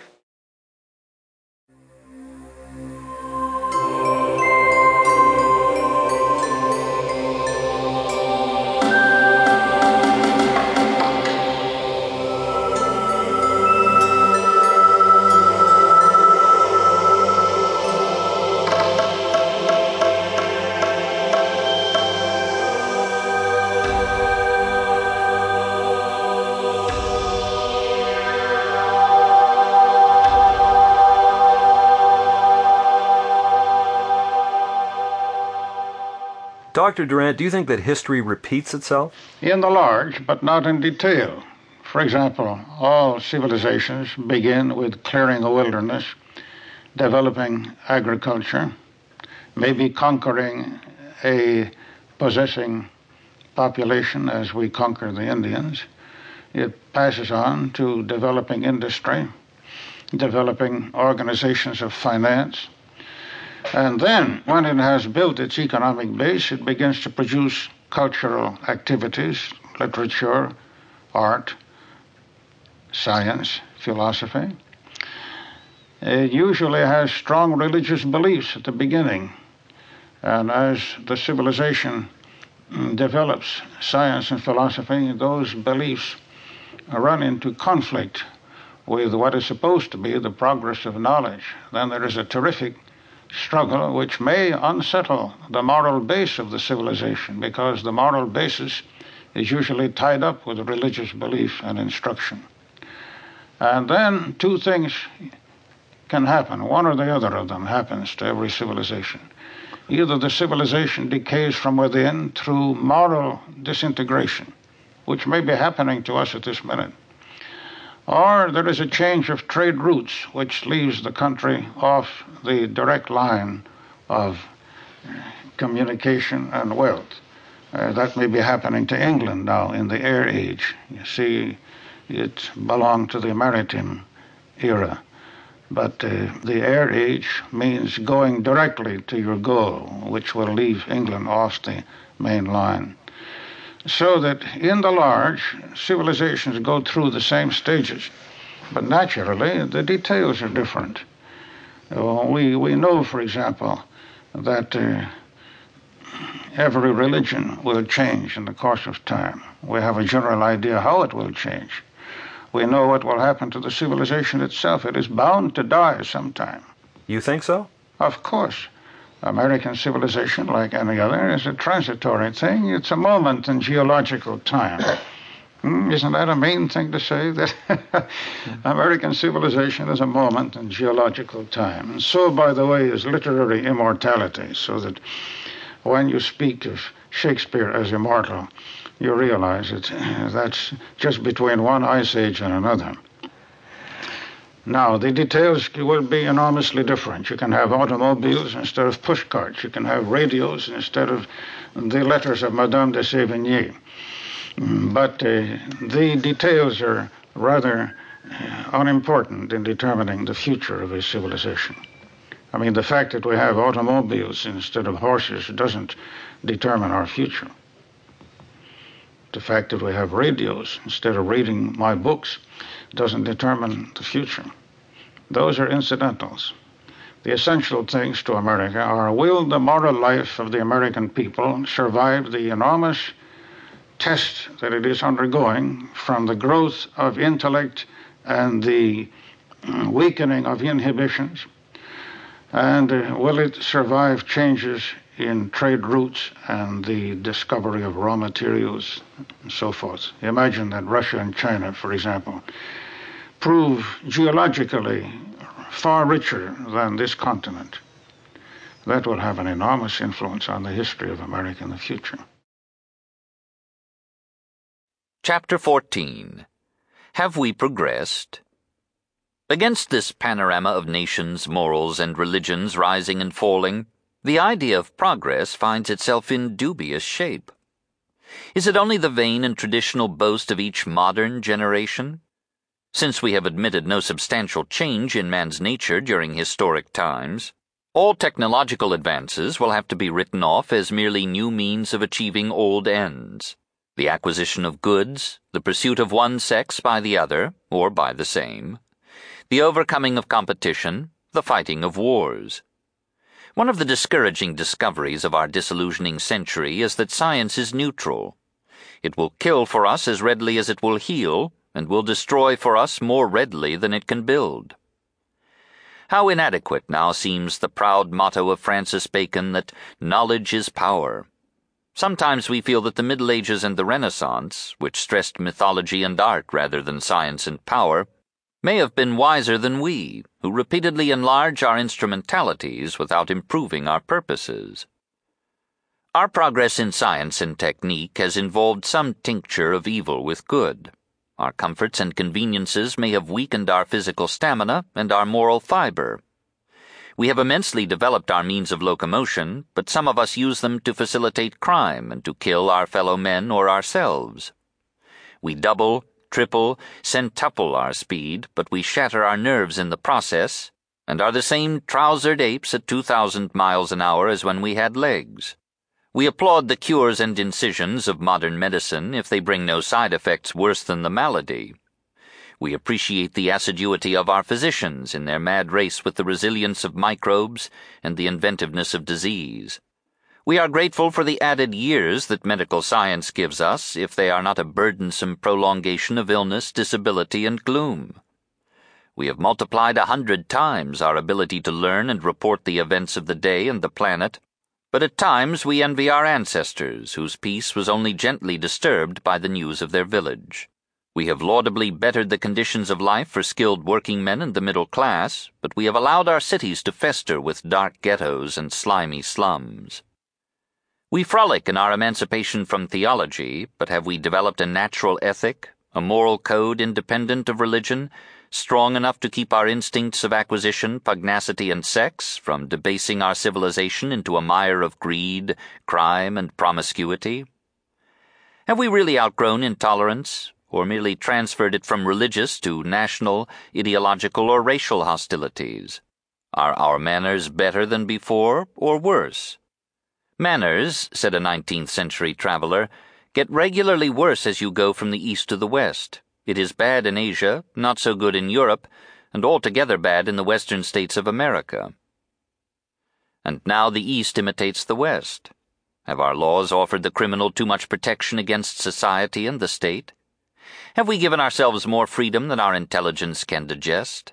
Or are we nearing such moral and social disorder that frightened parents will run back to Mother Church and beg her to discipline their children, at whatever cost to intellectual liberty? Has all the progress of philosophy since Descartes been a mistake through its failure to recognize the role of myth in the consolation and control of man? He that increaseth knowledge increaseth sorrow, and in much wisdom is much grief. Ecclesiastes, chapter 1, verse 18. Has there been any progress at all in philosophy since Confucius, or in literature since Aeschylus? Are we sure that our music, with its complex forms and powerful orchestras, is more profound than Palestrina, or more musical and inspiring than the monodic airs that medieval Arabs sang to the strumming of their simple instruments? Edward Lane said of the Cairo musicians, I have been more charmed with their songs than with any other music that I have ever enjoyed. How does our contemporary architecture, bold, original, and impressive as it is, compare with the temples of ancient Egypt or Greece, or our sculpture with the statues of Khephren and Hermes, or our bas reliefs with those of Persepolis or the Parthenon, or our paintings with those of the Van Eycks or Holbein. If the replacement of chaos with order is the essence of art and civilization, is contemporary painting in America and Western Europe the replacement of order with chaos, and a vivid symbol of our civilization's relapse into confused and structureless decay? History is so indifferently rich that a case for almost any conclusion from it can be made by a selection of instances. Choosing our evidence with a brighter bias, we might evolve some more comforting reflections. But perhaps we should first define what progress means to us. If it means an increase in happiness, its case is lost almost at first sight.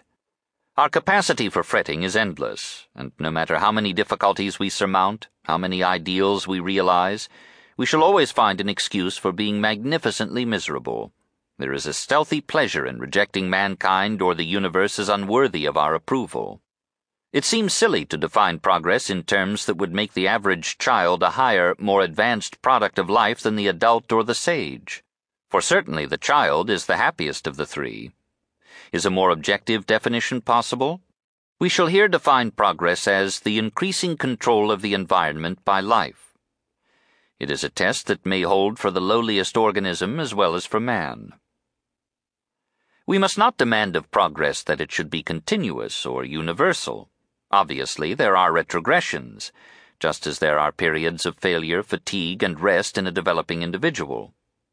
If the present stage is an advance in control of the environment, progress is real. We may presume that at almost any time in history some nations were progressing and some were declining, as Russia progresses and England loses ground today.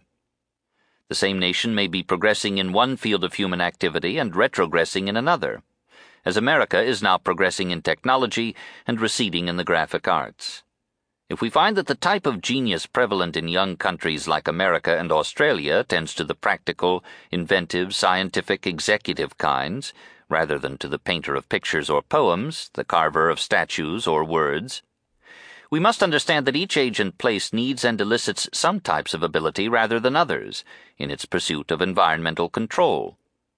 We should not compare the work of one land and time with the winnowed best of all the collected past. Our problem is whether the average man has increased his ability to control the conditions of his life. If we take a long range view and compare our modern existence, precarious, chaotic, and murderous as it is, with the ignorance, superstition, violence, and diseases of primitive peoples, we do not come off quite so forlorn. The lowliest strata in civilized states may still differ only slightly from barbarians. But above those levels of thousands, millions have reached mental and moral levels rarely found among primitive men. Under the complex strains of city life, we sometimes take imaginative refuge in the supposed simplicity of pre civilized ways. But in our less romantic moments, we know that this is a flight reaction from our actual tasks, and that the idolizing of savages, like many other young moods, is an impatient expression of adolescent maladaptation of conscious ability not yet matured and comfortably placed. The friendly and flowing savage would be delightful but for his scalpel, his insects, and his dirt. A study of surviving primitive tribes reveals their high rate of infantile mortality, their short tenure of life, their lesser stamina and speed, their greater susceptibility to disease. A.J. Todd, Theories of Social Progress, page 135, New York, 1934.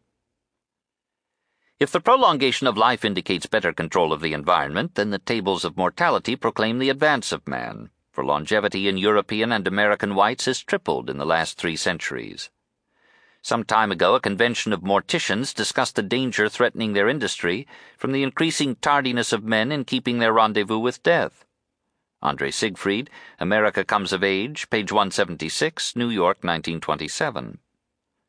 But if undertakers are miserable, progress is real. In the debate between ancients and moderns, it is not at all clear that the ancients carry off the prize. Shall we count it a trivial achievement that famine has been eliminated in modern states, and that one country can now grow enough food to overfeed itself and yet send hundreds of millions of bushels of wheat to nations in need? Are we ready to scuttle the science that has so diminished superstition, obscurantism, and religious intolerance? Or the technology that has spread food, home ownership, comfort, education, and leisure beyond any precedent? Would we really prefer the Athenian Agora, or the Roman Comitia, to the British Parliament or the United States Congress? Or be content under a narrow franchise like Attica's, or the selection of rulers by a Praetorian Guard? Would we rather have lived under the laws of the Athenian Republic or the Roman Empire than under constitutions that give us habeas corpus, trial by jury, religious and intellectual freedom, and the emancipation of women? Are our morals, lax though they are, worse than those of the ambisexual Alcibiades? Or has any American president imitated Pericles, who lived with a learned courtesan? Are we ashamed of our great universities, our many publishing houses, our bountiful public libraries? There were great dramatists in Athens, but was any greater than Shakespeare? And was Aristophanes as profound and humane as Moliere? Was the oratory of Demosthenes, Isocrates, and Aeschines superior to that of Chatham, Burke, and Sheridan? Shall we place Gibbon below Herodotus or Thucydides? Is there anything in ancient prose fiction comparable to the scope and depth of the modern novel? We may grant the superiority of the ancients in art, though some of us might still prefer Notre Dame de Paris to the Parthenon. If the founding fathers of the United States could return to America, or Fox and Bentham to England, or Voltaire and Diderot to France, would they not reproach us as ingrates for our blindness to our good fortune in living today and not yesterday, not even under Pericles or Augustus? We should not be greatly disturbed by the probability that our civilization will die like any other. As Frederick asked his retreating troops at Kolin, Would you live forever? Perhaps it is desirable that life should take fresh forms, that new civilizations and centers should have their turn. Meanwhile, the effort to meet the challenge of the rising East may reinvigorate the West. We have said that a great civilization does not entirely die, non omnis moritur. Some precious achievements have survived all the vicissitudes of rising and falling states. The making of fire and light, of the wheel and other basic tools, language, writing, art, and song, agriculture, the family and parental care, social organization, morality, and charity, and the use of teaching to transmit the lore of the family and the race. These are the elements of civilization, and they have been tenaciously maintained through the perilous passage from one civilization to the next. They are the connective tissue of human history. If education is the transmission of civilization, we are unquestionably progressing. Civilization is not inherited. It has to be learned and earned by each generation anew. If the transmission should be interrupted for one century, civilization would die, and we should be savages again. So our finest contemporary achievement is our unprecedented expenditure of wealth and toil in the provision of higher education for all. Once, colleges were luxuries designed for the male half of the leisure class. Today, universities are so numerous that he who runs may become a PhD. We may not have excelled the selected geniuses of antiquity, but we have raised the level and average of knowledge beyond any age in history. None but a child will complain that our teachers have not yet eradicated the errors and superstitions of 10,000 years. The great experiment has just begun, and it may yet be defeated by the high birth rate of unwilling or indoctrinated ignorance. But what would be the full fruitage of instruction if every child should be schooled till at least his twentieth year, and should find free access to the universities, libraries, and museums that harbor and offer the intellectual and artistic treasures of the race? Consider education not as the painful accumulation of facts and dates and reigns, nor merely the necessary preparation of the individual to earn his keep in the world, but as the transmission of our mental, moral, technical, and aesthetic heritage as fully as possible to as many as possible, for the enlargement of man's understanding, control, embellishment, and enjoyment of life.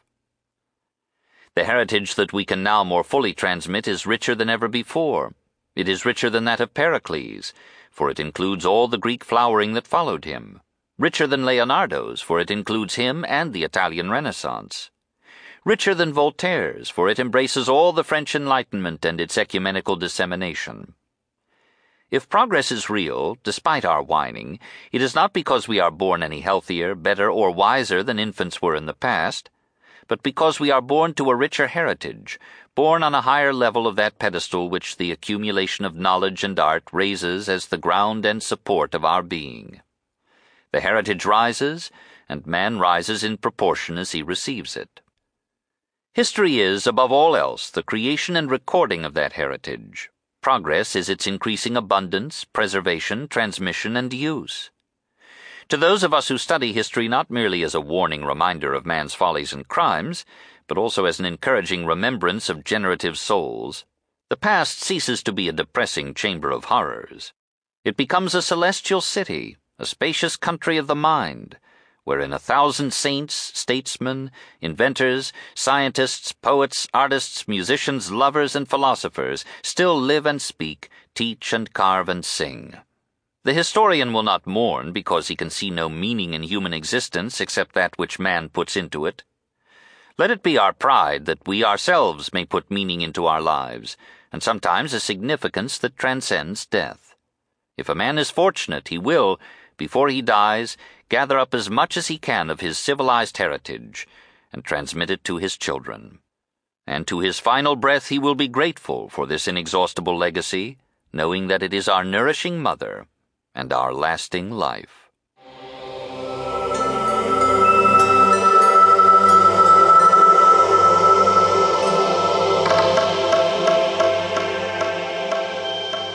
Looking ahead, I must ask this question.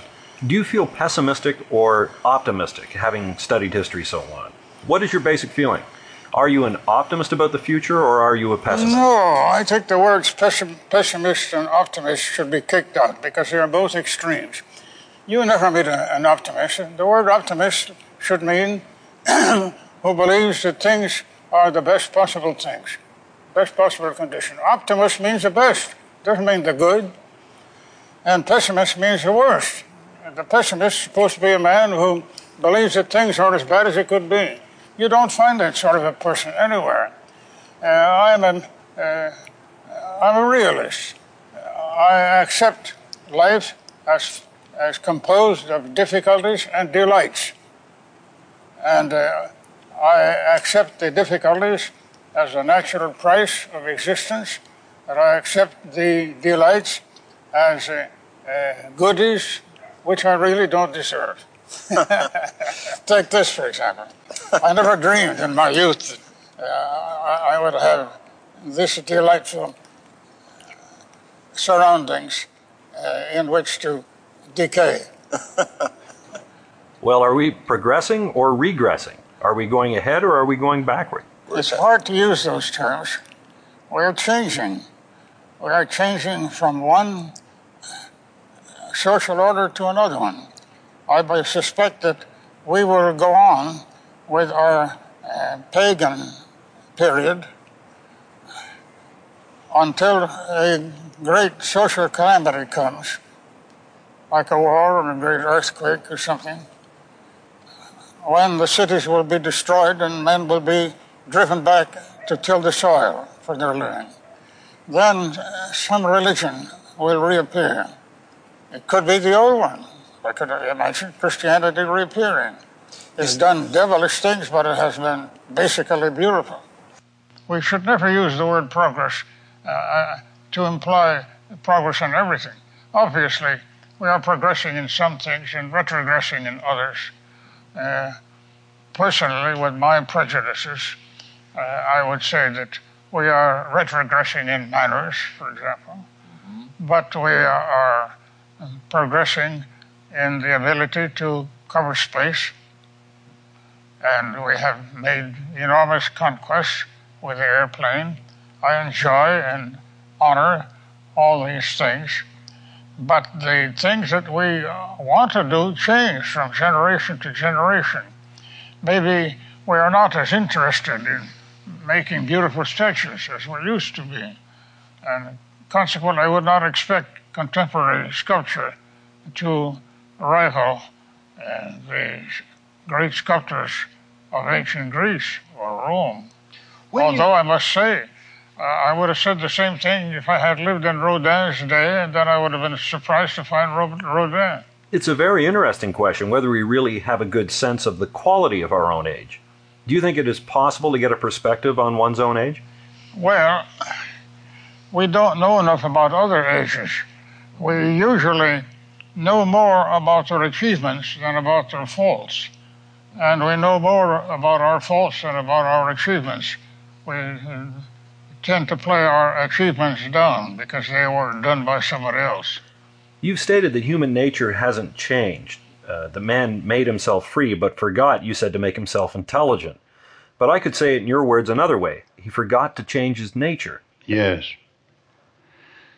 Yes, I think by and large human nature does not change uh, in the historic period.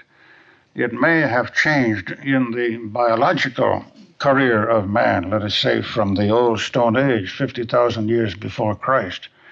Though, again, it's very hard to tell because all that we have of the old Stone Age is bones. We can hardly tell what sort of nature they had.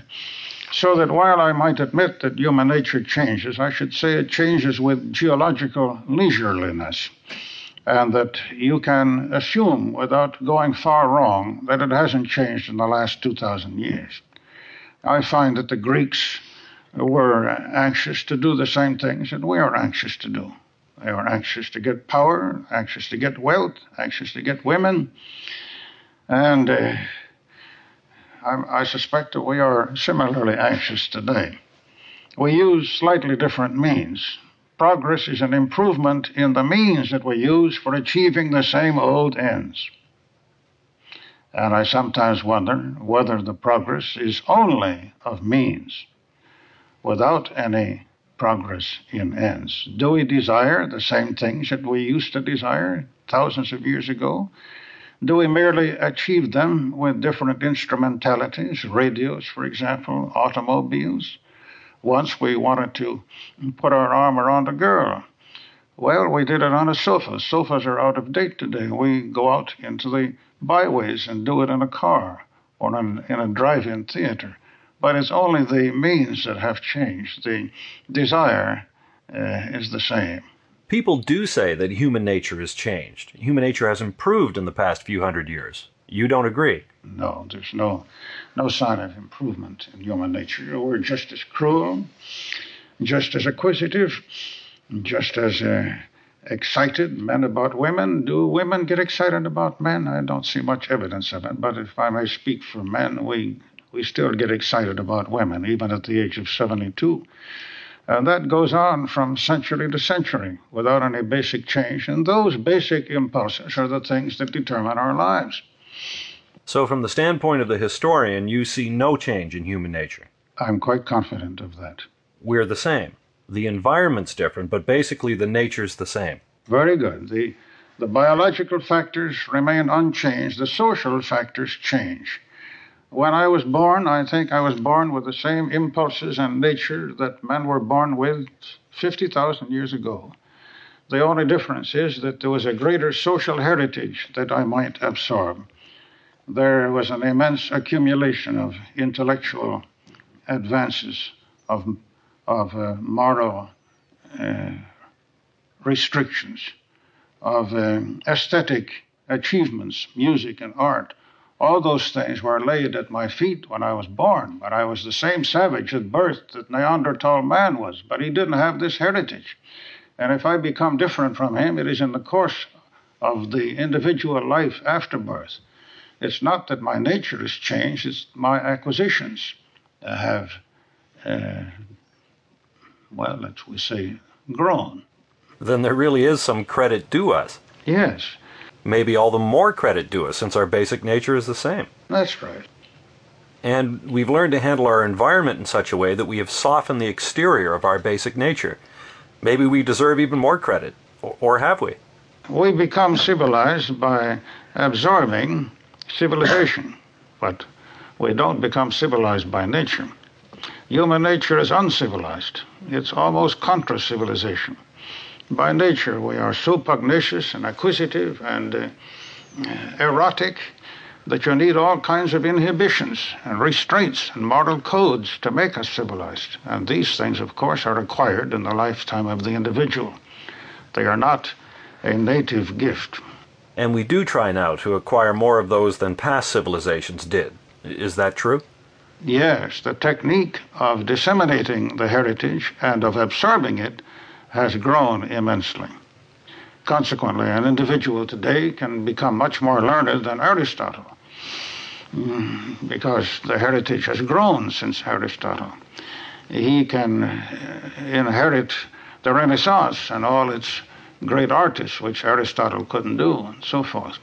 In short, the pedestal on which we are born uh, grows with the years we are the same at birth that we used to be, but in a sense we progress by the the rise of the pedestal of the social heritage. Sounds a little obscure, doesn't it? But uh, you can see just from the history of civilization the enormous wealth of the heritage. I always feel uh, awe-stricken when I think of how many things the past has offered me. Uh, how rich is this gift that it puts at my door when I emerge from the womb.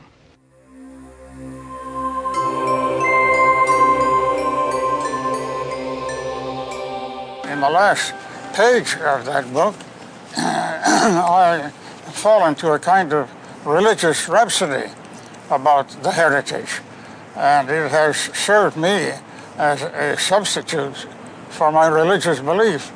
Namely, uh, can, can you spread the book and see if I can uh, read this?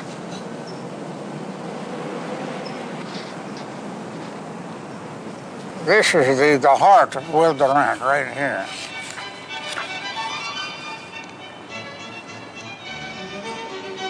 Consider education not as the painful accumulation of facts and dates and reigns, nor merely the necessary preparation of the individual to earn his keep in the world, but as the transmission of our mental, moral, technical, and aesthetic heritage as fully as possible to as many as possible for the enlargement of man's understanding, control, embellishment, and enjoyment of life. The heritage that we can now more fully transmit is richer than ever before. It is richer than that of Pericles, for it includes all the Greek following that followed him. Richer than Leonardo's, for it includes him and the Italian Renaissance. Richer than Voltaire's, for it embraces all the French Enlightenment and its ecumenical dissemination. If progress is real, despite our whining, it is not because we are born any healthier, better, or wiser than infants were in the past, but because we are born to a richer heritage, born on a higher level of that pedestal which the accumulation of knowledge and art raises as the ground and support of our being. The heritage rises, and man rises in proportion as he receives it. History is above all else the creation and recording of that heritage. That's my answer to Voltaire's definition. Progress is the increasing abundance, preservation, transmission, and use of that heritage. To those of us who study history, not merely as a warning reminder of man's follies and crimes, which again was Gibbon's definition, but also as an encouraging remembrance of generative souls. The past ceases to be a depressing chamber of horrors it becomes a celestial city, a spatial country of the mind, wherein a thousand saints, statesmen, inventors, scientists, poets, artists, musicians, lovers, and philosophers still live and speak, teach and carve and sing. If a man is fortunate, he will, before he dies, gather up as much as he can of his civilized heritage and transmit it to his children. And to his final breath, he will be grateful for this inexhaustible legacy, knowing that it is our nourishing mother and our lasting life. Very beautiful. Alma mater. Amen. our nourishing mother. That is just what the, the phrase means, of course. When you graduate from the college, you call it your alma mater. But, uh, alma means elementary. You're, you're feeding, you're nourishing mater, mother, you're nourishing mother. That's what the heritage is. Today, in the light of history. History, said Lord Bolingbroke, is philosophy teaching by examples. It is a vast laboratory, using the world for its workshop, man for its material, and records for its experiences. A wise man can learn from other men's experience. A fool cannot learn even from his own. History is other men's experience, in countless number through many centuries. By adding some particles of that moving picture to our vision, we may multiply our lives and double our understanding. I propose to look at man in the successive stages of life and the major phases of our activity, and to ask if history has any light to shed upon the issues of our time. Aspects of Man Birth History sees the newborn child as the product of millions of years, during most of which he was a hunter fighting for his life against beasts stronger than himself except for his uses of weapons and tools. Those years formed the basic nature of the child acquisitiveness, greed, competition, pugnacity tending to violence. Man, to become civilized, must be subjected to a system of national law just as states, to be civilized, must be subjected to a system of international law possessing superior force. So we must relinquish the childish dream of unfettered liberty that inspired many of us in our youth, that still enthralls some college students in France and America, and many liberals in Spain. And though we acknowledge that poverty is a spur to crime, we perceive that the root of crime, in all classes, nations, and ages, is the basically lawless nature of man, formed by a million years of hunting, fighting, killing, and greed. History finds that human nature is essentially the same in ancient and in modern civilizations, in the poor as in the rich, in radicals and in conservatives, in underprivileged peoples as in affluent states. If anything is clear in the experience of mankind, it is that successive revolutionists soon behave like the men they have overthrown Thus, a Robespierre imitates the Bourbons, and a Stalin imitates the Czars. Hence, history smiles at revolutions as understandable reactions, but unprofitable and transient. They may give vent to just resentment, but they produce only surface change. Under the new names and phrases, the old realities survive. Population. The child is an immediate problem as well as a potential delight, for he embodies both a threat of quantity and a threat to quality.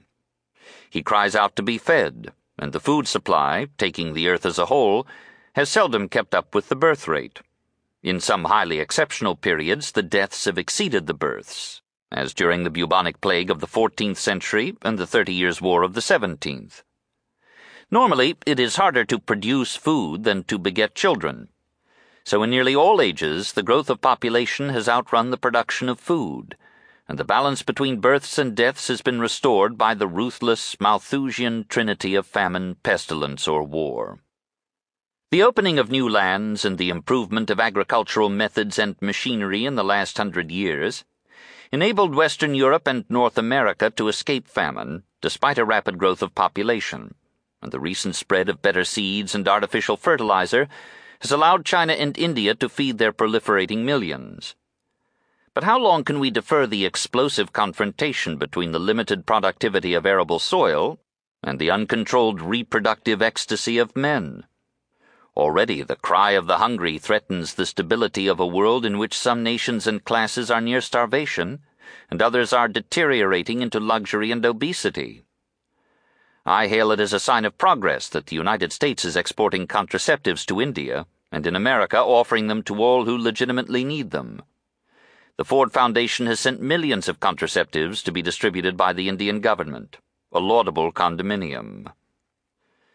Again, the child embodies a threat to quality, for he may be the careless product of parents unfit to bear or rear offspring. Recent studies by Professor Jensen of Harvard suggest that superior mental ability can be transmitted from parent to child. Even if this be uncertain, and though superior intelligence may come rather through an incalculable gamble of the genes and from environmental opportunity and stimulus, we must face the fact that the reckless fertility of people cancels much of the work of the educator in each generation. So we advance in literacy but not visibly in intelligence and yet democracy must depend upon public intelligence. It is usual to ascribe the fall of the Western Roman Empire to barbarian invasion from without. Could it have been due in part to barbarian multiplication within? Sometimes I think that we have reached a similar peril in the United States. Many families breed carelessly, live riotously, ignore the laws, and transform America's literature, art, music, and the dance into primitive crudities while many of their spokesmen proclaim and pray for the collapse of the American government. Civilization is a fragile bungalow, precariously poised upon a live volcano of barbarism. The Family Until the 19th century, the family was the economic as well as the biological and moral unit of society. The father taught and managed his sons in work on the farm, and the mother taught and managed her daughters in the hundred arts of the home. This dependence and tutelage of the children formed the economic basis of parental authority. The Industrial Revolution, by drawing sons and daughters into independent employment, has deprived parental authority of its economic base. So the family, which for thousands of years served as the fount and bastion of disciplined character and social order, lost its economic functions and its moral force. The individual, freed from the family, idolized liberty and did not learn till too late that liberty is a child of order and may be the mother of chaos.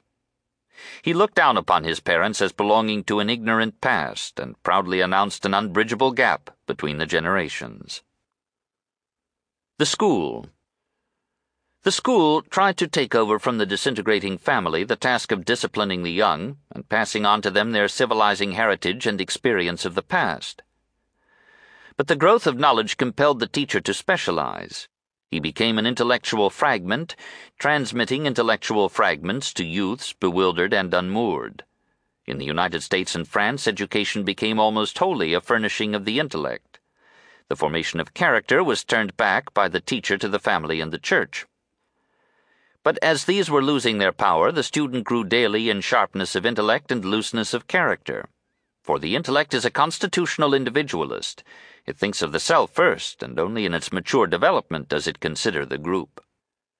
There have been student rebellions many times in history, and in some cases, as in 13th century Bologna, the students controlled the selection, payment, and dismissal of professors.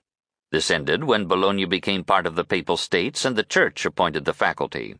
Usually, student riots were against the townsmen rather than against the teachers or the curriculum. Today, they are against the relation, or lack of relation, between the curriculum and the world. The angry student resents courses that do not prepare him for successful functioning in a technological society, or that ignore the role of ethnic minorities in our history. He resents the absorption of teachers in private research and the domination of physical and chemical research by the needs of the Army for ever more effective means of inflicting or avoiding wholesale death. The student began by admiring the marvels of science. He ends by distrusting science as mechanizing life and industry and as selling itself to a military industrial complex that dominates both the individual and the state. An alarming number of our children turn their backs upon the struggle and drop out, not only from education, but from civilization, repudiating its graces and amenities. They reject the past as irrelevant in a hectically changing world, and repudiate the wisdom of their elders as geared to a vanished scene.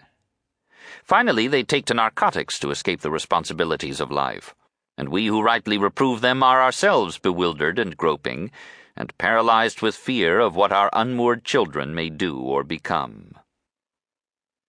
The Church. Once the task of civilizing the young was assumed by religion and its rituals. Through twenty five centuries, the synagogue and the church inculcated morality by the Ten Commandments and strengthened them by ascribing to them a divine origin and an ever present sanction of reward and punishment. But the church and the synagogue have lost much of their efficacy as sources of social order because, in our major cities, half the adult population has discarded supernatural beliefs.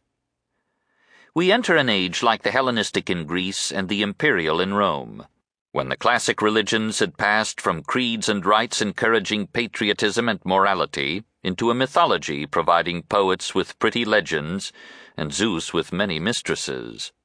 Caesar laughed when filling his required role as supreme pontiff, and Ovid wrote beautifully about the gods but lasciviously about love. Social chaos so threatened the ancient order that the Emperor Constantine, in AD 313, adopted Christianity as the state religion, partly because it gave promises of restoring morality. From that time till Darwin, religion was relied upon by the state to give morals to youth and order to society, and hope to the oppressed.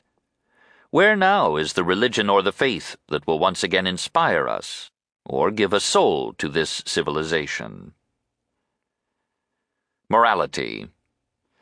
From these changes in the economics and theology of the last 100 years has come the moral dissolution of our time.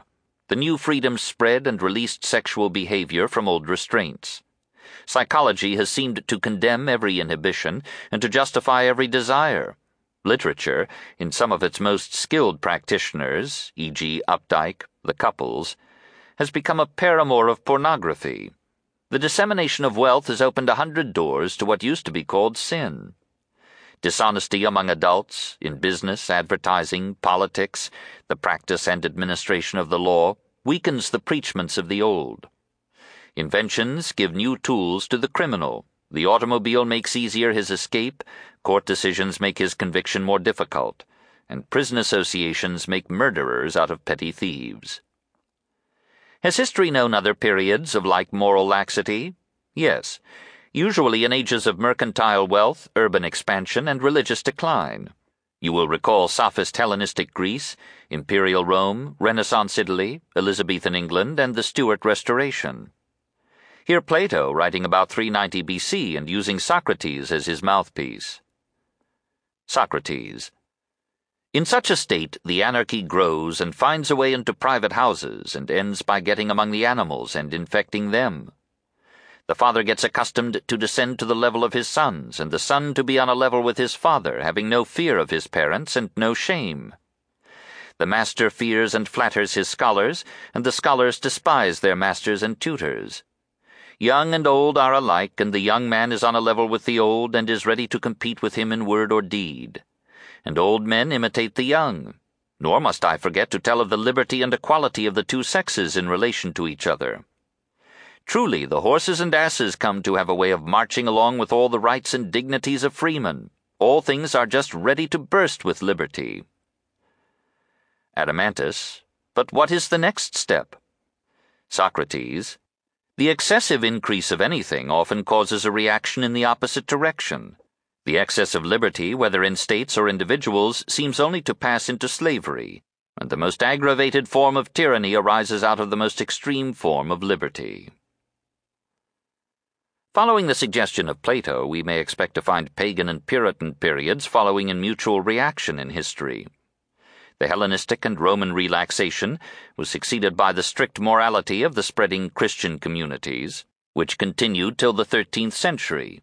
Then Italy, having developed a rich commerce and collecting religious revenues from all Western Christendom, provided the wealth that financed the Renaissance. And with that wealth and those foreign contacts and influences, came the loosened faith of the humanists and the loosened morals of princes, people, and popes.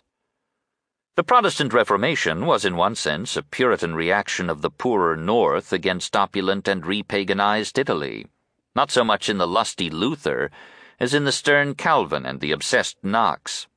But in England, the spread of commerce under Elizabeth I and James II brought a growth of luxury and a relaxing of morals that combined to release and promote an outburst of romantic poetry, high drama, and noble prose.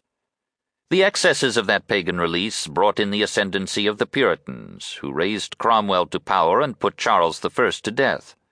The Puritan regime covered England with such gloom, hypocrisy, and censorship that she rejoiced when Charles II brought a new age of moral laxity and literary license. The Restoration ended when the Dutch stadtholder was called in and displaced the last of the Stuart kings. Queen Anne began in 1702 that Augustan age which brought morality back in fashion and classic restraint back to style. This semi Puritan compromise was interrupted by the revolutionary ardor and romantic flair of Wordsworth's youth, Shelley's poetry, and Byron's death, but it was resumed under Queen Victoria. While Victoria brooded over her princes and paupers, the Industrial Revolution changed and darkened the face of England. English commerce covered the seas, and British fleets made the world safe for aristocracy. Women were emancipated from the home for labor in the shops, and sex was freed from parentage. Science flourished, religion declined. Wealth liberated desire, and that new age of paganism began in which we live today. According to this historical alternation of paganism and Puritanism, we should expect our present moral laxity to be followed by some return to moral restraint under old or new forms of belief, authority, and censorship. Every age reacts against its predecessor. Work. Sooner or later, the growing individual, unless he drops out from the game of life, leaves the irresponsibilities of freedom for the demands and discipline of the job. Soon he begins to feel the complexity of capitalism, its varied, far reaching roots in enterprise, materials, fuels, science, money, and men, its obligation to meet ever new competition and inventions, its grasping tentacles of domestic marketing and foreign trade, its ever changing relations to public demand, organized labor, and state and federal law. A moment of immodesty may come over him as he is confronted by this subtle product of greed and genius, trial and error, through two hundred years. He may wonder if his rebellious generation can take to pieces this vast mechanism of mind and matter, capital and skill, and put it together again nearer to his dream. How does this American capitalism compare with other economic systems in history? In productivity, of course, it has no equal and no precedent. Never before has an economic system poured forth so great and varied an abundance of goods and services, tools and labor saving devices, books and journals, comforts and amusements, a theater, a music hall, and a marketplace in almost every home. Never before has labor had such short hours or long leisure, such influence in government, such power of determining its own rewards. Never before has so large a proportion of the people been raised to so high a standard of living. Is the worker dulled by the monotony of his task?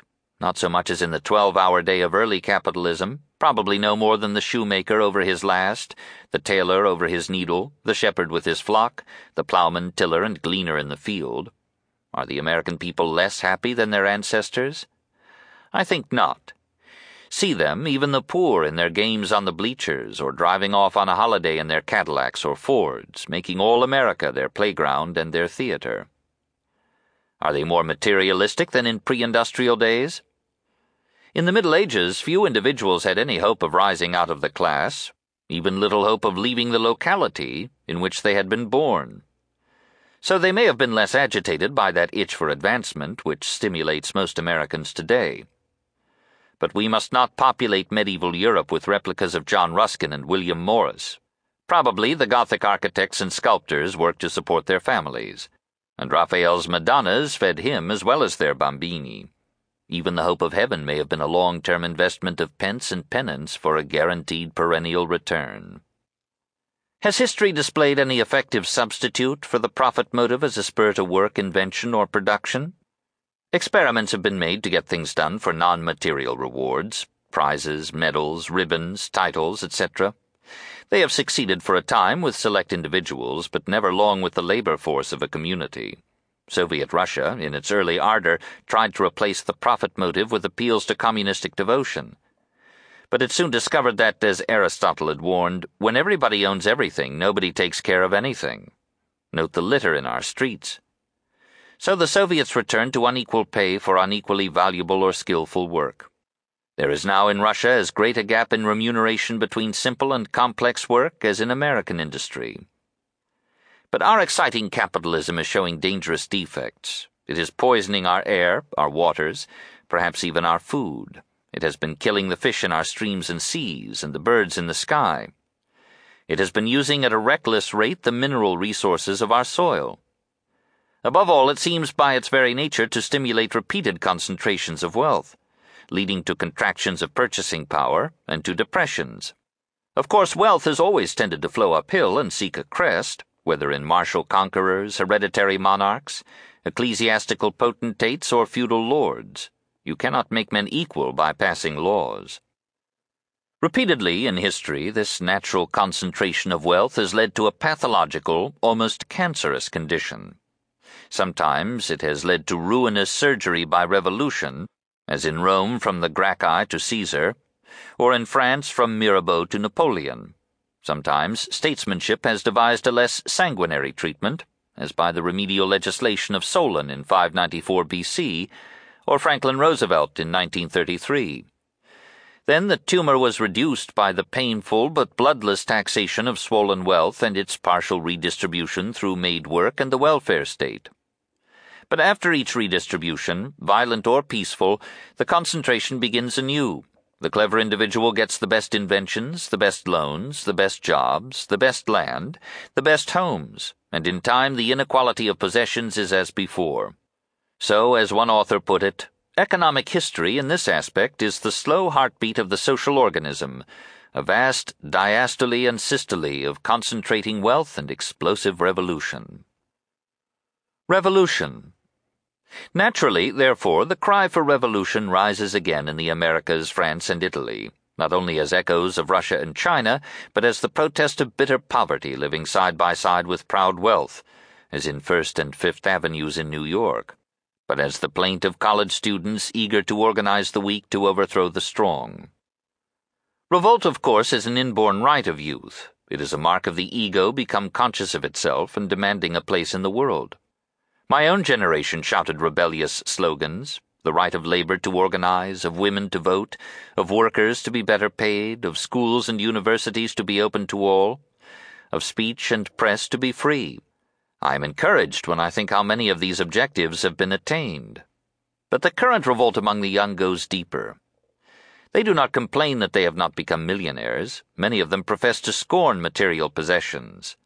I am reminded of the Lollards or wandering preachers in 14th century England, or of the Anabaptists of 16th century Germany, or of the wandering scholars of the late Middle Ages, who composed and sang songs of freedom and rebellion, even of free love. Their challenge is to our ruthless competition, our greed for wealth and power, our barbaric wars for the raw materials of the earth, the refusal of our governments to obey the moral code which it preaches to its citizens. Just as those frockless preachers helped to prepare the Reformation, so it may be that our present rebels will open the way to a constructive reshaping of our ideals in the decades to come. I leave aside the aimless and disheveled minority which seems to have no higher purpose than to note what their elders do and then do the opposite in order to flaunt their egos in the face of the world. I wonder have they compared their light armed infantry with the heavy weaponry of a modern state? And when we ask how, if they won, they could reorganize industry and government before chaos universalized destitution, they have no answers but faith, hope, and love, ending in dictatorship. Such a denouement of democracy would not be news to history. Almost four centuries before Christ, Plato in the Republic reduced the transit of governments to a regular and repetitious cycle. From chaos to dictatorship and monarchy, from monarchy to aristocracy, from aristocracy to democracy, from democracy to chaos, from chaos to dictatorships. I know of no way of avoiding the toboggan of democracy into revolutionary chaos and authoritarian dictatorship except through the welfare state checked by birth control. Though there may be sluggards among the poor and discouraging abuses in the administration of relief, we must recognize that the majority of the poor are victims of racial discrimination and environmental handicaps. We must tax ourselves to provide adequate education and a minimum of food, clothing, contraceptives, and shelter for all, as a far less costly procedure than social and political disorder through minority violence and authoritarian force, crushing between them not only democracy, but perhaps civilization itself. War. The solution of domestic problems is hampered by the spiraling cost of protecting ourselves from alien interference with our internal liberty, or our access to the fuels, raw materials, and markets of the world. So armies are a necessary evil in a world that has never accepted the Buddhism of Buddha or the Christianity of Christ. Governments contend that they must not be deterred from war by the Ten Commandments, or the reluctance of the young to be killed, or of older men to be taxed. Governments say they must not think of present feelings, but of future perspectives and results. Who can tell what our grandchildren will wish that we had done today? They too should be counted in our polls.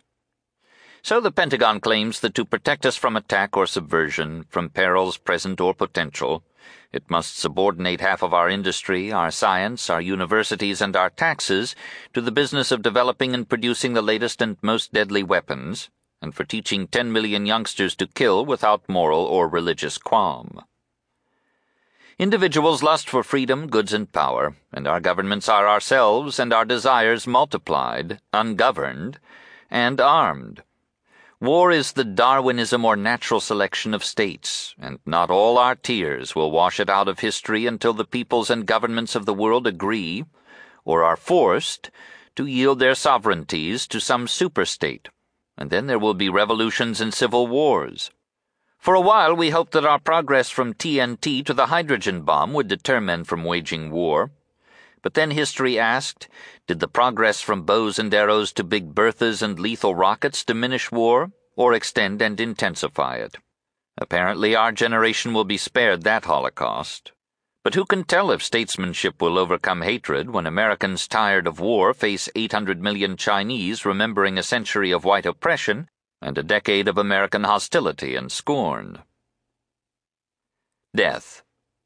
And so we come to the final chapter, which is death, not only of the individual, but sooner or later of our civilization, and ultimately of the race. Every life, every society, every species is an experiment and must give way. The philosopher historian adjusts himself to this kaleidoscope, and does not despair because his children will succeed him, and young civilizations will milk and supplant the old. Civilizations are the generations of the racial soul, which may, through death, give new youth to an ancient heritage. In the train of life, it is the old who yield their seats to the young. Suggestions Can we improve our heritage before we pass it on? You have a right to ask me what I would do if I would recommend for the betterment of American life.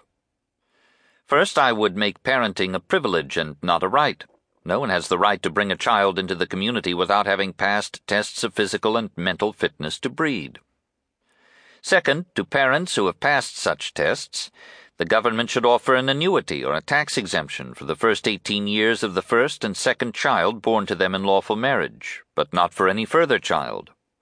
Contraceptive information and devices should be made available to all married persons at minimum cost. Third, the unity of the family and the authority of the parents should be strengthened by making the parents legally responsible for their dependent children of minor age who are living with them, by making the earnings of such children subject to parental control.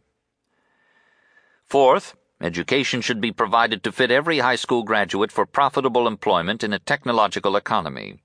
But education in the humanities, literature, philosophy, history, and the arts should be equally stressed for the understanding of values and ends and the intelligent use of leisure. Courses in anatomy, physiology, and hygiene should be required in every year of schooling. All orderly proposals for high school, college, or university reform should be submitted to a board of which the elected president of each class should be a voting member. School administrators should dismiss any student who has violently interfered with the operation of the school. Students and public should recognize and protect our universities as the finest institutions in America and the last against which protest should take a violent form, for they and a free press will be our strongest defenses against dictatorship. To balance the commercialism and partiality of private broadcasting systems and news media, I would recommend the establishment of a U.S. broadcasting company, financed by the government but controlled by our universities.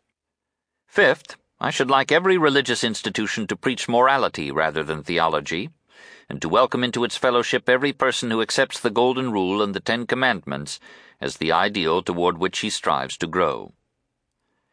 Sixth, Education in morality, that is, the conscientious cooperation of the individual with the group, should be given in every week of schooling from kindergarten to PhD.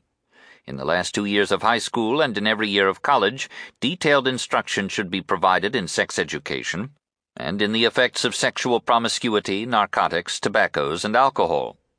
Every high school girl should be instructed in the physical, moral, and social results of extramarital relations and every youth should be taught his moral obligation to treat every girl as he would like other youths to treat his sister. The reduction of poverty and the extension of education will reduce, though they will not end, crime. Temporary insanity should no longer be accepted as an excuse for crime. Prisons should be replaced by well enclosed state farms, each designed for a separate grade of offender, and all designed by an orderly and open air life to teach useful occupations to restore the inmate to the behavior of a responsible citizen. Seventh, every encouragement should be given to the further organization of labor as a desirable counterpoise to the organization of industrialists, merchants, bankers, and generals. The National Labor Relations Board should act to reduce and, if possible, end racial or religious discrimination in admission to union membership or jobs. The unemployed should be used by federal and state governments in works of social utility and environmental improvement. A Department of Consumers Research should be made a well financed part of the President's cabinet. Our industrial leaders should welcome and help the welfare state as a humane mitigation of the painful inequality of human fortune and a saving substitute for social turmoil and dictatorial repression. Eighth, I should advise youth to be skeptical of revolution as a monster that devours both its fathers and its children.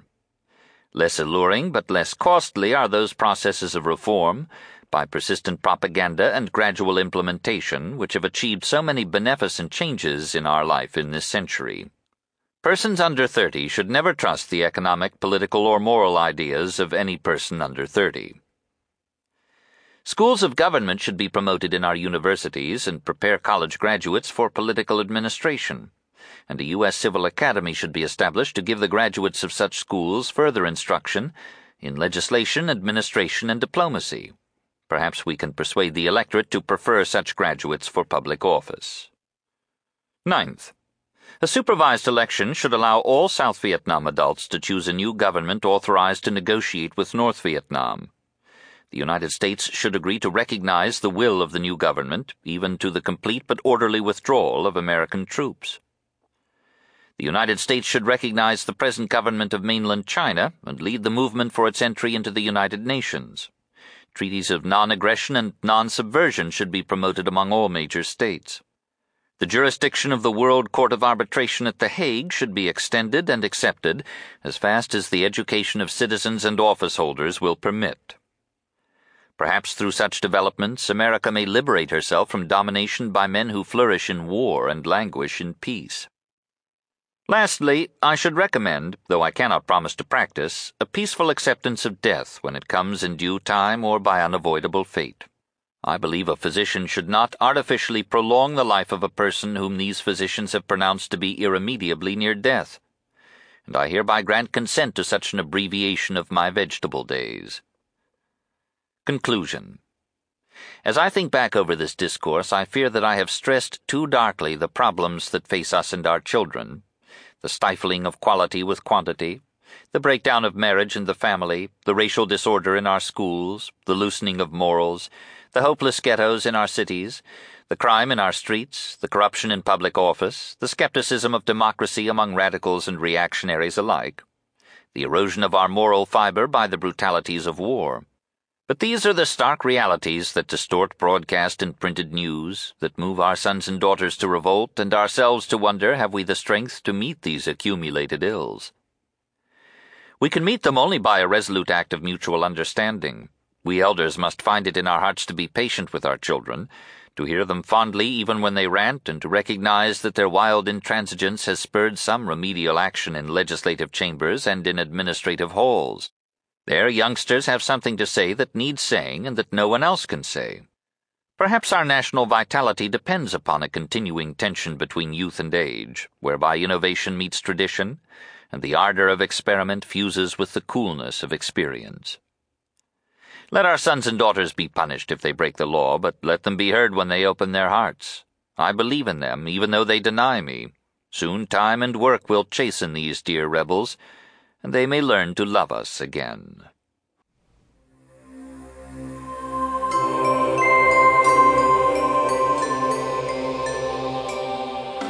Looking at history as a whole, Dr. Durant and Mrs. Durant, are ideas stronger than weapons, or is history made in the barrel of a gun? Ideas are the strongest things of all in history because even a gun was originally an idea. Somebody in, discovered gunpowder, for example. Somebody discovered a mechanism for discharging it.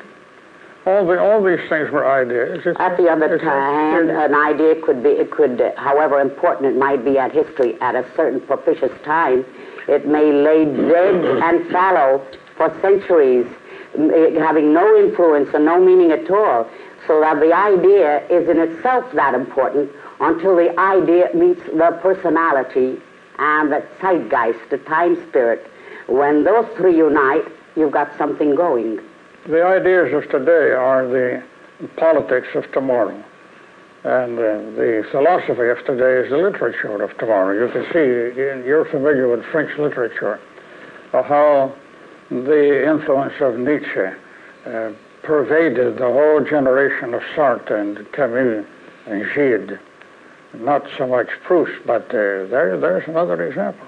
How the influence of Schopenhauer went all through the literature from 1860 to 1960. So that ultimately it's ideas. Uh, think of the number of, of uh, things that were ideas in our youth and that are now realities uh, all sorts of welfare legislation were bruited in my youth. Poor old Norman Thomas has probably had more of his ideas realized by elected officials than any other person alive today. Today, there seems to be more concern on American campuses about world and domestic problems. Is this a healthy sign? A certain amount of rebellion has always existed the discrepancy between the generations uh, makes uh, the uh, development, each one in its own process, a little alien to the other. In other words, youth will always have desires that those who have outlived youth are beyond and can hardly remember or understand as they themselves have entered middle age or old age. Therefore, rebellion is natural. But how do we keep the uh, foreign political and other country enemies out who have sent their, their provocateurs who are arousing youth for something that youth would not by itself and its own uh, development uh, be in need now. I understand and sympathize with the rebellion of youth. I dislike the alien elements uh, that is using this rebellion of youth to make our country a chaotic uh, process, into a chaotic process. May I uh, uh say a word about that? If there's one thing we ought to learn from history, it is that every generation rebels against the preceding one, and that therefore the preceding one should not take it too seriously. Uh, it's, it's traditional that the young should rebel against the old. And as Ariel said, it's natural and desirable. Consequently, I don't think we should take it as seriously as we do. uh, we can be sure that according to history, these young fellows will be getting jobs, they will be earning more money, they will be voting the Democratic ticket, they'll be voting then the Republican ticket, and after a while Hoover will be too, too radical for them. But uh, in old age, which is hard to locate, uh, let's say, uh, according to the income tax bureaus, after 65, uh, there is another element that comes in, an element of acceptance. It's not resignation. Uh, it's chiefly, I think, understanding. For example, in, in old age, you understand how, how good it is that there should be radicals and how good it is that there should be conservatives, that the radicals supply the, the wind, uh, no pun intended, they supply the gas, again, no pun intended, uh, and the conservatives supply the brakes. And both of those functions are indispensable. And there is a tension there between youth and old age which creates the vitality of a society so that the old man does not have to feel useless. He's fulfilling a very necessary function. If we were young, but knew as much as we later knew, of course, it's an impossible supposition. But you remember the old French adage, what was eh, it? Eh, si jeunesse savait, et si vieillesse pouvait. If youth but knew, and if old age could. If youth had the knowledge that old age has, and if old age eh, had the energy that youth has, ah, that would be paradise, you know, huh?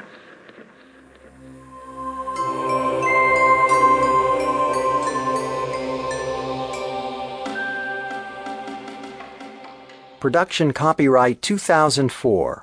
All rights reserved. Audible hopes you have enjoyed this program.